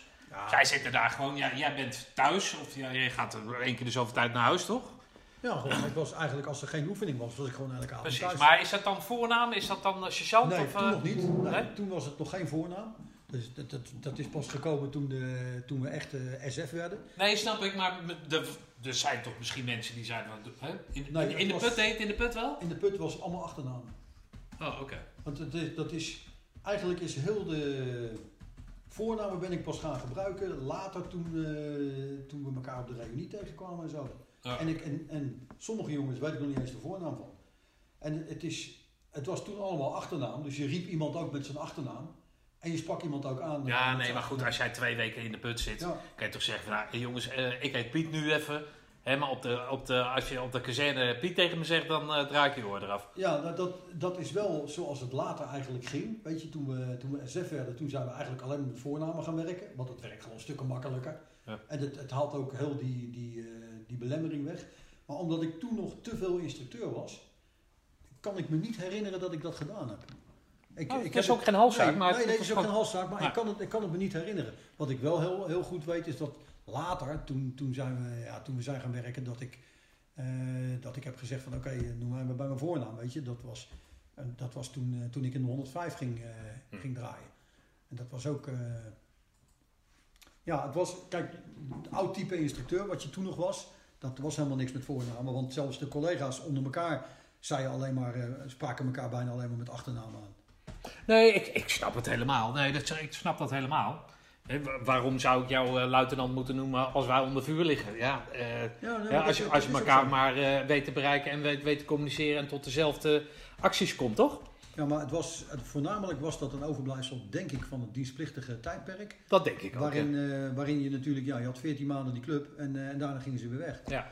Ja, en, en ik denk dat het ook komt doordat sommige mensen misschien door eh, de status niet kunnen behouden als ze met voornamen werken. Want als Ja, jij mij met mijn stukje bescherming aanspreekt, gewoon, ja. Zou, dat zou best kunnen, ja.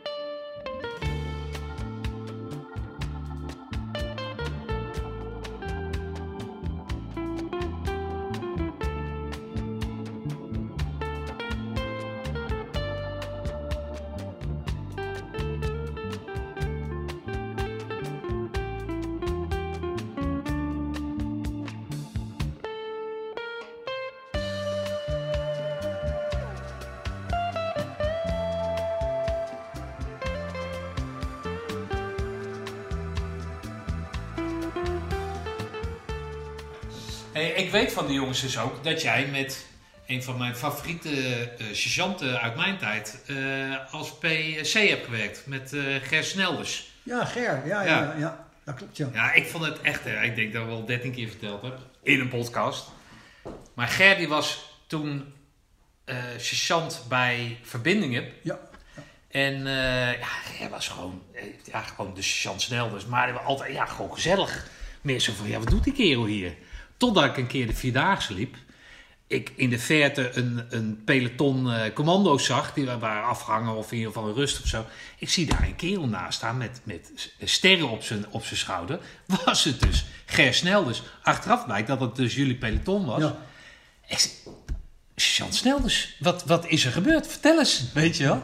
Ja, dat was echt ongelooflijk. Want die kerel, die, dat was echt, echt contrast tussen toen En wat hij daarna is geworden. Ger is, eh, ik heb altijd vreselijk met hem gelachen, want hij was, ook, hij was inderdaad PC. En ik heb toch wel mijn, eh, mijn terugkeer bij het korps aan hem te danken, want hij zat toen bij, eh, ik ben toen weggegaan. En niet zo prettig weggegaan eigenlijk. En Ger die, die heeft mij toen geattendeerd op, een, op, een vacature die open stond, want toen moest je ineens gaan solliciteren, weet je. En die, die zei tegen mij, hij zei van nou, eh, je kan wel solliciteren op de functie van eh eh, eh, eh, instructeur ECO, maar die ga je nooit krijgen. Hij zegt, wat, ik wel, wat je wel kan doen, is, toen was hij personeelszaken, toen hadden we, hadden regelmatig contact, want we kenden elkaar natuurlijk goed. Wat je wel kan doen, is opteren voor de Jean-Major voorwaartse basis, commandant voorwaartse basis. Want die waren toen met de 108, waren dat Jean-Majors functies geworden. En ik kon toen Jean-Major worden. Hij zegt, als je dan voor die functie solliciteert, ja, dan heb je meteen een rang erbij. En ik weet zeker dat je die functie krijgt. Was ook weer verbindingen. Eh, er was ook een verbinding. Ja, ja. Voorwaartse basis. Toen was er al wel, wel behoorlijk wat veranderd. Maar eh, ja, toen, toen, daar ben ik dus weer mee teruggekomen. Oké, maar jij klikte goed met, eh, met Ger. Ja, Ger en ik was... eh ja, wij hebben elkaar regelmatig nog eens gezien natuurlijk door de jaren heen. En wel, het is altijd lachen als je hem tegenkomt. Het is altijd leuk. Maar wat, wat klikte er dan zo goed bij jullie? Ja, ik denk dat...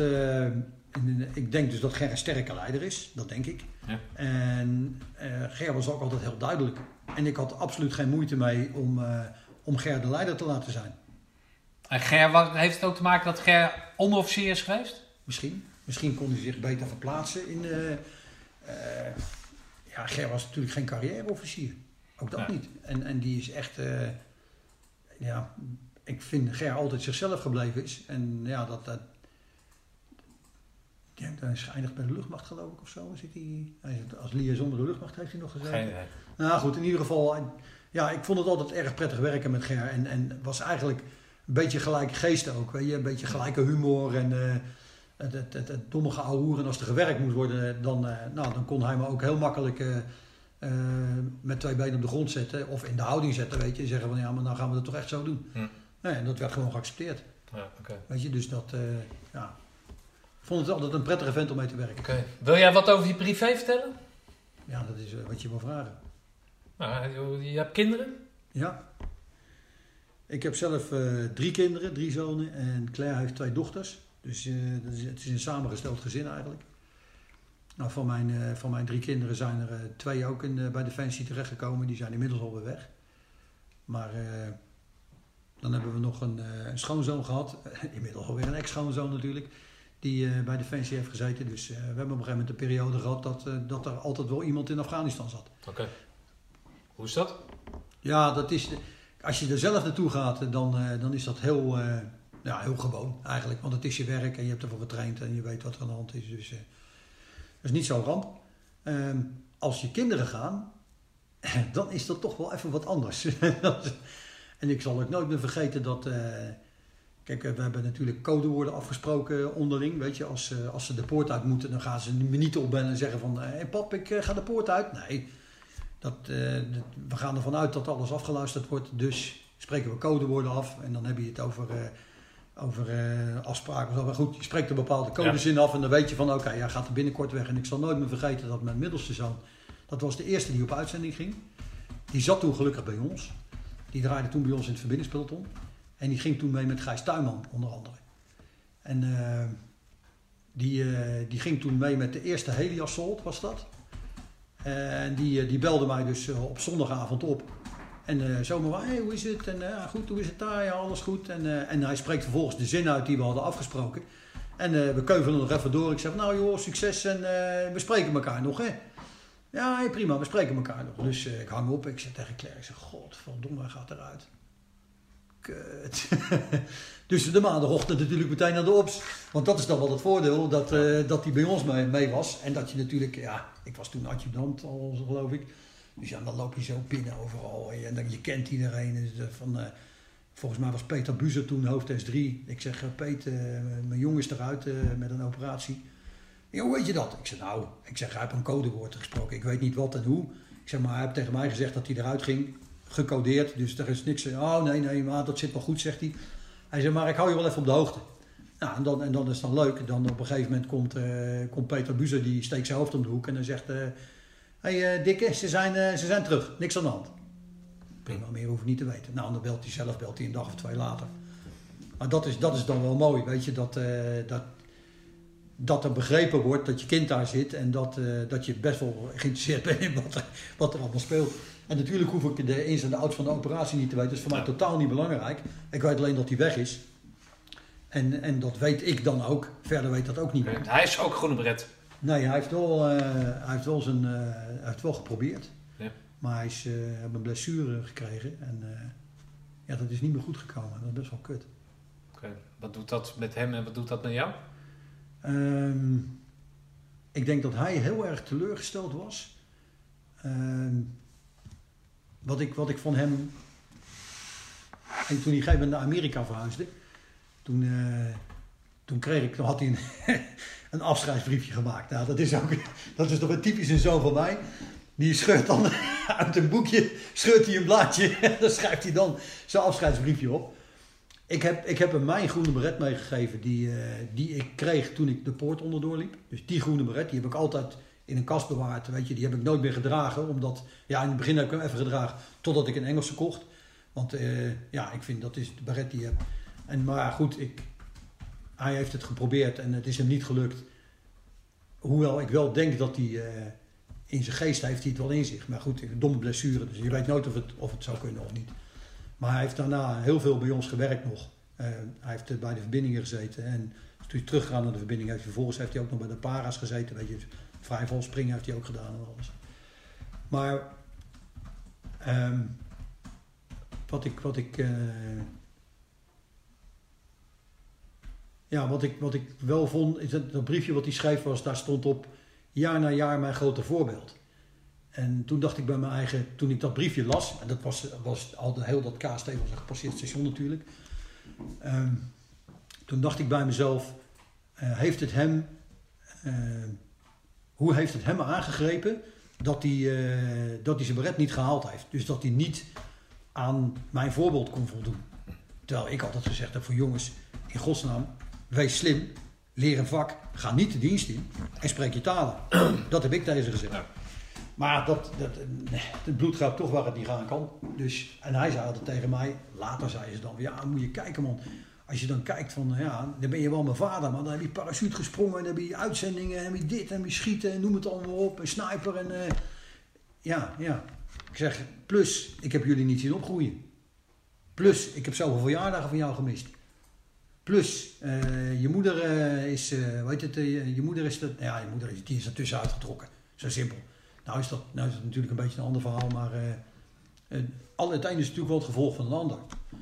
En het is, eh, het, het is wel zo, als ik dan naar hem kijk, dan, eh, ik, ik vond het jammer, maar toen hij mij belde zondags, dat, hij, eh, dat zijn knie nog steeds niet over was, toen wist ik al, zei ik al tegen Claes, ik ga het niet redden. Hmm. Dus die is weer dapper begonnen, 's maandags morgens met speedmarsen en alles. En de arts reed naast hem en die was gewend aan, aan hem. De artsen kennen natuurlijk die lui over het algemeen. Dus die wist dat, wat hij in zijn mars had, die wist dat hij fit was. En dat hij eigenlijk vooraan moest lopen bij de speedmars. En dat deed hij niet. Hmm. Hij kwam steeds moeilijker mee. Dus die hebben ze op een gegeven moment hebben ze hem eruit gehaald. Hey, wat zeg jij dan tegen jouw zoon eh, om hem eh, mentaal te ondersteunen dan op zo'n moment? Of niet, niet op dat moment, maar als hij dan thuis zit en gedesillusioneerd al, zit te hij was kijken. toen al getrouwd. Hij was toen al getrouwd. Ja, Hij, dan eh, mag jij toch nog wel wat zeggen, of Ja, het is ook nee, wijf. ja, natuurlijk wel. Nee, maar ik heb daar niet veel van meegekregen, omdat hij is gaan herstellen. En toen is hij vervolgens is hij naar, eh, teruggegaan naar de verbindingen. En we hebben af en toe al gesproken. Maar het is niet zo dat, eh, dat we hier eh, de vloer eh, platlopen bij elkaar. Dus we hadden wel contact. En ja, het, het, het is waardeloos. Maar wat ik van hem begrepen had, was dat hij, omdat hij natuurlijk medisch ontheven was, krijg je een herkansing. Dus wat ik begrepen was, had, was dat hij een herkansing ging doen. Ja, ja oké, maar dat, het herstelde niet goed genoeg. Dus hij. Nou, het herstelde, die knie herstelde wel. Alleen de reden dat hij eh, die knieblessure kreeg, hij had namelijk met zelf koken had hij brandende dennennaald in zijn oog gekregen. Jezus, joh. Dus die, had, die, had, eh, die liep met één oog liep hij de kompas doorsteek s'nachts. Ja. Nou, vervolgens stapt hij in een gat. Ja, verdraait zijn knie, klaar. Dus eh, dat oog dat was aan het genezen, die knie was aan het genezen. En aan het einde van de rit bleek dat hij in dat oog toch slecht zicht hield. Dus wat, wat doet hij nou? Uiteraard weer een zoon van mij, dus die gaat zonder mij te raadplegen, gaat hij weer de keuring in om, om te gaan, eh, of om de commandoopleiding in te gaan. Maar hij sloeg de oogkeuring maar even over, dat vond hij slimmer. Nou, dus die werd even op zijn rug getikt door eh, ehm, mijn oude ploegcommandant, Erik Wegenwijs. Die was toen commandant ECO volgens mij. Hé hey, eh, Schelen, je moet nog eventjes eh, je testen doen. Je moet je nog even laten keuren voordat je de commandoopleiding in kan. Nou, toen zakte hij dus voor de ogenkeuring. Was hij dan naar mij toe gegaan, dan had ik gezegd van ja, dan moet je twee keer met hetzelfde oog kijken. Want die lui kijken alleen maar naar de kaart als ze die dingen aanwijzen. Maar goed, dat heeft hij dus niet gedaan. En eh, hij is toen, zijn oog is toen niet, eh, eh, hij is toen niet door de keuring heen gekomen. Dus kon hij niet meer de commandoopleiding in. Dus hij heeft dat een plek, plekje kunnen geven. Ik denk het wel. Ik denk het wel. Maar we hebben er niet echt heel erg uitgebreid over gehad. Weet je, het is jammer dat het Is toch wel gek, want als hij een brief aan jou schrijft dan, en, en jou je grote voorbeeld noemt, Ja, daar of zijn we- grote voorbeeld ja, maar daar hebben we het wel over gehad. Maar het briefje was ook heel kort. Hè? Was, was Ja, nee, ja, het, het, het zal wel weer zoon voor jou zijn. Vandaar de korte briefje, toch? Niet? Jawel, jawel dat, dat klopt ook wel. Alleen, we, het is, het is, geen, het is geen, geen punt, weet je. Het is, ik kan hem niks verwijten. Luister, hij heeft het geprobeerd en, en hij, hij heeft het niet gehaald. Nou ja, dat, dat kan, weet je, dat gebeurt, het merendeel van de mensen gebeurt dat. Dat het nou toevallig mijn zoon is, ja, dat, dat, is, dat is prachtig. Maar dat is niet per se een garantie dat je je beret haalt. Eh, en ik, ik, op een gegeven moment groei je er naartoe dat je, de- iemand zonder beret is soms nog meer waard dan iemand met beret. Absoluut. Absoluut. Kijk, en, en hij heeft het in ieder geval geprobeerd. Ja.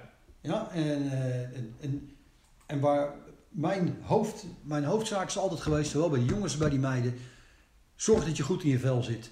Zorg dat je je brood kan verdienen. Weet je, dat je een baan hebt waar je gelukkig in bent. En doe wat je, waar je gelukkig van wordt. En als dat is je beret halen, dan moet je dat doen. Lukt dat niet, je het in ieder geval geprobeerd. Maar goed, je hebt dus drie zonen. Ja, Je hebt een ex-vrouw. ja. Je hebt een vrouw die heerlijke eh ja uitsmijters maken. uitsmijters maakt. Dat is niet het enige wat ze kan hoor, maar het is één van de kwaliteiten. Hoor je dat? Ja, dat is toch mooi? Ja, ze rijdt, ze rijdt, ze rijdt ook de- motor. Ze rijdt ook motor. Dus, Oké. eh, hey, maar eh, en jullie hebben dus de leeftijd bereikt, of dat begrijp ik, de leeftijd bereikt dat die kinderen al lang het huis uit zijn. ja, die zijn al... eh, Twee kleinkinderen. Al Je twee- bent al opa. Ja, opa en oma, ja. Oh joh, wat leuk. Ja, die, de Maar kleinste zo oud ben jij toen Oh, nog niet? Hoe oud ik ben ben jij dan? 60. Oh, dat ziet er goed uit. Zo, dankjewel. Flyer. Hé, wat voor me nodig? Maar even, even teruggaan naar die, naar die Kleinkinderen? 104. Nee, 104. Nou ja, waar, waar ik eigenlijk naartoe wil is van... van ehm, hoe heeft jouw carrière er verder uitgezien? En heb jij nou last gehad binnen jouw carrière van de manier waarop jij acteert? Ja, maar dat, maar dat... Ja, goed, dat heb ik je al eens verteld. Of dat heb ik je verteld. Weet ik eigenlijk niet wie je dat verteld hebt. Eruit. Het, eh, ik, heb, ik heb namelijk... eh, Wil je een draad? Je een draad? Ja, dat- we staan ervoor, hè? Draad. En was Nee, nee. steeds meer haags. Nou, wat je. Wat je ik, ik heb het. In het begin heb ik het absoluut niet slim aangepakt. Echt. Ik, maar ik was natuurlijk overtuigd van mijn eigen gelijk. En, eh, en, en dat ik de goede kant op was. Ik, ik je, toen was ik nog geen commando, maar ik zal je een stom eh, eh, verhaal vertellen. Ik moest, wij waren didactisch in Harderwijk helemaal, helemaal op niveau geschoold. Ik kom vervolgens in Ermelo en het eerste wat ze tegen me zeiden, ja, je moet een didactische cursus gaan volgen. Ja, dat hoeft niet, want die heb ik al gehad. Ja, maar dat moet toch, want dat is een eis. Ja, prima. Dus het einde van de rit, ik had er helemaal geen zin in, dus ik deed mijn voorbereiding, dus niet. En ik moest naar, Er- naar eh, Graven in, eh, om een intest te maken. Ik denk, nou, dat is kaasje. Die intest die verknal ik, kijk meteen terug naar de eenheid, ben ik er vanaf. Dus ik naar, naar Graven toe. Nou, eh, bij A vulde ik B in, bij C vulde ik D in. En eh laatste score ooit, prima. Vervolgens moet ik bij, eh, bij de... Want iedereen die zakte, en dat waren er dus vijf van de twintig, vijf, die moesten bij de kolonel komen. Kolonel, de kolonel van de psychologische dienst, commandant van dat eh, centrum in Graven. Nou, zit ik daar op de gang met vier hele zenuwachtige beroepscollega's, helemaal in de put dat ze de intest hadden gestraald. Ik zei, jongens, waar maken jullie je druk om? Ja, hoe bedoel je? Ik zeg, ja, ik heb die intest, want ik wil juist niet deze cursus volgen. Nou, nee. nou oké. Wie gaat eerst bij de kolonel naar binnen? Ah, doe ik wel.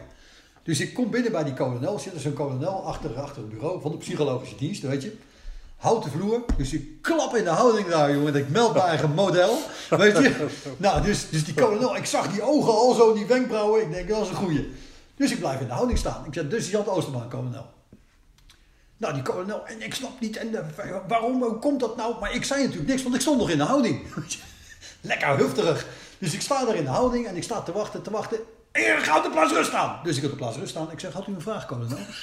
nou, die vent die was echt, die wist niet wat hij erbij aan moest. En eh, dus, nou goed, wegwezen. En eh, ik klap weer in de houding, maak rechtsomkeerd model, weet je. En ik amuseringspas en ik stap die camera uit. En die, die lui hadden dat buiten allemaal gehoord. Ik jongens, geluk. Dus ik kom terug naar Harderwijk. Eigen ruit ingegooid, want wat gebeurt er? Ik moest eh, bij de didactisch begeleider komen. En daar ging ik dus elke week een uur een cursus volgen. Net zolang totdat ik op niveau was om nog een keer die cursus in graven te kunnen doen. Snap je wel? Ja. Maar ja, die didactisch begeleider had ook op zijn flikker gekregen. Want er was iemand van uit Ermelo die gezakt was. En dat was zijn schuld. Ja. Nou, dus daar maakte ik al geen vriend en ik had mijn eigen glaas ingegooid. Nou, dat heb, dat heb ik dus regelmatig gedaan. Weet je, dat ik, dat ik dingen heb gedaan, heel impulsief. Dat ik eh, eh, het verhaal wat ik vertel van de speedmars, die, eh, die ik over laat lopen in, de, in de commandoopleiding. En ja, dat was dan weer een zwakke leider.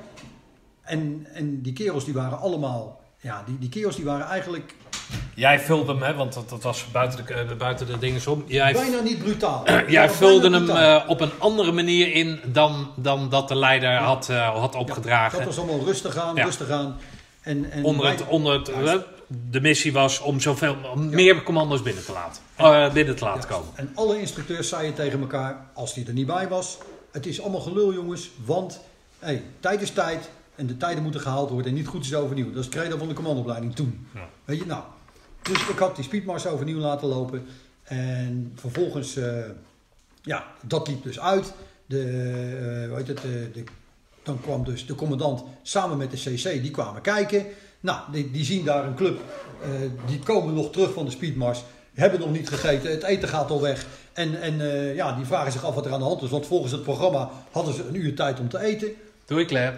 Ik ben even weg. Ja, Ja. doe op de groeten. Ik wacht even naar een ex-collega. Oh, Die oké. een zaak met Uh, Abbus, Abbus en Wil van Oh, Holst. oh, Bus ken ik. Of ja, die naam ken ik, ja. Ja, en Wil van Holst. Ah, oké. Oh, wat die wil van de Ja, Oh, Wil oké. van Holst. Wat hebben die voor zaak dan? De outdoor en travel eh Oh, shop hier in oké. Roosendaal. Oh, wat grappig. En die, eh, dus eh, ik, ik heb, die, die, zien- die zien dat dus. Nou, da- dan wordt vervolgens uiteraard weer geklaagd. Eh, Richard Roelen was toen gewoon sergeant. Ik was sergeant 1. Dus ik zeg, eh, luister, alles goed en wel. Ik ben hier de oudste in rang, dus ik ben verantwoordelijk. Je kan Richard niet aanrekenen dat die kerels heeft teruggestuurd. Ik heb hem opdracht gegeven om die kerels terug te sturen. Dus ze wouden eerst Richard er ook nog eventjes bij hangen. Ik zei, nee, dat is mijn. Ik ben hier verantwoordelijk. Ik ben de oudste in rang, ik ben verantwoordelijk. Ik heb besluit genomen.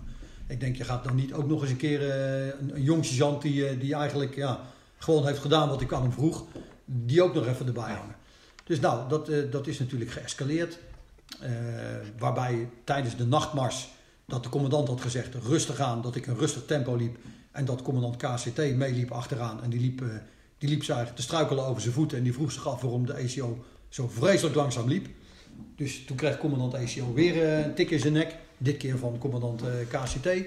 Dus nou, wie- was dan die eikel die dan iedere keer eh, zo recalcitrant was? Dat was ik. Dus ik kon me vervolgens melden bij eh, commandant KCT. Die zei tegen mij dat ik als instructeur ontheven was uit de commandoopleiding en naar het panzerstormteam werd overgeplaatst.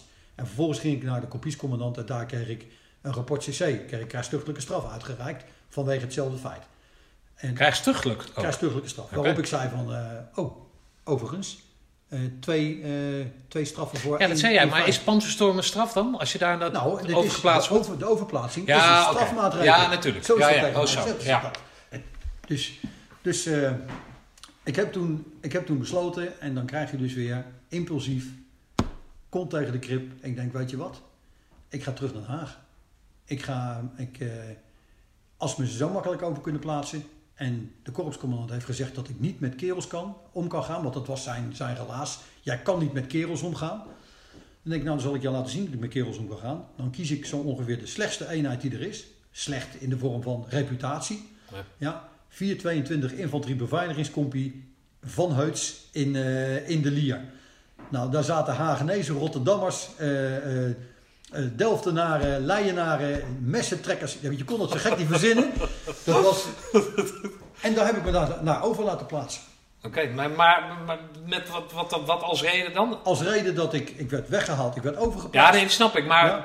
was dit het absolute kont tegen de krip gooien, krijg de tering maar, ik zal eens wat laten zien, zoiets? Nou, sowieso krijg ik teringen zoals we het laten zien. Ehm, mijn ex-vrouw liep altijd te klagen te kankeren over Brabant. Ja, nu ex-vrouw. Dat, Maar nu ex-vrouw, ja. Ja. Ze liep altijd te klagen te kanker over Brabant.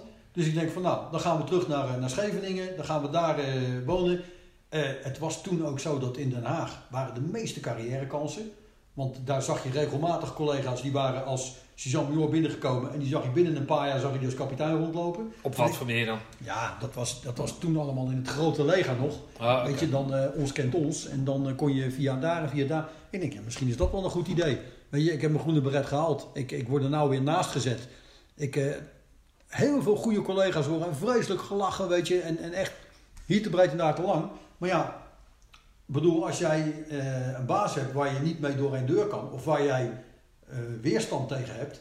Ja, dan, dan, dan werkt dat niet prettig. Nou, dus, eh, dus ik heb mijn eigen, ja, om het verhaal komt tegen de krip. Ik heb mijn eigen over laten plaatsen naar de Lier. En eh, Met dito verhuizing, alles erop en eraan. nee, want eh, we zijn niet eens verhuisd. Want eh Oh. het bleek dat mijn ex-vrouw zei van, eh, ja, maar ik wil eigenlijk helemaal niet weg uit Brabant. Want eh, ik heb hier een eensgezinswoning. En als ik in Scheveningen terug ga, zit ik op een etage. Ja, maar meer konden we niet betalen natuurlijk. Dus, en eh, nou, dat heeft, eh, ja, eigenlijk is dat, heeft dat mijn scheiding in gang gezet. Omdat ik toen, eh, ja, dat, eh, daar er is toen zoveel gebeurd, weet je, onderling. En, mijn, en mijn ex-vrouw kreeg ook een vriend op een gegeven moment.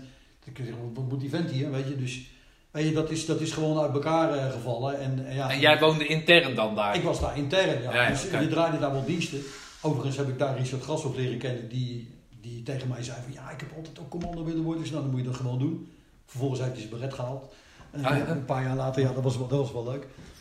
Maar eh, dat, is dan, dat is dan kont tegen de krip gooien en, en niet slim gebruik maken van je carrière. En dat, dat leer je dan vele jaren later, leer je pas eigenlijk hoe je, hoe je mensen een bepaalde eh, richting op kan zetten, zonder dat ze het idee hebben dat dat jouw werk is. Dus je geeft ze bepaalde ideeën Ja. en dan is het net alsof het hun eigen idee is. En daar moet je dan ook vrede mee hebben. Je moet er ook vrede mee hebben dat er een officier naar buiten komt met een fantastisch idee. Wat jij hem bij wijze van spreken een uur van tevoren hebt ingevlaagd. ja. Ja. Maar is dat, niet, is dat niet een voorbeeld, een klassiek voorbeeld van een zwakke leider dan? Die andere mensen niet in hun kracht laat en niet eh, eh, de, Maar neem, neem nou Ray Klaassen, weet je. Ray Klaassen is, dat is... Ik heb ook onder Ray gewerkt, hè. Ik, Ja. We samen hebben we eigenlijk het complete schieten, speciale techniek en tactiek eh, hebben we opgezet vanuit, vanuit nul. Kolonel Voluit vond dat er zoiets moest komen en dat heette zo. En eh, oh ja, en eh, Ray gaat het doen en, en jij. En wat gaan we doen dan? Nou, dus... Maar Ray is het typische voorbeeld van een sterke leider, maar dat was dan ook iemand, daar zei je dan tegen van Ray, misschien moeten we het zo doen. En dan verkocht hij dat ook alsof het zijn eigen idee was. Maar ja, daar heb je dan vrede mee. Weet je, en Ray was ook niet te beroerd om, om, om later te zeggen tegen iemand van ja, maar luister, dat is wel zijn idee geweest. Of dat heeft, wel, heeft hij wel voor elkaar. Weet je, dus dat, dat, we- ik weet niet of dat specifiek iets is van een zwakke leider. Het geeft, het geeft wel, wel iets aan over de persoon zelf, ja, als je dat doet. Want ik heb ook altijd eh, ik- geprobeerd om... ja, eh, waarom zou iemand anders niet mee mogen delen als het zijn idee was? Hij heeft in die functie, hè, jouw functie, wellicht niet de tools en de contacten om iets te, hè, te- Ja. te- helemaal te ja, volbrengen. dat is, dat is het ook. Maar, maar het, het, het begint bij een gedachte natuurlijk. Als je die gedachte niet hebt, dan, ja, dan houdt dat vrij snel op, toch? Ik heb het meeste hekel gehad aan, eh, aan ik, ik noem ze altijd de tuinkabouters. Oké. Het meeste hekel gehad aan de tuinkabouters die, eh, die in staat zijn om, om ergens te landen. Doet hij het nog? Ja. Ja. Om, om ergens te landen met totaal geen wetenschap van, eh, van de materie waar ze over gaan eh, beslissen. En dan al je adviezen en al je ervaring gewoon overboord te gooien. Puur omdat er de drie sterren op zijn schouder zitten. Omdat het een kapitein is. En, en dan denk ik bij mij, ja, maar dit- ik zit hier toch niet voor Jan Lul.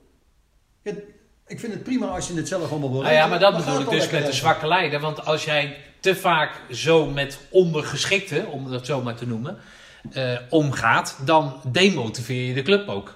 dus dan dat komen, er, dat dan komen er steeds minder ideeën naar boven. Is dat Want niet ja, belangrijk? Is dat niet belangrijk? Want je bent voor die drie sterren, jongen, Nee, niet. Want dan ben je namelijk over een jaar of twee ben je weer weg. Ja, zo, dat, ja, nee, maar dat is inderdaad ook het leger. Dat is de organisatie. Ja, heb- dat heb ik wel vaker gehoord. Ik ben er een paar tegen. Ik ben er een tegengekomen, commandant verbindingspeloton toen. Nou ja, dat, ik ga geen namen noemen, maar de mensen die er toen zaten, die weten over wie ik het heb.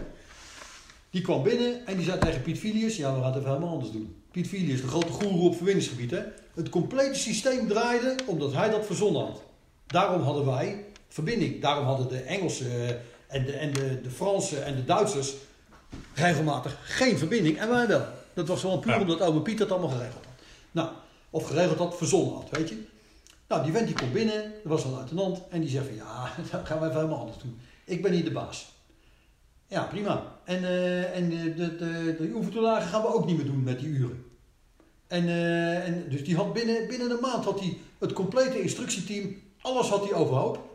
De, iedereen was over de zeik. Want ja, het is natuurlijk wel zo dat als er iemand nieuw binnenkomt en die gooit alles omver, ja, dan, dan loop je tegen weerstand aan. Maar dit was gerechtigde weerstand, want het product werd er niet beter op. Kijk, als jij binnenkomt als baas en je zegt van ja, wacht even, al die bedden moeten hier weg, want iedereen ligt te slapen en eh, we moeten werken, dan is dat een verbetering en dat levert een beter product. Ja, daar kun je wel een hoop weerstand eh, tegen hebben. Maar, ben zo moe. ja, maar het feit is wel dat, dat, Ja. dat het gaat voor een beter product. Maar als jij binnenkomt en alleen omdat je zelf luitenant bent en vindt dat, eh, luitenant, moet u niet de functieopleiding in? Want het systeem hier is toch even wat anders dan bij de reguliere verbindingseenheden. Nee, nee, ik ben verbindelaar, dus ik weet, ik weet er alles van. Nou, en dan vervolgens had de club had gewoon een week geen verbinding. Gewoon een, een club in het bos, een week geen verbinding. Op het noodnet niet niks. Ja, nee, ah, frequenties uitdraaien. Ja, ja, oh, hoe werkt dat zo? Oh, ja, oh, hm. Nou, dus dat is, dat is één groot drama geworden. Mondje gaat bij ons weg. Hij heeft echt de zaak behoorlijk vernietigd. Ja, gaat bij ons weg, gaat ergens anders naartoe, wordt kapitein. Is daar binnen een jaar weg, major. Ja, dat is wel gek aan zo'n systeem inderdaad. En Ja, is dat- gewoon, dat kijk, is- ja, dat is- willen ze niet hebben daar. Dus wat doe je dan? Ja, je gaat geen slechte, slechte beoordeling schrijven. Als je slechte beoordeling Ja, schrijft, dan nee, zit ja. je aan die vent vast. Dan wil niemand hem hebben. Ja, Dus die gaat met vlag en wimpel gaat hij ergens ja dat, Piet, dat is raar inderdaad. Ja, is, is, is, is, ja, ik heb er wel eens vaker van gehoord. En het verwondert mij elke keer weer.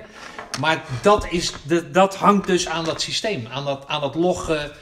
Eh, en toen de tijd al helemaal Toen de natuurlijk. tijd helemaal. Ja, toen de tijd eh, was er Dus je, natuurlijk denk ik... had je eigenlijk had je, je kon als onderofficier wel je advies geven.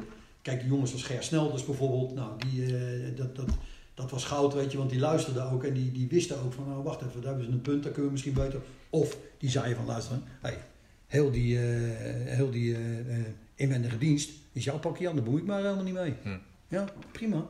En je club had wat uitgevreten. Eh, Piet, heb je even? Ja, die club heeft dat en dat uitgevreten. En jij enig idee? Ik, dan heb ik wel wat ideeën voor. Ik ga wel even naar Jan Tak. Oké, prima. Nou, dan, eh, dan bemoei ik me er verder niet meer mee. Nou, ja. Ja. Willem, Willem Melgers, ook eh, Jan, Jan Swillens heb ik nog binnen zien komen als, als tweede luitenant. Generaal Swillens nu. Ja. En, en dat, was, dat was ook iemand die, dat was wel een sterke leider. En die, die ging ook echt wel de weg op die hij op wou. Maar die was ook nooit te beroerd om, want volgens mij was, wie was zijn PS? Piet Vlam was zijn PS geloof ik. Nou, Piet is natuurlijk ook niet iemand die, eh, die de kaas van het brood laat eten. Maar Jan was dan ook wel iemand die, die luisterde dan en die, ja, ja, dan heb je wel een punt. En als jij goede argumenten had, en daar gaat het om. Als je goede Ja. argumenten hebt, dan moet je iemand kunnen overtuigen van het feit dat hij naar links moet en niet naar rechts. Maar als ik, zeg maar, dat hele ding concluderend.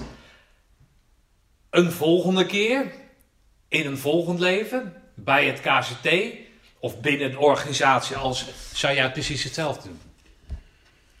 Ja, dat, dat denk ik wel eens. Eh, je, je denkt wel eens van, wat zou ik nou anders hebben moeten doen? En dan starten vanaf mijn geboorte, weet je? Ja, de de linkerborst, bij de linkerborst op de rechterborst pakken. Nee, maar, maar even, maar dat, je, dat je denkt van, oké, had ik dan beter mijn best moeten doen op school? Had ik dan dit, had ik dan dat? Nee, maar je hebt al aangegeven waar, waar het bij jou, volgens jou, in jouw carrière, in je militaire Ja. carrière, waar jij weerstand opriep. Ja, ja, ja. en ja. waar jij weerstand ontmoette. Waar ik, waar ik heel, ja, waar ik zelf af en toe ook, ik, ik zal je eerlijk zeggen, dan gaf ik les. En dan zag ik een betrokkenen aankomen en dan wist ik dat hij bij mij in de klas kwam zitten. Nou, dan, dan, dan begon ik echt de les helemaal te verdraaien, weet je. Dan Dan begon ik heel autoritair en, en heel, helemaal niet meer didactisch. Alleen om hem dwars te zitten. Nou, dan ging hij na vijf minuten ging hij weg. Dacht ik bij mij helemaal zo, dat heb ik geregeld. Ja, wat had ik geregeld? Ik had geregeld dat hij vervolgens weer bij een paar collega's ging zitten. Die allemaal in die, in die rang zaten en die, eh, die elkaar ook al jaren kenden. Ja, en dan horen ze weer een slecht bericht over die Oosterbaan. Die, jezus, wat is dat voor een vent, joh. Terwijl ik, ik wou die vent helemaal niet in mijn klas, weet je. Dat gezeik wou ik niet aan mijn kop hebben van, van eh, zou je het de volgende keer toch weer zo doen? Heb je dit wel goed gedaan? Dan zei ik altijd ja, want anders had ik het zo niet gedaan. Hm. Zou je dat de volgende keer weer zo doen? Ja. Ja, maar dan zou ik het nou toch niet zo doen? Ja, dat is, ja, het, ja. Ja, het is niet handig voor je carrière. Nee, het is- ja. nou, carrière, ik, ik heb geen carrière gehad, hè, wat dat betreft. Ik heb gewoon een loopbaan gehad, want het is voor mij natuurlijk allemaal, als onderofficier is dat allemaal uitgestippeld, weet je. ja, nee, oké, maar dat is toch een carrière? Ja, oké. kan- Ja, carrière. Je kan de carrière noemen. Nou ja, loopbaancarrière. Ja, ik heb geen idee of dat... eh, ja. Maar goed, dus op een gegeven moment dan eh, merk jij dat het... eh, dat het eh, nee, want we waren gebleven in, in, rondom Den Haag. Ja, ja. Nou, mijn ex-vrouw wou dus niet meer terug. Ja, die wou niet terug. Kwam, daar kwam een vent over de vloer op een gegeven moment. Dus dat is allemaal wat minder, wat minder gelopen vanaf dat moment. En ik kon mijn ei eigenlijk wel kwijt bij, bij 422. Ja, je kan overal je ei kwijt. Want je gaat gewoon kijken van, oké, werkt dat zo hier? Prima, nou, dan gaan, we, dan gaan we aan de slag en dan gaan we hier werken. Toen kreeg ik een dienstplichtig vaandrig. Nou, dat, eh, dat was een dienstplichtig vaandrig. Echt een, een geschoolde jongen was, wat had hij nou? Ook was volgens mij ook een meester in de rechten of zo. Weet ik veel wat die lui allemaal doen. Maar die, dat was ook wel een hele slimme vent. Maar dat was, die zei dan van, eh, ja. En eh, dan was, dan was er bijvoorbeeld, wat gebeurd? Het is echt een geweldig verhaal. Dat heb ik al honderd keer verteld. Ik had een vent, een, een Hagenees in mijn peloton. Nou, meerdere natuurlijk. Maar dat was echt zo'n Hagenees van twee meter met een matje in zijn nek. FC Den Haag supporter, weet je. Ja. Als we dan een oefening hadden gehad met de ME, met de treinen en treinstellen en zo, dan moest de ME oefenen met het leegruimen van zijn trein. Dan zaten de kerels van ons zaten er dan in als oefenvijand, weet je, moesten dan gallen. En dan liepen ze het perron op en als het dan klaar was, dan zeiden ze tegen die ME, hé, hey, tot zondag hè, weet je. Want zondag was het voor Techie. Dus die gozer die komt, Tot zondag. die gozer die komt op een gegeven moment, lange vent, echt fantastisch. Die komt op een gegeven moment komt hij te laat binnen met een blauw oog. Ja, een blauw oog. Dus, en, en ik zie hem net lopen. Ik zeg, waar kom jij vandaan? Ja, ik, eh, ja, ik, eh, ik zeg, eh, naar de club toe, tien uur bij de vader op het bureau. En niet te laat zijn. Ja, heel Jant. Dus hij weg. Ik naar die vader, ik zeg, luister, ik heb, ik weet niet hoe die heet. Ik heb, ik heb Jansen, heb ik net gezien. En die loopt met een blauw oog, maar hij is te laat. Ik zeg, je moet hem wel eventjes onderuit de zak geven hoor. Ik zeg, want eh, ik doe het niet. Jij bent de baas. Maar geef hem even onderuit de zak. Ja, ja, ja, ja, dan wil ik daarna wel even weten wat je ervan vond hoor. Ik zei, nee, ik blijf erbij, helemaal geen probleem. Helemaal geen probleem. Dus om tien uur eh, wordt, er, eh, wordt er op de deur geklopt, stipt om tien uur. Komt die vent binnen, die vader die zit achter zijn bureau, echt met zijn wenkbrauwen zo, weet je, met zijn boosste blik. En die vent die komt binnen. Zo, zegt hij. Zeg, vertel jij mij nou maar eens waarom je te laat bent. Nou, ik denk, nou, is een goed begin hè. Ja, ja, eh, ja, eh, nou ja, luister van, een beetje, een beetje lullig. Maar eh, ik, eh, ik, stap, eh, ik stap vanmorgen mijn huis uit en eh, zie ik daar een Chinees lopen. Ik denk, die trap ik nog even in elkaar voordat ik naar mijn werk ga. Is het een karate-Chinees? Word, ik- word ik wakker in de goot? Ja, dus toen kon ik de tram niet halen, dus nu ben ik te laat. Ja, sorry, maar eh, vertel u het niet aan de rest van de peloton? Nou, die vader, jongen, die zat met krop in zijn kaken om niet te lachen. Ja, ik was inmiddels de gang op gegaan. Ik zei, Een Ja, het is echt... Oh, hoe verzin je het? Karate Chinees. Nou, dat is, ja, nou, ik vind dat een wereldverhaal, echt waar. Maar de, om, om aan de simpelheid van, van die lui, weet je. Ik heb op een gegeven moment heb ik een vent gehad, die was... eh, we hadden een oefening, het was over het strand. Nou, van Kijkduin naar Hoek van Holland lopen, nou, dat is ook weer zoiets. En tussendoor brancard dragen, dat was ook een of andere zware oefening, vonden ze dan. En ik was natuurlijk, die vader was erbij. En, en ik liep ook tussen die clubs heen en weer. En er was constant was er weet je. Want als wij dan niet keken, liet ze die brancard vallen. Maar ja, er lag natuurlijk een vent op. Dus was weer eh, trekken en duwen, weet je. Dus er was, was één groot drama. En op een gegeven moment eh eh, gooit er een gozer, die gooit zijn spullen neer. Die gooit echt alles neer, zijn wapen, zijn, zijn pukkel. En die gooit die op de grond. En, en, een- een duw- en trekpartij en een hoop gescheld. En die vent die rent er vandoor. Dus ik ren erachteraan. Ik zeg, kom terug, kom terug. Nou, eh, geen reactie. Ik erachteraan. En die vaandrig, die, eh, die zegt, oh, jij gaat erachteraan. eh nee, dan loop ik naar de club. Ik zeg, nee, meekomen, getuigen. Ik denk, ja, die vent alleen. Als je die vent alleen hebt daar, voor hetzelfde geld hangt hij een of ander verhaal op. En dan ben ik de lul. Nee. Dus nou, dit- niet zo fit als ik natuurlijk. Haha. En ik, nou, maar ik was toen nog best wel fit. Dus eh, ik, riep, ik rende met de uitrusting. eh, en dan had ik die vent zo ingehaald. Dus die vent die, die probeert te ontsnappen. Die rent het duin op. Het duin op en, eh, en hij ziet dat hij niet meer weg kan komen. Hij draait om en hij trekt een mes. Oh. Dus hij trekt echt. En ik zie in een flits zie ik dat staal. Zie ik van dat mes. En voor ik weet heb ik mijn eigen mes in mijn handen. Dus ik was natuurlijk adrenaline. Dus ik helemaal over de zaak. Ik zei, nou kom maar op. Ik steek je godverdomme hartstikke dood, weet je. Dus ja, toen zag je verwarring. Want normaal als hij een mes trok, hoorde ik dan later. Ja, dan was iedereen was klaar, hè. Nou, toen trok hij dus een mes. Toen had hij zo'n gek tegenover hem die ook een mes trok. Dus ik zie die verwarring en ik, ik hoek hem tegen de grond. En ik trek dat mes los. En, eh, en dat gooi ik weg, weet je. En die vader die stond met zulke ogen te kijken, weet je. Ik zeg, oké vader, het is nou goed. Ga maar terug naar de club en kom er achteraan. Dus ik die vent op zijn voeten gezet en die begon te huilen. Dus wij lopen met z'n tweeën achter die club aan met z'n tweeën en de eerste tijd stil. En vervolgens begint die vent, die vertelt zijn hele levensverhaal, vertelt hij. Mishandeld door zijn vader, eh, moeder niet meer in huis, alleen met zijn zus, eh, weet je, enzovoort, enzovoort. Echt eh hier te breed en daar te lang. Nou, dus eh, ik zeg, ik wil geen last meer van je hebben, met die club lopen, spullen meepakken en, eh, en ik wil geen last meer van je hebben. Nou, die vent meelopen en eh komt de kazerne aan. Ja, zit er van. Hij zegt, wat gaan we met die vent doen? Ik zeg, niks. Ik zeg, als we de Marseillais bellen, dan, eh, dan wordt hij opgesloten en dan, eh, dan gaat hij naar een nieuwe sluis. Ik zeg, dit is de situatie wat ik gehoord heb. Wat kunnen we voor die vent betekenen? Ja, ja, ja, zegt hij. Zullen we eerst eens op bureau roepen? Ik zeg, nou, dat vind ik wel een goed idee, weet je. Dus, eh, dus die vader die roept die vent op bureau. Hij houdt een hele strenge toespraak naar hem. Volgens mij is je batterij bijna op. Ja, nog 20%. Hij zegt, hij houdt een hele strenge toespraak, houdt hij tegen hem. En vervolgens, die vent die gaat weg. En ik krijg via via, twee dagen later of zo, krijg ik te horen dat er, hij woonde in Leiden, dat er in Alfa aan de Rijn een vacature vrijkomt voor een bewaker. Maar dat was dan iemand van ons en die werd dan uitgeleend daar om de burgerbewakers aan te vullen. Nou, dus ik zeg tegen die vader, ik zeg, dat is een gouden kans. Die gozer zit dan vlak bij Leiden, kan elke avond naar huis. Weet je, die, eh, die kan met zijn zus kan die het huis uit bij zijn vader, die kunnen ergens anders naartoe. En eh, die kan zijn, reden, zijn leven op, op orde houden. Nou, dat, eh, dat zou een maand later gaan gebeuren. Dus wij die vent erbij geroepen. Die vent is niet meer van mijn zij afgeweken. Als er een oefeningetje was of zo, dan had ik... Had, ik vreten koffie had ik al, weet je. Die, dat, daar heb ik nooit geen last meer mee gehad. Die vent die is naar Alphen aan de Rijn gegaan. Daar hebben ze nog nooit zo'n goede kerel gehad eraan. En, eh, en- Ah, mooi. ja, ik vind dat echt vreselijk Ja. gaaf, weet je. Dus ik, ik denk dan bij mezelf van ja, eh, je neemt dan het juiste besluit. Ik ben nooit zo geweest van de Marseillais, maar weet je, dan, dan los je eigen probleem op. Als Ja. het kan, binnen de mogelijkheden, los je eigen probleem op. En ik had toevallig een hele goede vader. Ja. Dus nou had jij dit gevraagd en dan zitten we weer daar bij het antwoord, zie je.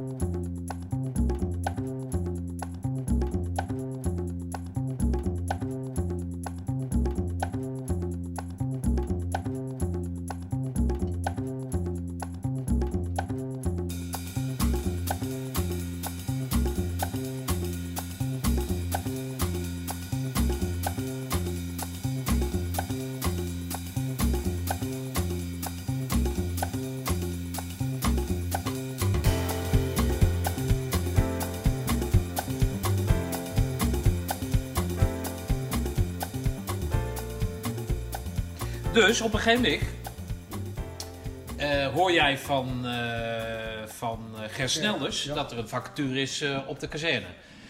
De CKST die jou nou ja, weggestuurd heeft, om het zo maar te zeggen, Ja. die is weg. Ja.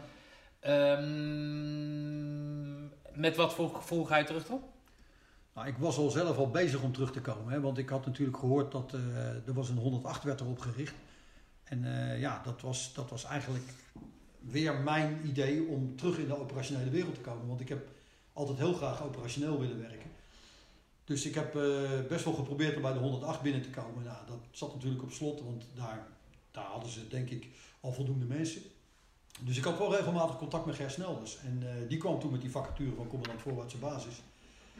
En ik ben toen teruggegaan en toen, eh, toen is er nog een, een soort feestje geweest met wat lui van mijn oude peloton uit de 104. Onder andere Patrick Walthuis was erbij. eh, hoe heet die lange ook alweer? Kuiper. eh God, ben ik zijn voornaam kwijt. Maar goed, er waren wel wat jongens van het oude peloton en, in de kroeg. En eh die kregen mijn beret terug, of terug. Die, die, Ja. die kreeg ik dan en zeiden ze van, hey, nou niet meer weggaan, weet je. En, ik weet dat Patrick Walthuis nog een, een stukje geschreven heeft voor in de groene beret toen ik eruit ging. Eh, met de vraag waarom. Het stukje natuurlijk nooit geplaatst. Maar eh, dat, dat, hij had wel een stukje geschreven naar de groene beret. stukje heb ik gelezen trouwens. Maar ja, nu komt dat Met de vraag van waarom moest deze man weg? Hij wist waarom het was. Maar eh, hij had dan echt een net stuk geschreven van... ja, dat, dat, dat begon eigenlijk van... had, de, had de schedel zijn tijd niet gehaald. Dan komt al schedel weer terug. had de, had de, de, de schedel zijn tijd niet gehaald. eh, of waarom... maar oké, dat was een sterk stuk in ieder geval. Maar ik ben toen teruggekomen. En ik ben eigenlijk gewoon weer... eh ja, loopbriefje gedaan. En eh, alsof ik nooit al weg geweest. Ik, ik heb wel toen nog wat gesprekken gehad met onder andere met Rien Broeders. En Rien Broeders vond eigenlijk dat ik had moeten blijven, niet weg had moeten gaan. Want ze wisten natuurlijk allemaal, ik had de zaak voor de krijgsraad laten komen. Nee, joh. Eh, ja, want ik, ik denk, hé, eh, de, de, hoezo krijg je stuchtelijke straf hiervoor? En ik had de zaak voor de krijgsraad laten komen, had ik gewonnen. Dus ja, Rien Broeders die zei tegen mij, je had niet weg moeten gaan, je had hier moeten blijven. Je had de zaak moeten aanvechten en dan had je met Maar opgeven. is er in die tussentijd dan niemand naar jou toegekomen toen jij dus gewonnen had en gezegd, nou laten we even gaan kletsen of eh, sorry, fout geweest of, of... Nee, dat, eh, Werkt dat niet zo? nee, zo werkt dat niet. Nee. Ah, oké. Nee, nee want eh, zeker, weet je, het korps is een hele hechte gemeenschap, maar op het moment dat je daar weg bent, dan neemt het ook heel snel af. Ja, is overal zo natuurlijk, maar... Ah, oké. Ja, dus ik, heb, ik had nog wel contact met lui, want ik, wat ik dus wel deed, ik ging nog wel naar baretuitreikingen, ging ik nog wel, weet je, en eh, dat was gewoon alsof ik nooit was weg geweest. En, dus je bent nog steeds een gewaardeerd collega. En bij sommigen proefde ik wel een beetje de eh, nou, bewondering. Weet ik niet of het bewondering was, maar toch wel een, een bepaald soort van, eh, ja, misschien was het wel bewondering, dat ik mijn kont tegen de krip had gegooid en had gezegd van oké, dit flik je niet met mij, dan ben ik er weg van. Want ja, je kan het natuurlijk wel roepen als je daar zit, maar als je dan nooit weggaat. Kijk, Piet Vlam heeft zoiets ook gedaan. Die heeft toen tegen, tegen de korpscommandant gezegd, de toenmalige korpscommandant. Maar dan praat ik over ergens in 2000, 2005, 2008 zoiets. Die zei toen tegen die korpscommandant van nou, eh, dan denk ik dat het voor mij beter is om maar eens ergens anders te gaan kijken als u met die rare ideeën bezig bent. Hm. Nou, dat, eh, nou, dat- daar werd hem geen strobreed in de weg gelegd, want eh, nog voordat hij uitgesproken was, was het al geregeld. Dus die is toen ook eh, weggegaan, weet je. En ja, als je, soms dan moet je, als je ergens voor staat, Nou ja, Dings heeft het natuurlijk ook gedaan. Eh, Bert Thijssen. Heeft natuurlijk ook zo'n situatie gehad. Nou, niet zo'nzelfde situatie, maar wel van joh, ik ben het er niet mee eens. Ja, jullie, hè? ja, klopt ja. ja. Dus dan, dan ja. Ja. Waar andere mensen, en ik wil jullie niet op een, op een, op een schafot zetten, of in ieder geval op een, een, treedje hoger zetten, maar ja, als je trouw bent aan je, aan, je, aan je normen en waarden, dan is er maar één oplossing. En jij hebt natuurlijk, nou nou ik je dan eh, al die tijd hebt horen praten, jij doet geen concessies. Dus dan doe je ook geen concessies aan jezelf. Jij zal dus nooit tegen jezelf zeggen, nou, ik, het is misschien beter voor iedereen, hè, maar zeker voor jezelf en je gezin en je vrouw, om hier te blijven of wat dan ook. Nee, ja, ja. het stuit jou tegen de borst. Het is, eh, het is, het is niet zoals jij het eh, eh, denkt dat het zou moeten gaan. En dan trek jij dan je conclusies. Maar dan kom jij terug.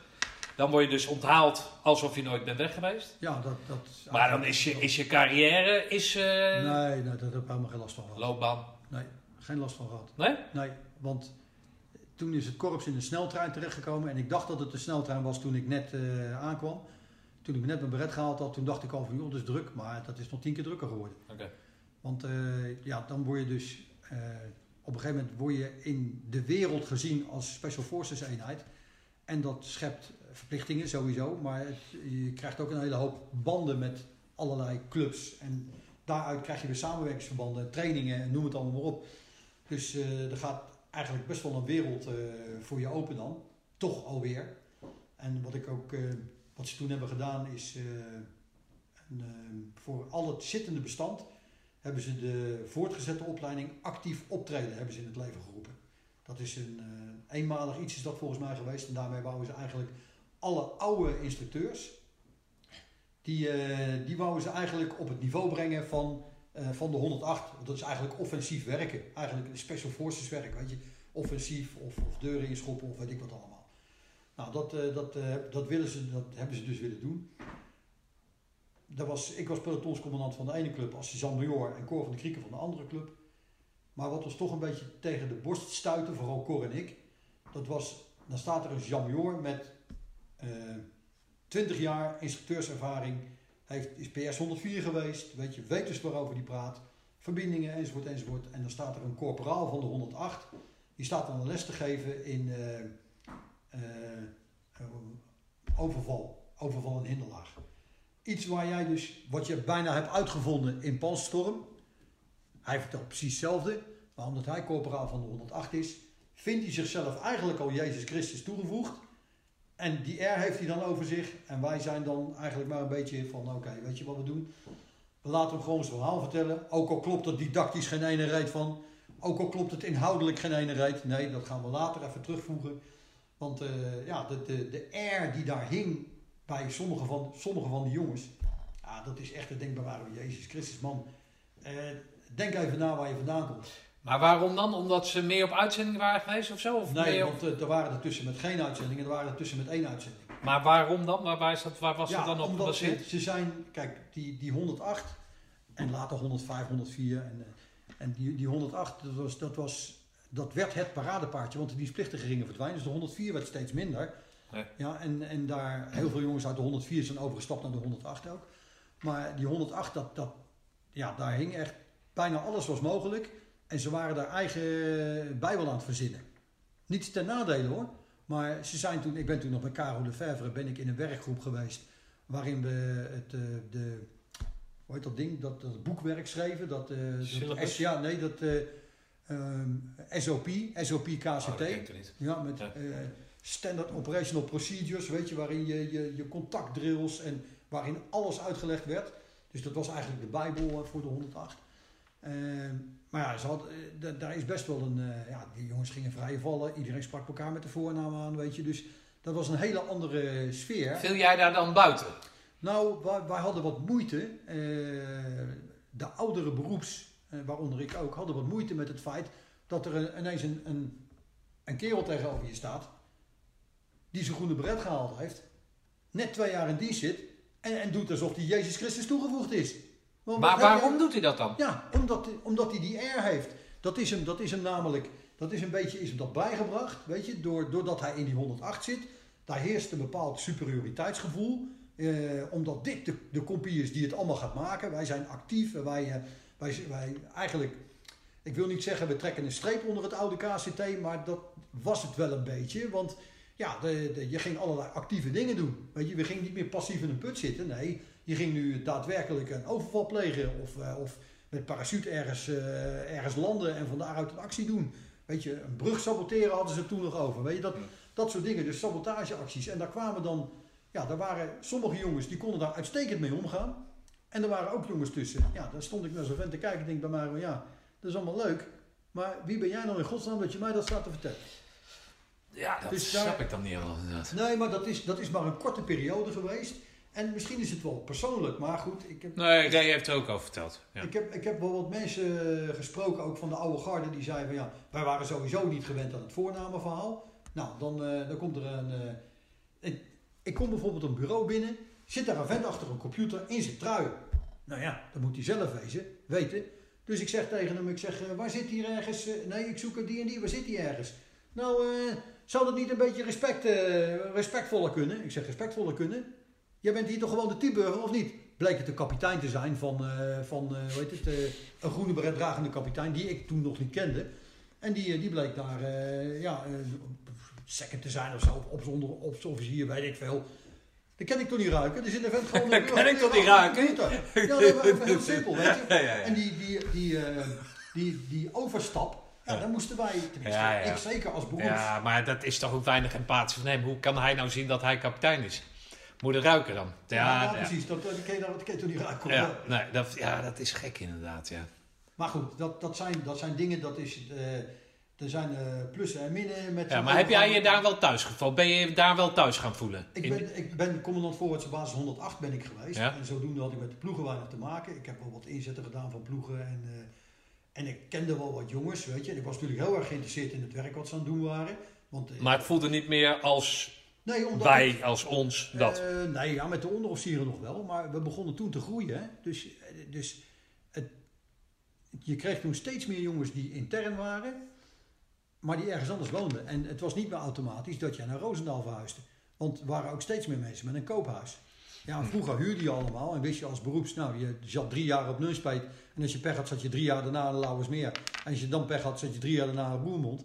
Maar dan had je dus iedere keer had je, had je, ja, je huurhuis opzeggen, een nieuw huurhuis, weet je. Ja. Maar met die koophuizen, ja, vrouwen hebben allemaal haar, eh, haar eigen baan. eh, de, de vriendenkring is daar, de sociale contacten Ja. zijn daar. Dus ik blijf wonen in Bloemkoolstraveen. En ik ga de hele week naar Roosendaal. Ja, als je dan tegen zo'n vent zegt van... eh hey, vrijdagmiddag even in de mes eh werkmansborrel. Ja, dan zegt zo'n vent eh, werkmansborrel. Nou, dat dacht ik niet. Ik heb gisteravond een werkmansborrel gedaan. Ik ga nou om twee uur naar huis. Hm. En dan, eh, want dan ben ik de files voor. En dan is hij weg. Ja, ook dan weer te begrijpen. Kan, ja, je het hem verwijten? Nee, Ja. nee het is een andere tijd. Het andere, ja, jij kwam zeg maar terug in een, in een ontluikende periode van het korps. Heel de opstart. En, Wel en- gaaf hoor, vreselijk gaaf. ja, nee, dat zal vast. Maar daarin had je dat, nou ja, je voelde het niet meer. Nou, nee, dat, dat wil ik niet zeggen. Dat, eh, eh, ik, ik, ik wil niet zeggen dat ik het niet meer voelde. Eh onderofficiersgemeenschap was nog steeds recht, die is nog steeds recht. Oké. Ja, eh, maar je zag het mesleven zag je achteruit gaan. En nou is dat niet natuurlijk het Voor iedereen beter, toch? Ja, eigenlijk wel, ja. ook, voor de, ook voor de barrekeningen. Maar je zag het mesleven achteruit gaan en toen is op een gegeven moment de kazerne van Roosendaal naar Bergen op Zoom verhuisd. Ja, ja. Ja, en ja, daar hebben we altijd gemengde gevoelens over gehad. Want een hele hoop van ons, inclusief mezelf, in Ossendrecht stond een schitterende kazerne. Waarom hebben we die niet overgenomen? Want we groeien nou uit de voegen. We kunnen, op die kazerne kan je bijna niet meer terecht. Er moeten allerlei dingen bijgebouwd worden. En in Ossendrecht had je een schietbaan, een handgranaatbaan. Je had een Nou ja, voor. Roosendaal zelf is toch wel mooi. Ja, maar wat hebben ze ons beloofd? Roosendaal heeft ons beloofd toen de tijd van, ah, dan krijgen jullie de beschikking over de Rukvisse Heide en oefenterreinen Roosendaal en de commando's moet. Ja, dan snap ik wel dat ze dat roepen. Ja. Voorlopig mag je nu niet meer met, op hindernisbaan Arnhem met explosieven werken. Dat is al een aantal jaren, want er is overlast voor de burgers. Ja, dat wisten we toch van tevoren, want dat hebben we namelijk jaren gedaan. Dus waar lig je nou te klepzeiken dan? Ja, Dus, eh, dat mag niet meer, dat mag niet meer. De luchtmacht heeft het ook niet slim gedaan, want die dachten dat Hei een laagvlieggebied was. Dus zonder waarschuwing hingen ze met de heli boven de paardenboer. Al die paarden in de hekken. Nou, dan krijg je dat gelul weer, weet je, schades. Dus, dus er zijn best wel wat dingen gebeurd. En, en wij zeiden ook van, joh, die postzegel in Roosendaal. Als je naar Ossendrecht gaat, welke SF-eenheid zit er nou midden in de stad? Ja. Nou, niet. Nou, oké, dus, maar dat, eh, daar was dus niet voor gekozen. Nee. Ze zijn naar Berg op Zoom gegaan en vandaar terug naar. Berg op Zoom ook prima tijd gehad. Ik ben, in, eh, ben toen wel gescheiden, dus dat was helemaal een prima tijd. En eh, ja, nee, dat viel echt, is echt een last van de Ja. schouders afgevallen hoor. Ja, dat zal best dan. Ja. En eh, ja, voor de jongens was het wat minder. Maar ik, ik ben toen de 105 ingegaan bij Karel de Verver. Die werd toen kopiescommandant. En ik kende Karel nog van de dispatcheropleiding. Ik heb eh dispatcheropleiding gedaan, niet gehaald. En ik ben mezelf eruit gestapt. Ook weer zoiets. Hoezo dan? Nou, kijk, dat, ik heb je verteld dat dispatchers, dat was, dat was dan eh dichter, bij, Ja. dichter bij God kon je niet zijn, weet je. Behalve dan de aalmoezenier. Nou, als je dan, eh, als je dan wou gaan vrije vallen, want ik, ik, ik- dat leek me wel wat die vrije vallen, maar ik zat meer me- in mijn hoofd met vrije vallen, operationeel, weet je, met een rugzak op een gegeven moment, want ja, je zag elke SF-eenheid zag je dat doen in de wereld. Dus waarom springen wij dan nog steeds rondebol met een, eh, op 400 meter? Dat, ga je toch zeker, dat, dat geloof je toch zeker zelf niet eh, als er een grootschalig conflict is. Vanuit de Fokker F-27. Maar goed. Nee, maar oké, dat, daar, kun je, daar kun je een mooi verhaal over ophangen, maar dat, dat, dat- zo kan je niet ingezet worden. Maar ook, het was wel goed dat we het deden nog steeds. Maar eh, ik, ik, ik wou toen gaan vrije vallen. Nou, er waren wel meer eh, lui die vrije valden en die geen para-insteur waren. Henkie Burg was er onder andere één. Chris Mol was er één, weet je. Dus er waren best wel wat meer mensen die dat deden, maar niet veel. Ja, en, eh, en ik, eh, het leek me wel wat. Dus ik eh, vroeg twee VRA's vrije valopleiding te mogen volgen. Toegestaan, huppatee, vrije valopleiding in. Nou, dat, dat leek me wel wat. En van daaruit werd mij op een gegeven moment gevraagd of ik dispatcheropleiding, of ik dispatcher wou worden. Dat werd mij gevraagd en ik heb het ook een beetje, ja, ik dacht ook bij mezelf van nou, dat is misschien wel wat dispatcher, weet je, dat is ook wel leuk. Nou, dus ik, ik ben die dispatcheropleiding ingegaan, maar wat mij daar zaten wel wat mensen uit de categorie dichter bij God kun je niet komen. En dat stuit mij een beetje tegen de borst. Vooral dan omdat ik me dan afvraag, wat heb jij operationeel al gedaan tot nu toe? Ben je PS 104 geweest? Oh nee, nee, daar ben je niet geweest. Alleen in Steur. Eh, ben je PS Panzerinfanterie geweest? Oh nee, ook niet. Nee, alleen in Steur. Oh ja, ja, ja. Nou, dan, eh, dan weet je in ieder geval hoe je met je groene beret op in ieder geval heel goed eh, rond kan lopen en stoer kan zijn. Maar operationeel heb je dus nog geen ene flikker gedaan. En toen waren er nog geen uitzendingen. Ja. Toen was het alleen, kon je operationeel alleen maar afmeten aan of jij je beurtjes gedraaid had bij de troep. Weet je? En ik had altijd een beetje de minachting voor mensen die daar omheen liepen. Die dus zeiden van, ah nee, eh, maar bijvoorbeeld, eh, ik ga zijn naam niet noemen, maar echt, dat vind ik de grootste kwijlenbabbel die er rondloopt. Die loopt nog steeds binnen Defensie. Ja, ik ben al 27, ik ga geen PS 104 meer worden hoor. Ah, dat, dat- en toen was ik op 30 en was ik PS 104. Ik zie al sodemieter op man. Maar goed, je, dus dat, daar heb ik altijd moeite mee gehad met mensen die altijd eh, eh, ja, dan deden alsof ze, want diezelfde knakker was dan later CSM 108. En dan eh, liep hij een verhaal te vertellen wat hij zelf niet had meegemaakt, maar wat hij had horen vertellen tegen zijn kerels. Dat ik naar hem toe liep en zeg van luister, als je dat nog één keer flikt, dan zeg ik gewoon de waarheid waar je kerels bij staan. Hè? En niet dikke verhalen gaan verzinnen waar je, wat je niet hebt meegemaakt. Want je hebt nog helemaal niks meegemaakt. Nou goed, dus daar is dan een beetje frustratie. Ook vanwege het feit dat dat soort jongens altijd wel veel verder komt dan jij. nee, dat, eh, Maar die dispatchopleiding, de dat... specialopleiding ben ik ingegaan en, en het voelde eigenlijk niet goed. Ik moet eerlijk zeggen dat ik best wel moeite had om de stof bij te benen. Want best wel veel stof. Breekkoortjes en trekkrachten, oh, weet ik wat allemaal. Dus dat was best wel een hoop stof in een korte tijd. Het lesgeven, dat ging, dat ging prima. Lesplannen ging prima. Eh, mijn, eh, mijn rollen en zo, weet je, dat, eh, je moet dan de, de demonstratierol moet je kunnen maken. Nou, dat was volgens de hoofdinstructeur was dat perfect. Er was niks meer op aan te merken, was allemaal hartstikke goed. Maar ik merkte wat vrevel. En ik merkte ook dat als ik een opmerking plaatste of zo, dan hoorde ik die opmerking later via iemand anders weer terug. Dus dat betekende in mijn ogen dat er heel veel geluld werd met die lui onderling. En dat het eigenlijk weer een beetje een kleine commandoopleiding was. Ook al vanwege het feit dat toen de dispatcheropleiding startte, toen werd de dispatcheropleiding officieel gemeld aan de commandant. eh, de, de commandant schoolinstructie toen, ja, de, kopiescommandant. En die zei in zijn toespraak dat eh, de dispatcheropleiding valt 50% vanaf. En ik keek om me heen en we waren met z'n vieren. Toen dacht ik bij mezelf, Karel de Verve, die heeft chuteur operationeel gedaan. Die is gedoodverfd om straks commandant para te worden. Die gaat niet afvallen. Ron Aartsen springt al jaren met de instructeurs mee. Is een hele goede vrije valler. Gaat niet afvallen. Toen keek ik naast me zat er een corporaal van de mariniers. En ik keek naar mezelf. Ik denk nou, ik denk dat ik al weet hoe de koek verdeeld gaat worden. Maar oké, we gaan ons best doen. En we gaan kijken. Nou, en toen, kijk, die, die corporaal van de mariniers, die was didactisch gezien was die niet zo sterk. Die, eh, ja, die, die, liet nogal wat steken vallen, maar die, die moest gewoon beter leren lesgeven. Weet je, die jongen was denk ik te onervaren om, om les te geven. En dan in dat tempo, want het was echt een moordig tempo. Het moest echt binnen die, eh, die 40 minuten of zo, moest je heel je lesstof gehad hadden. En alle eisen moesten aan voldaan zijn. Dus dat was best wel, eh, best wel jakkeren. En op een gegeven moment eh, merkte ik dat er wat, dat, het lag allemaal niet lekker, weet je. En er was mij verteld, als jij de dispatcheropleiding, eh, eh, als jij fouten maakt, of veiligheidsfouten of weet ik wat, als jij fouten maakt, dan word jij eerst bij de instructeur geroepen, die heeft een gesprek met je, dat wordt dan genoteerd. Daarna ga je naar commandant dispatcheropleiding, ja, daar heb je dan een gesprek mee, dat wordt dan genoteerd. En als je het dan nog niet verbetert, ga je naar commandant schoolinstructie en dan word je voor ontheffing vast voorgedragen bij commandant KCT. Dus er zijn drie stadia voordat je bij commandant KCT staat en ze zeggen van oké, het gaat echt niet. Nou, en ik zat al meteen in stadia 3. Oh. Ik moest op een gegeven moment, eh, er was wat, er was wat gebeurd. We moesten een test maken. We moesten een test maken en lesgeven. Dus ik, moest, eh, ik zat s'avonds thuis. Ik denk, godverdomme, wat ga ik doen? Ik zeg, oké, die lesgeven, daar zet ik mijn prioriteit op. Die test doe ik wat minder prioriteit op. Dus ik had mijn test niet voldoende gemaakt. Maar dat hadden ze meteen al gezien. Mijn blad was eruit getrokken, was gekeken. En ik zie eh, commandant eh, dispatcheropleiding zie ik naar buiten lopen. Eh voor wie is deze troep? Hield hij mijn, mijn lesplan omhoog. Wat hetzelfde lesplan was als ik altijd gemaakt had. En wat altijd keurig in orde was. Was nu ineens van wie is deze troep? Ja, is van mij, jongen. Nou, ga jij die les maar eens geven dan. Nou, dus ik die les geven. Nou, en er waren een hoop opmerkingen over.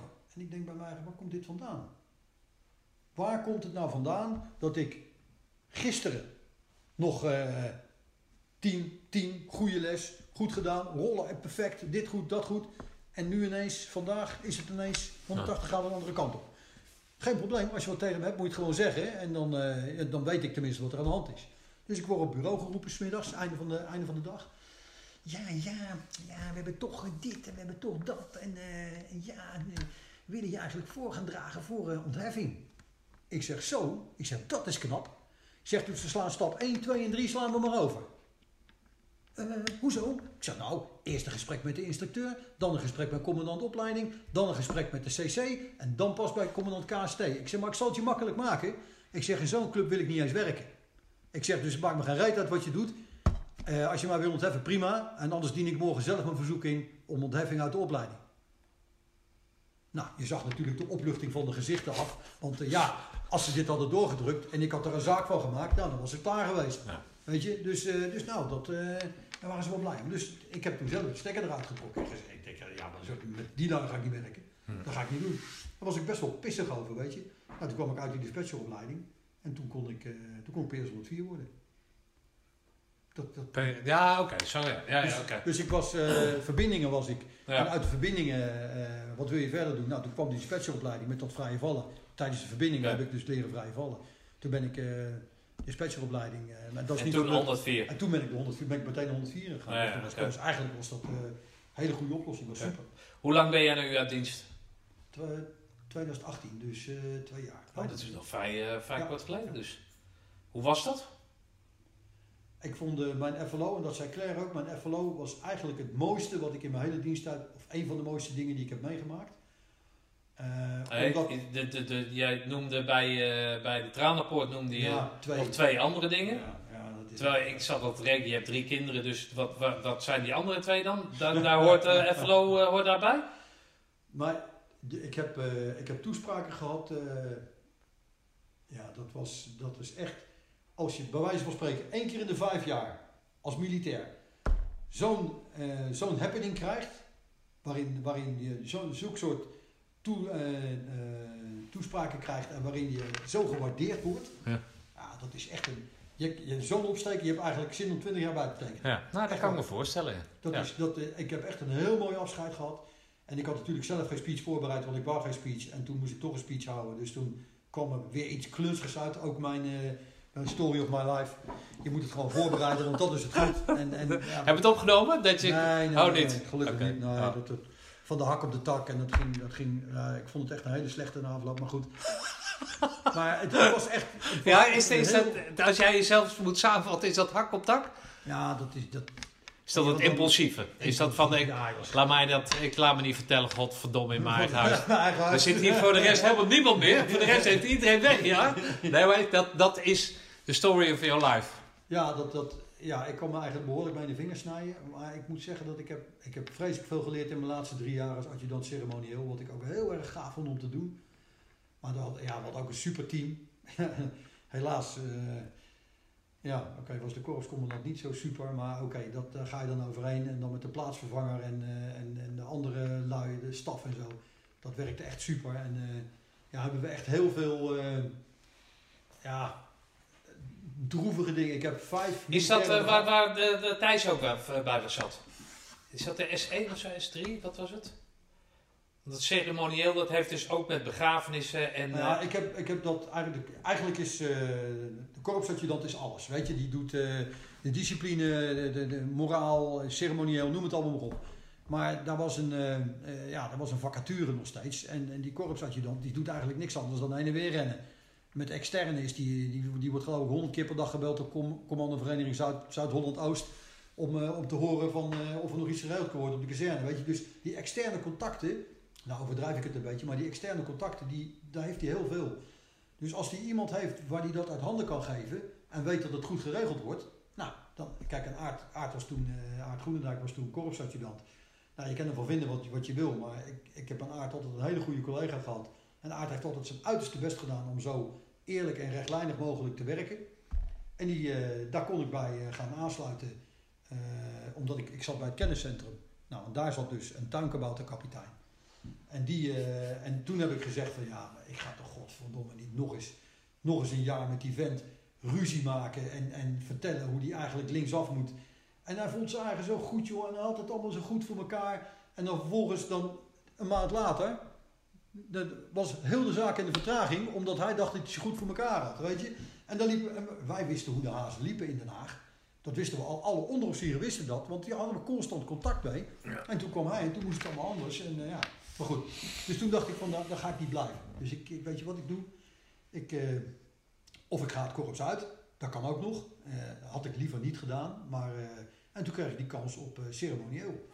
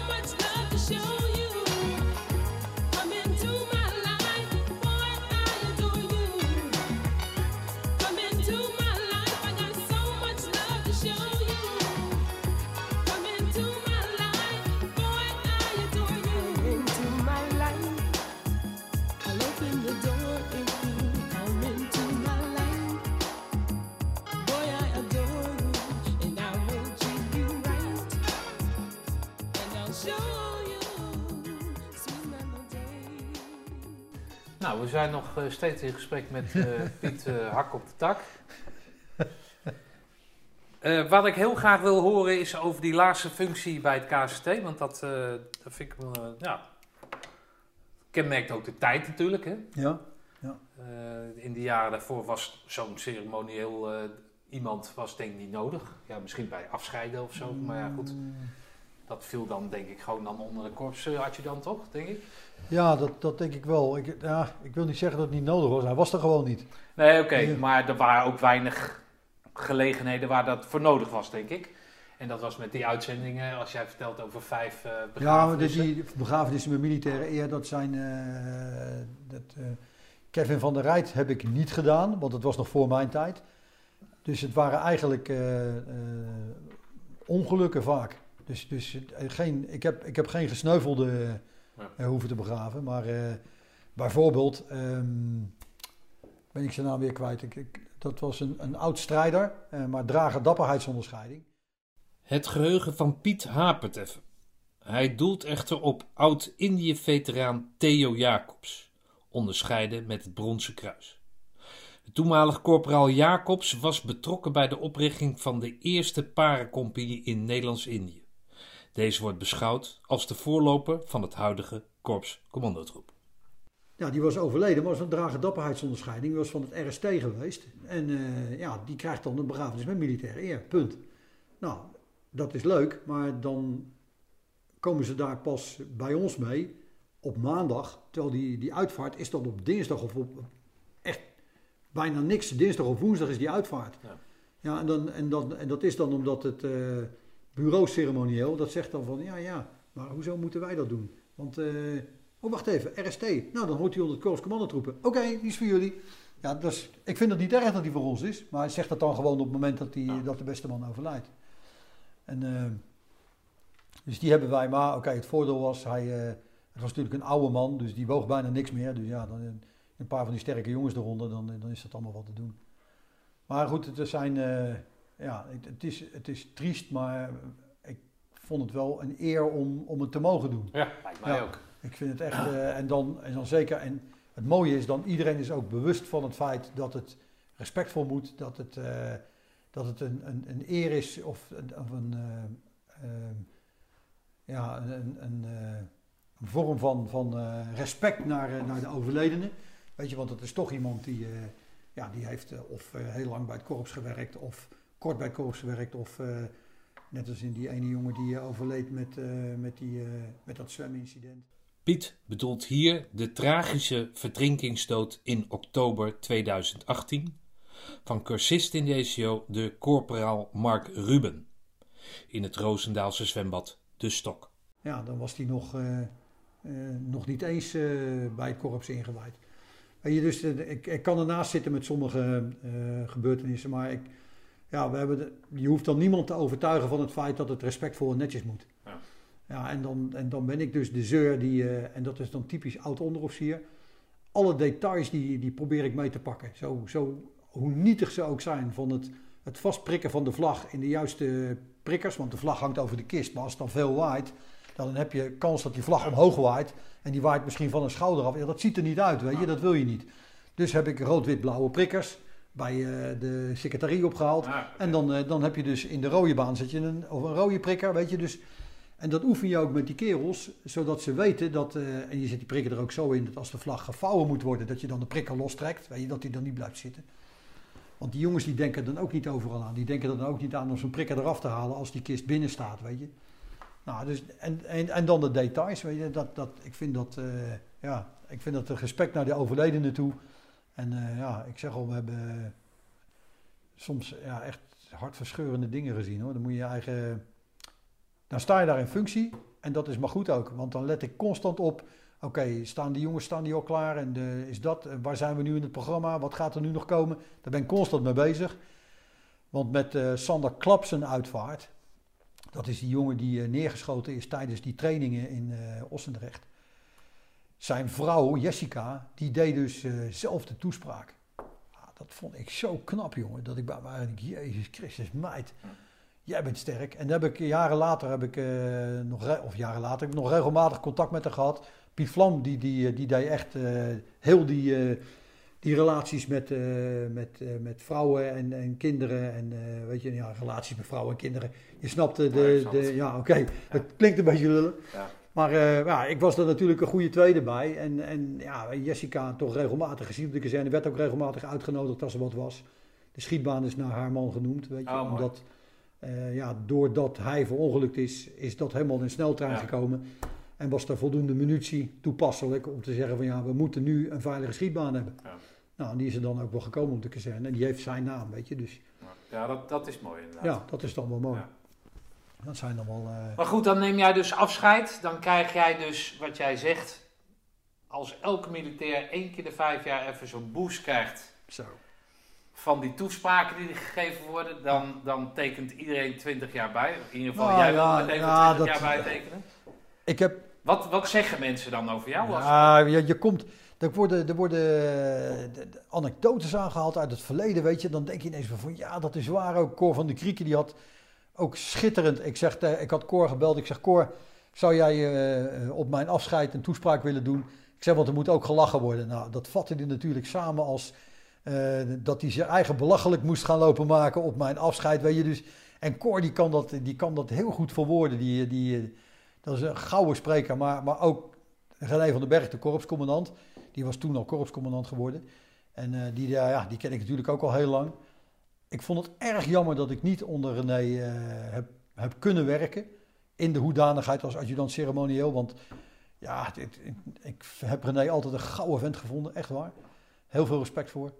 En eh, Erik Wegenwijs, mijn oude ploegcommandant, die, die deed natuurlijk ook nog een duit in het zakje met allerlei andere anekdotes die dan eh, allemaal eh, gedeeltelijk militair en gedeeltelijk burger waren. Dus ja, Erik heeft mij in mijn scheiding toen, heeft hij me vreselijk gesteund. Want ik had, toen ik gescheiden was, ja, eh, dikke alimentatie betalen en alles. Dus ik had geen rode rotcent, joh. Er, kwam geld binnen en dan, eh, dan, ja, dan was het eigenlijk alweer weg. Dus dan zei hij tegen me halverwege de maand van, hoe sta je ervoor, ouwe? Ja, ja, ik sta je ervoor. Ik sta er hartstikke goed voor. Ja, ik, ik hoor dat je je barrekening niet kan betalen. Nou, ah, dat komt volgende maand wel. Ja, dit, zeg dan maar hoeveel je nodig hebt. Ja, ja, ja, als ik 100 eh, gulden zou kunnen lenen van je. Hier heb je 1000 gulden, niet ouwe hoeren. En dan, dan betaal het maar weer een keer terug. Nou ja, en dan zodra ik dan, als we dan oefening hadden gehad en alles, en er werd een beetje, de pot werd een beetje gespekt, dan kreeg Erik meteen zoveel mogelijk geld terug. Maar dat is wel een, een soort eh, broederschap waar, eh, ja, dat, dat, dat is toch wel goud. En die komt dan op zijn afscheid, komt hij met, eh, met allerlei anekdotes. Ja, dan denk ik bij mij, ja, dat is waar ook. Je. Dan, dan moet ik wel om lachen dan. En dan ga je de poort uit. Ik had, Sluit je dan, sluit je, wat, ja, wat, wat sluit je dan af? alles, Ik had alles al voorbereid, joh.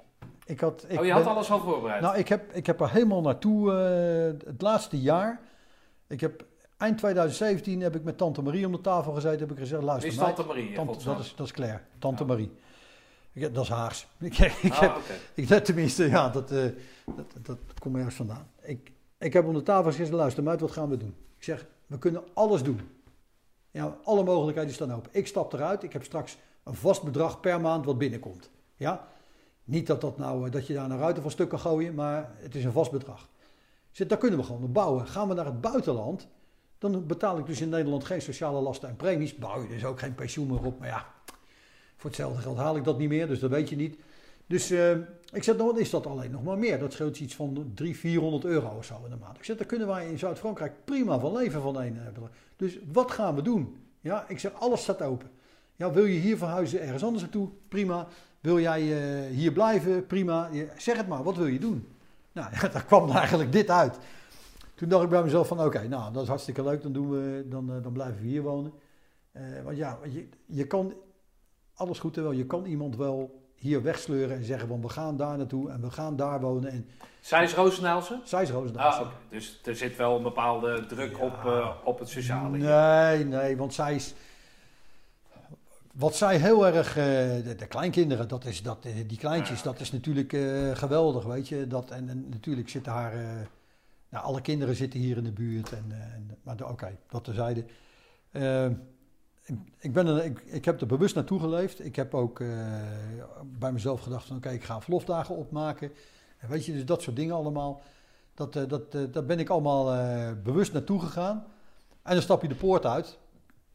En dan heb je het plan. Oké, ik pak de motor op en ik rij eh, in eh, een week in mijn eentje. Ga ik toeren. Ik rij langs de westkant eh, of langs de oostkant rijd ik Frankrijk naar beneden. We hebben vrienden zitten in Zuid-Frankrijk, dus dan ga ik daar naartoe. En rijd ik vervolgens door de Pyreneeën rijd ik naar de Atlantische Oceaan. En van daaraf rijd ik lekker naar boven. Ben ik lekker een week weg. En lekker in mijn eentje, weet je, dat, een afsluiting van een periode. Nou, je snapt hem al. Dat ging hem dus niet worden.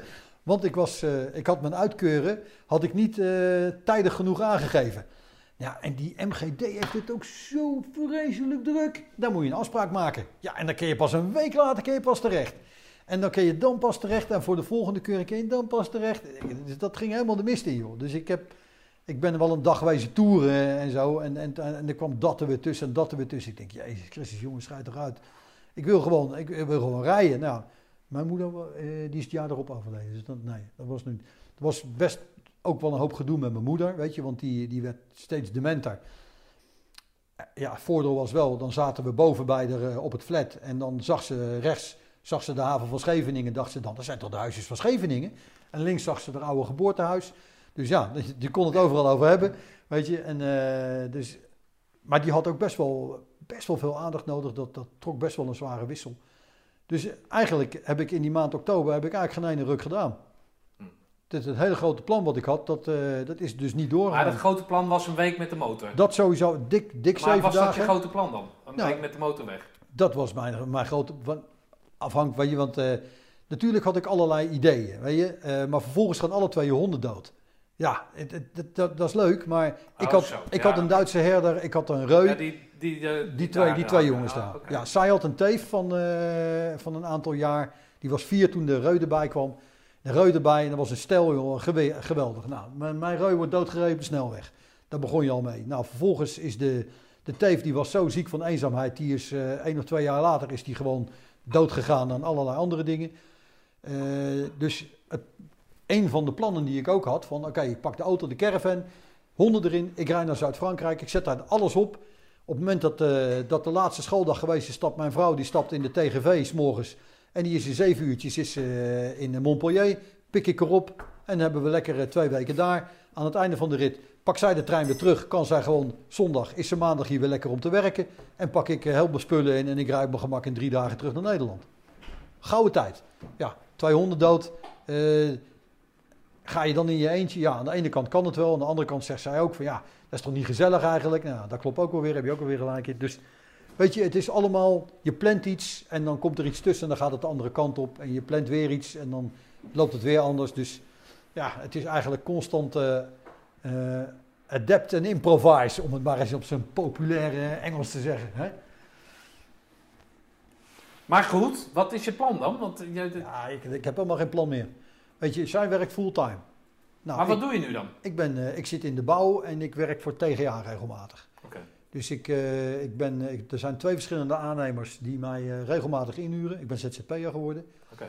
En, en ja, ik heb in 2019 heb ik daar eh, regelmatig voor gewerkt. In 2020 werd ik, of eind 2019 werd ik benaderd door TGA of ik eh, als docent wou, eh, wou werken op de KMS. Nou, omdat wij een huis in Frankrijk wouden kopen, dacht ik van, eh, zeg ik tegen de van, nou weet je wat we doen? Als ik nou die zes cursussen van zes keer vijf weken meepak van TGA, dan kunnen we goed verdienen. En dan kunnen we aan het einde van het jaar kunnen we zeggen van, hé, als we het huis willen kopen, dan kan dat. Ja. Weet je, nou, einde van de rit is de, de corona tussendoor gekomen. Dus het is, het is allemaal weer tits up, weet je. Het is allemaal weer eh improvise en adapt. We hebben dus weer moeten adapten. Nou ja, dat, dus de dingen vallen gewoon in het water waar je bij staat.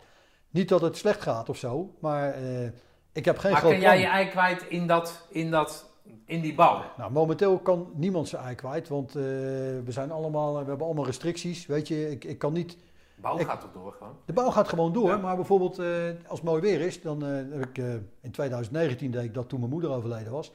Ik heb, ik s'morgens om 8 uur, ik zeg tegen haar, ik zeg, kan jij nog even op de hond tussen de middag? Dan, ik ben even weg op de motor. Ik ben om 8 uur op de motor getrapt, om half 1 zat ik achter de Eiffeltoren aan een steek friet. En zat ik eh, lekker in mijn eentje eh, op Parijs op een terras en, eh, en allemaal Fransen om me heen. En een lekker Frans ouwe hoeren met die ober. En, en vervolgens ben ik smiddags om een uur of twee ben ik teruggereden. Helemaal binnendoor, weet je, door, helemaal alleen langs velden en, en fantastische dag gehad. 900 kilometer gereden, heerlijk. Echt, echt geweldig. Nou, en dat is dan, dat kan nu dus ook niet. Nee. Weet je, dus, maar in de bouw kan ik redelijk mijn ei kwijt. Ik, heb- we, kunnen, we- we lachen wat en eh, ja, ik, ik leer nog steeds vreselijk veel. Ja, en, Ben je eh, handig? ja, ik, ik kan wel wat, ja. Dus, eh, dus ja, ja, kijk, de tuin, tuin we ook zelf gedaan allemaal. Dus eh, eigenlijk de kamers die boven gebouwd zijn, hebben we ook allemaal zelf gedaan. Dus Oké, dus je, je kan- hebt wel een bepaalde handigheid Ik kan wel wat, je... Ja, ja. ik kan wel wat. Dus dat, eh, dat is niet zo'n probleem. Maar eh, ja, je, je ziet het, mijn oudste zoon is automonteur. Nou ja, dan, dan kom ik bij hem, eh, dan ben ik... Ik ga even een bakje doen bij hem, weet je, om tien uur s morgens of zo, als ik even tijd heb. Zeg ik, hey, even tijd om een bakje te doen? Ja, is goed. Nou, dan kom ik de garage binnenlopen en dan zie ik... Nou, dat doet hij natuurlijk al 20 jaar. Of 20, doet hij nee, 15 jaar? 15 jaar, ja. Ja, dat doet hij al 15 jaar. Die vent is handig en slim. En als je dus ziet hoe hij dat doet met dat gereedschap en alles. denk ik bij mij, godverdomme, dat is, dan ben je maar weer gewoon een heikneuter als je dan zelf bezig bent met al, je, met al je dingen, weet je. Dat is echt heel erg mooi om te zien. Ja, dus eh, ja, ik, ik ben Dus jij zit je tijd wel uit? Ja, ik zit mijn tijd wel uit. Kijk, wat, wat, wat, wat ga je doen? Weet je? Want het, eh, ik, heb, ik heb nu gemerkt, in deze, deze, sinds dat ik in dienst ben, heb ik gemerkt dat je eigenlijk, je kan je nergens op vastpinnen. Als je een bepaald plan hebt, dan zijn er altijd weer omstandigheden waardoor dat plan wijzigt. Eh, dan kan je inderdaad stug aan dat plan vasthouden. Maar dat betekent dat je dan ook dingen zal moeten verbranden, eh, dingen eh, stuk zal moeten maken om je aan het plan te houden. Ja, is het dat allemaal waard? Ja, dat weet ik niet. Weet je, eh, als, het, eh, als we linksaf kunnen en we hebben een goede motivatie, nou ja, dan kunnen we toch ook gewoon linksaf.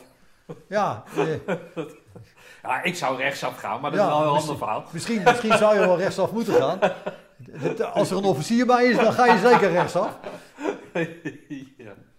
Nee, maar het gaat, luister, het gaat om een goede harmonie. En ik, ik, heb, een, ik heb een goede vrouw waar ik, eh, waar ik eh, ja, we hebben nooit gesprekstof te weinig. Eh, we hebben alle twee een passie in motorrijden. We hebben autorijden vinden we. We rijden met z'n tweeën even een dagje naar Zuid-Frankrijk. En dan, dan zijn we er een, een paar dagen en dan trekken we via Maar dat. Zuid-Frankrijk, dat valt mij iets te vaak. Is dat het doel waar, je, Ja, waar jullie heen willen of wat? Het, het, het ultieme verhaal is dat ik een huis koop in Zuid-Frankrijk en daar, daar ga wonen. Of ik. Is ook Haags, weet je. Ik, mijn huis, Nee, mijn auto. Maar het probleem is dat de huizen Ook in tante Zuid-Frankrijk... Tante, tante Marie ook erbij. nee, maar de huizen in Zuid-Frankrijk zijn eigenlijk... eh, die zijn nog wel te betalen op sommige plekken, maar er zijn er ook zat die... Ja, dat is de streek waar wij willen wonen, dat gaat niet worden. Weet je, dat... dat- Nee, maar je bent handig, dus je hoeft niet, het, het hoeft niet een, eh Nou, een ook hoe dat, noemen we dat? Ook dat is al de revue gepasseerd. Ja. Want dan eh, hebben we zitten kijken en denken, oké, een opknapper. Nou, dan ben ik twee, drie jaar aan het opknappen. Je moet wel geld hebben om op te knappen. Want je kan wel een huis kopen, maar als je dan geen geld hebt om het te verbouwen, dat is punt één, hè? Dan moet ja, je daar nee, natuurlijk. Maar je hebt ervan uitgaan dat je alle tijd hebt. Dan toch? Dan ga Ja, je daar alle ga tijd, je maar- focussen op het ding dat je daar... Oké, maar dan heb je niet alle financiën. Want als je tijd hebt, heb je geen geld. Hey, Oké, maar dan, dan wordt dat opknappen wordt dan toch een Ja. steeds eh, wijder begrip. Dat klopt. Maar dan ben je straks 65 en dan ben je nog steeds eh, gipsplaten tegen de muur aan het schroeven en je dak aan het Ja, repareren. dan moet je gewoon even opschieten, Piet. Ik weet niet, Nou eh, komt dat voor je Dat- vocabulaire of doe je altijd alles op zijn 1130ste? Godverdomme. Ja, en tijd die gehaald met 65 is overnieuw, hè? Dan moet je dus weer terug. Hey Piet, om af te sluiten, wat eh, heeft die eh, groene beret, eh, eh, wat, wat, welke waarde heeft dat in jouw leven gehad? Hij heeft een hele grote stempel eh, gedrukt op niet alleen op mijn leven, maar ook op het leven van mijn kinderen en op het leven van mijn vrouw. En eh, Dus dat kan ik positief en negatief zien, hè? nou, dat, dat, eh, wat, ik, wat ik. En zou je het nog een keer doen, zou je het waarschijnlijk precies hetzelfde doen. Want je bent, je bent wie je wordt door. of nee, je wordt wie je bent door wat je meemaakt. Maar wat ik, wat ik heel erg heb gemist zijn. eh, om er gewoon te zijn als vader. Ja, om. om eh, de, de, de, ja, die schouder aan te kunnen bieden als er gehuild werd en als er problemen waren. Of verjaardagen die ik gemist heb. En ik vind dat, dat vind ik best wel een, eh, een, ja, een gemis. Hoewel, ja, weet je, dat, dat, zegt Wouter dan wel eens, mijn jongste zoon, die zegt dan wel eens van, ja, maar je, je moet niet ouwe hoeren, zegt hij, want eh, je hebt toch een fantastisch eh, leven gehad tot nu toe. Ja, dat is wel leuk, maar dat had ik liever gedaan, waarbij ik meer van jullie had gezien. En nu heb ik echt het gevoel dat ik, eh, dat ik die jongens tekort heb gedaan.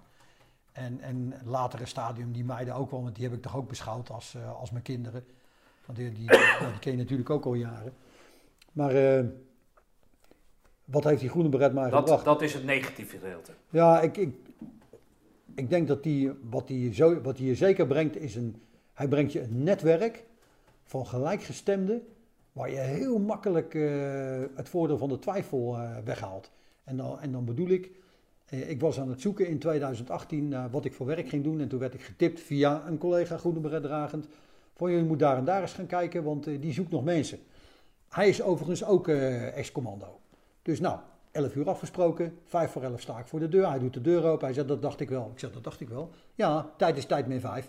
Oh, keurig. Nou, vervolgens naar binnen hebben we het gehad over zijn commandoopleiding, mijn commandoopleiding, eh, commando algemeen. Eh, wanneer wil je beginnen? Ik zeg, wat houdt het werk in?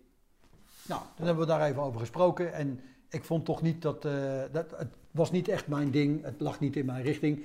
Maar alleen al het feit dat zo'n man zegt van, je kan beginnen, dat hij nog niet eens uitgelegd heeft wat het is. Ja. Het vertrouwen wat je vaak hebt, doordat je weet dat diegene die je tegenover je hebt zitten, eigenlijk in de basis hetzelfde heeft meegemaakt in zijn opleiding als jij. En dat heeft je op een bepaalde manier gevormd. En dat is een netwerk, dat is, ja, dat, dat is goud. Dat is echt goud. Je komt overal luid tegen. Maar je ken ik jou niet ergens van. Oh ja, wacht eens even. Ja, daar, dat toen en toen. Ja, dat, is, dat is echt. eh, ja, dat heeft, dat heeft me wel heel veel gebracht. En ook, ja, ik heb dingen gedaan die had ik, als ik mijn groene bret niet had gehaald, had ik die nooit kunnen doen. Maar op zo'n moment dat jij op de kaz- kazerne zit, eh, in scheiding ligt en, eh, en- Bijna- en bijna alcoholist bij, bent. bij CK's tegengeroepen wordt omdat je eruit geflikkerd wordt, heb je dan ook wat aan zo'n groene bret? Ja. Het is, het is toch iets wat je. We hebben altijd heel vaak hebben we tegen elkaar gezegd: die vent die is al commando, alleen hij weet het nog niet. Ja, als cursisten opkomen, jongens, jullie zijn allemaal commando, alleen je weet het nog niet. Je moet alleen nog eventjes die groene bret halen. Het zit in je. Het is, het is de manier waarop je opgegroeid bent, waarop je eh, in jouw jeugd gevormd bent, waarop je naar een bepaald ding bent gegaan, en, of naar een bepaalde, een bepaalde richting op bent gegaan. En eigenlijk was je het al. En als je dan fit bent en je hebt geluk, ja, en je, je kop zit goed op je schouders, nou, dan, dan hou jij je groene beret. Want het is, het is niet moeilijker dan fietsen. Ik kan zeggen niet moeilijker dan neuken, maar goed. Het is niet moeilijker dan fietsen. En, en ja, als, ik zeg altijd, iedereen kan het halen, want ik ben wel een beetje de slechtste die er is. Dus ja, dan, dan kan iedereen het halen, weet je. Dus het, het is echt een, een, iets wat, het zit in je. En dat, eh, bij sommige mensen komt het eruit. En die gaan die richting op en die halen de beret. En, en sommige mensen die zullen het nooit ontdekken. Want die, eh, die kiezen voor eh, af en toe een keer rafting of canyoning. Of, nou, dat is dan vreselijk spannend, weet je. Of, of een keer bungee jumping.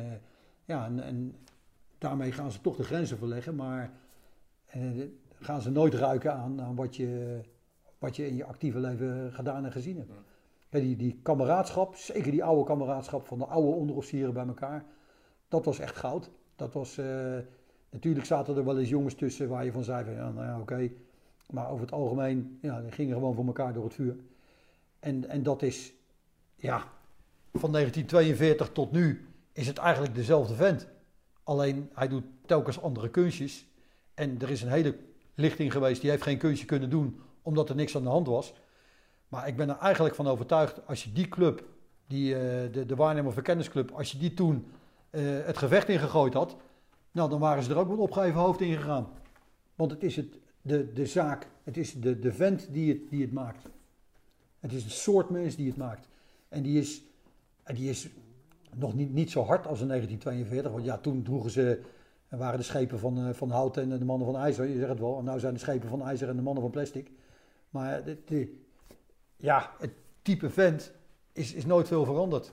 En dat, ja, dat vind ik toch wel iets wat, eh, wat ook te danken is aan, eh, aan de standvastigheid van, van de mensen binnen het KCT die constant hebben gezegd van jongens, we kunnen dit wel willen, maar wat zijn nou die karaktereigenschappen? Ja, en waar moet die vent nou aan voldoen? Ik heb een korpscommandant ooit eens horen zeggen, ja, in Afghanistan rijden we alleen maar rond in Mercedes'en. Dan kunnen we toch net zo goed de ECO in Mercedes'en doen? Ja, natuurlijk. Ja, maar even, even chargerend, weet je, maar dat, dat riep hij dan echt. Kunnen we dan die ECO niet veranderen dat er meer kerels binnenkomen? Ja, natuurlijk. Geef ze de beret aan de poort, weet je, komen ze binnen, hey, hier beret, lopen maar. En dat zie je, weet je, dat zie je in lichtingen, die dus, waar ik over vertelde, dat je tijd is tijd en eh, niet goed is overnieuw. Waarbij dat eigenlijk niet stringent is doorgevoerd. Daar zie je dan mensen in lopen die, ze hebben allemaal aan de eisen voldaan, maar toch het, is de, ja, het lijkt een ander soort mens. Het lijkt wel iemand die, eh, ja, die, die- er dan doorheen gekomen is. Weet je? En terwijl, als hij het over had moeten doen, had hij misschien de pijp aan Maarten gegeven. Had hij gezegd van, nou, ik ga niet nog een keer die hindersbaan doen. Nou, ik vind het mooi geweest. Oké. Het heeft mij wel, ja, wel heel veel gebracht. Ik vind, ik vind van wel. Ik vind het een, eh, ik vind het een kroon op mijn, eh, sowieso een kroon op mijn militaire carrière. Ongeacht wat, wat iedereen vindt van de groene beret. Want we, staan natuurlijk ook regelmatig in een negatief daglicht. En ik hoop maar dat ze in staat zijn om met alles wat er tegenwoordig gebeurt, samenvoegen. Weet je, want er wordt over geroepen, mariniers commando's samen. Ja, natuurlijk. Schijt toch uit, man. Zo'n klein land als Nederland. En dan met twee verschillende SF-eenheden die elkaar dwars zitten. Ja, doe dat nou niet. Voeg dat nou tezamen. En ga nou gewoon met één, één club verder. Maar ja, dan krijg je weer, waar komt het? Gaan we dan de mariniersmethode doen? Of de KCT-methode? Weet je, dan gaan ze daar weer over bakkeleien. Er zou nou eens een keer een generaal moeten zijn, want daar was die generaal voor, die met zijn vuist op tafel slaat en zegt: Niet ouwe hoeren, zo gaan we het doen. Nee, niet ouwe hoeren, zo gaan we het doen. Gehoord? Niet linksaf of rechtsaf? Nee, rechtdoor. Maar dat doen ze niet. Dan ben ik blij voor die eh, generaal in ieder geval dat er eh, geen Piet Oosterbaan op dat moment eh, komt. Anders, volgens mij gaat het dan weer hak op de tak helemaal de andere kant op. Dat zou ook nog zomaar kunnen. Hey Piet, ik wil jou danken voor je uitgebreide verhaal. Ik, ja, dat hak op de tak vind ik wel grappig. Je bent een vreselijk slap ouwe hoer. Als jij vertelt over jouw afscheid, over je verloop, dat daar eh, mooie toespraken zijn geweest, dan kan ik me daar van alles bij voorstellen. kan ik me echt van alles bij voorstellen. Nou, ik hoop voor jullie dat je, dat je snel in, eh, in Frankrijk belandt. En dat je daar eh, gaat doen wat jullie het, eh, het volgens mij het liefste doen. Of Hoek, niet, Tante In de Marie? zon. Ja, ja. Tante Marie met de dieren. Hè? Wordt even. Ook vandaar de Franse kaas. Ja. Ja, daar maken ze dan net al vanaf van. Hey Piet, dankjewel. Ja, En we gaan Jij ook zien, bedankt. eh, nou, wellicht volgend jaar. Nou, dat was hem dan weer. Piet, sinds ons interview krijg ik, als ik aan je denk, een grote grijns op mijn gezicht. Ik heb van je genoten en wens jou en tante Marie een zorgeloze toekomst.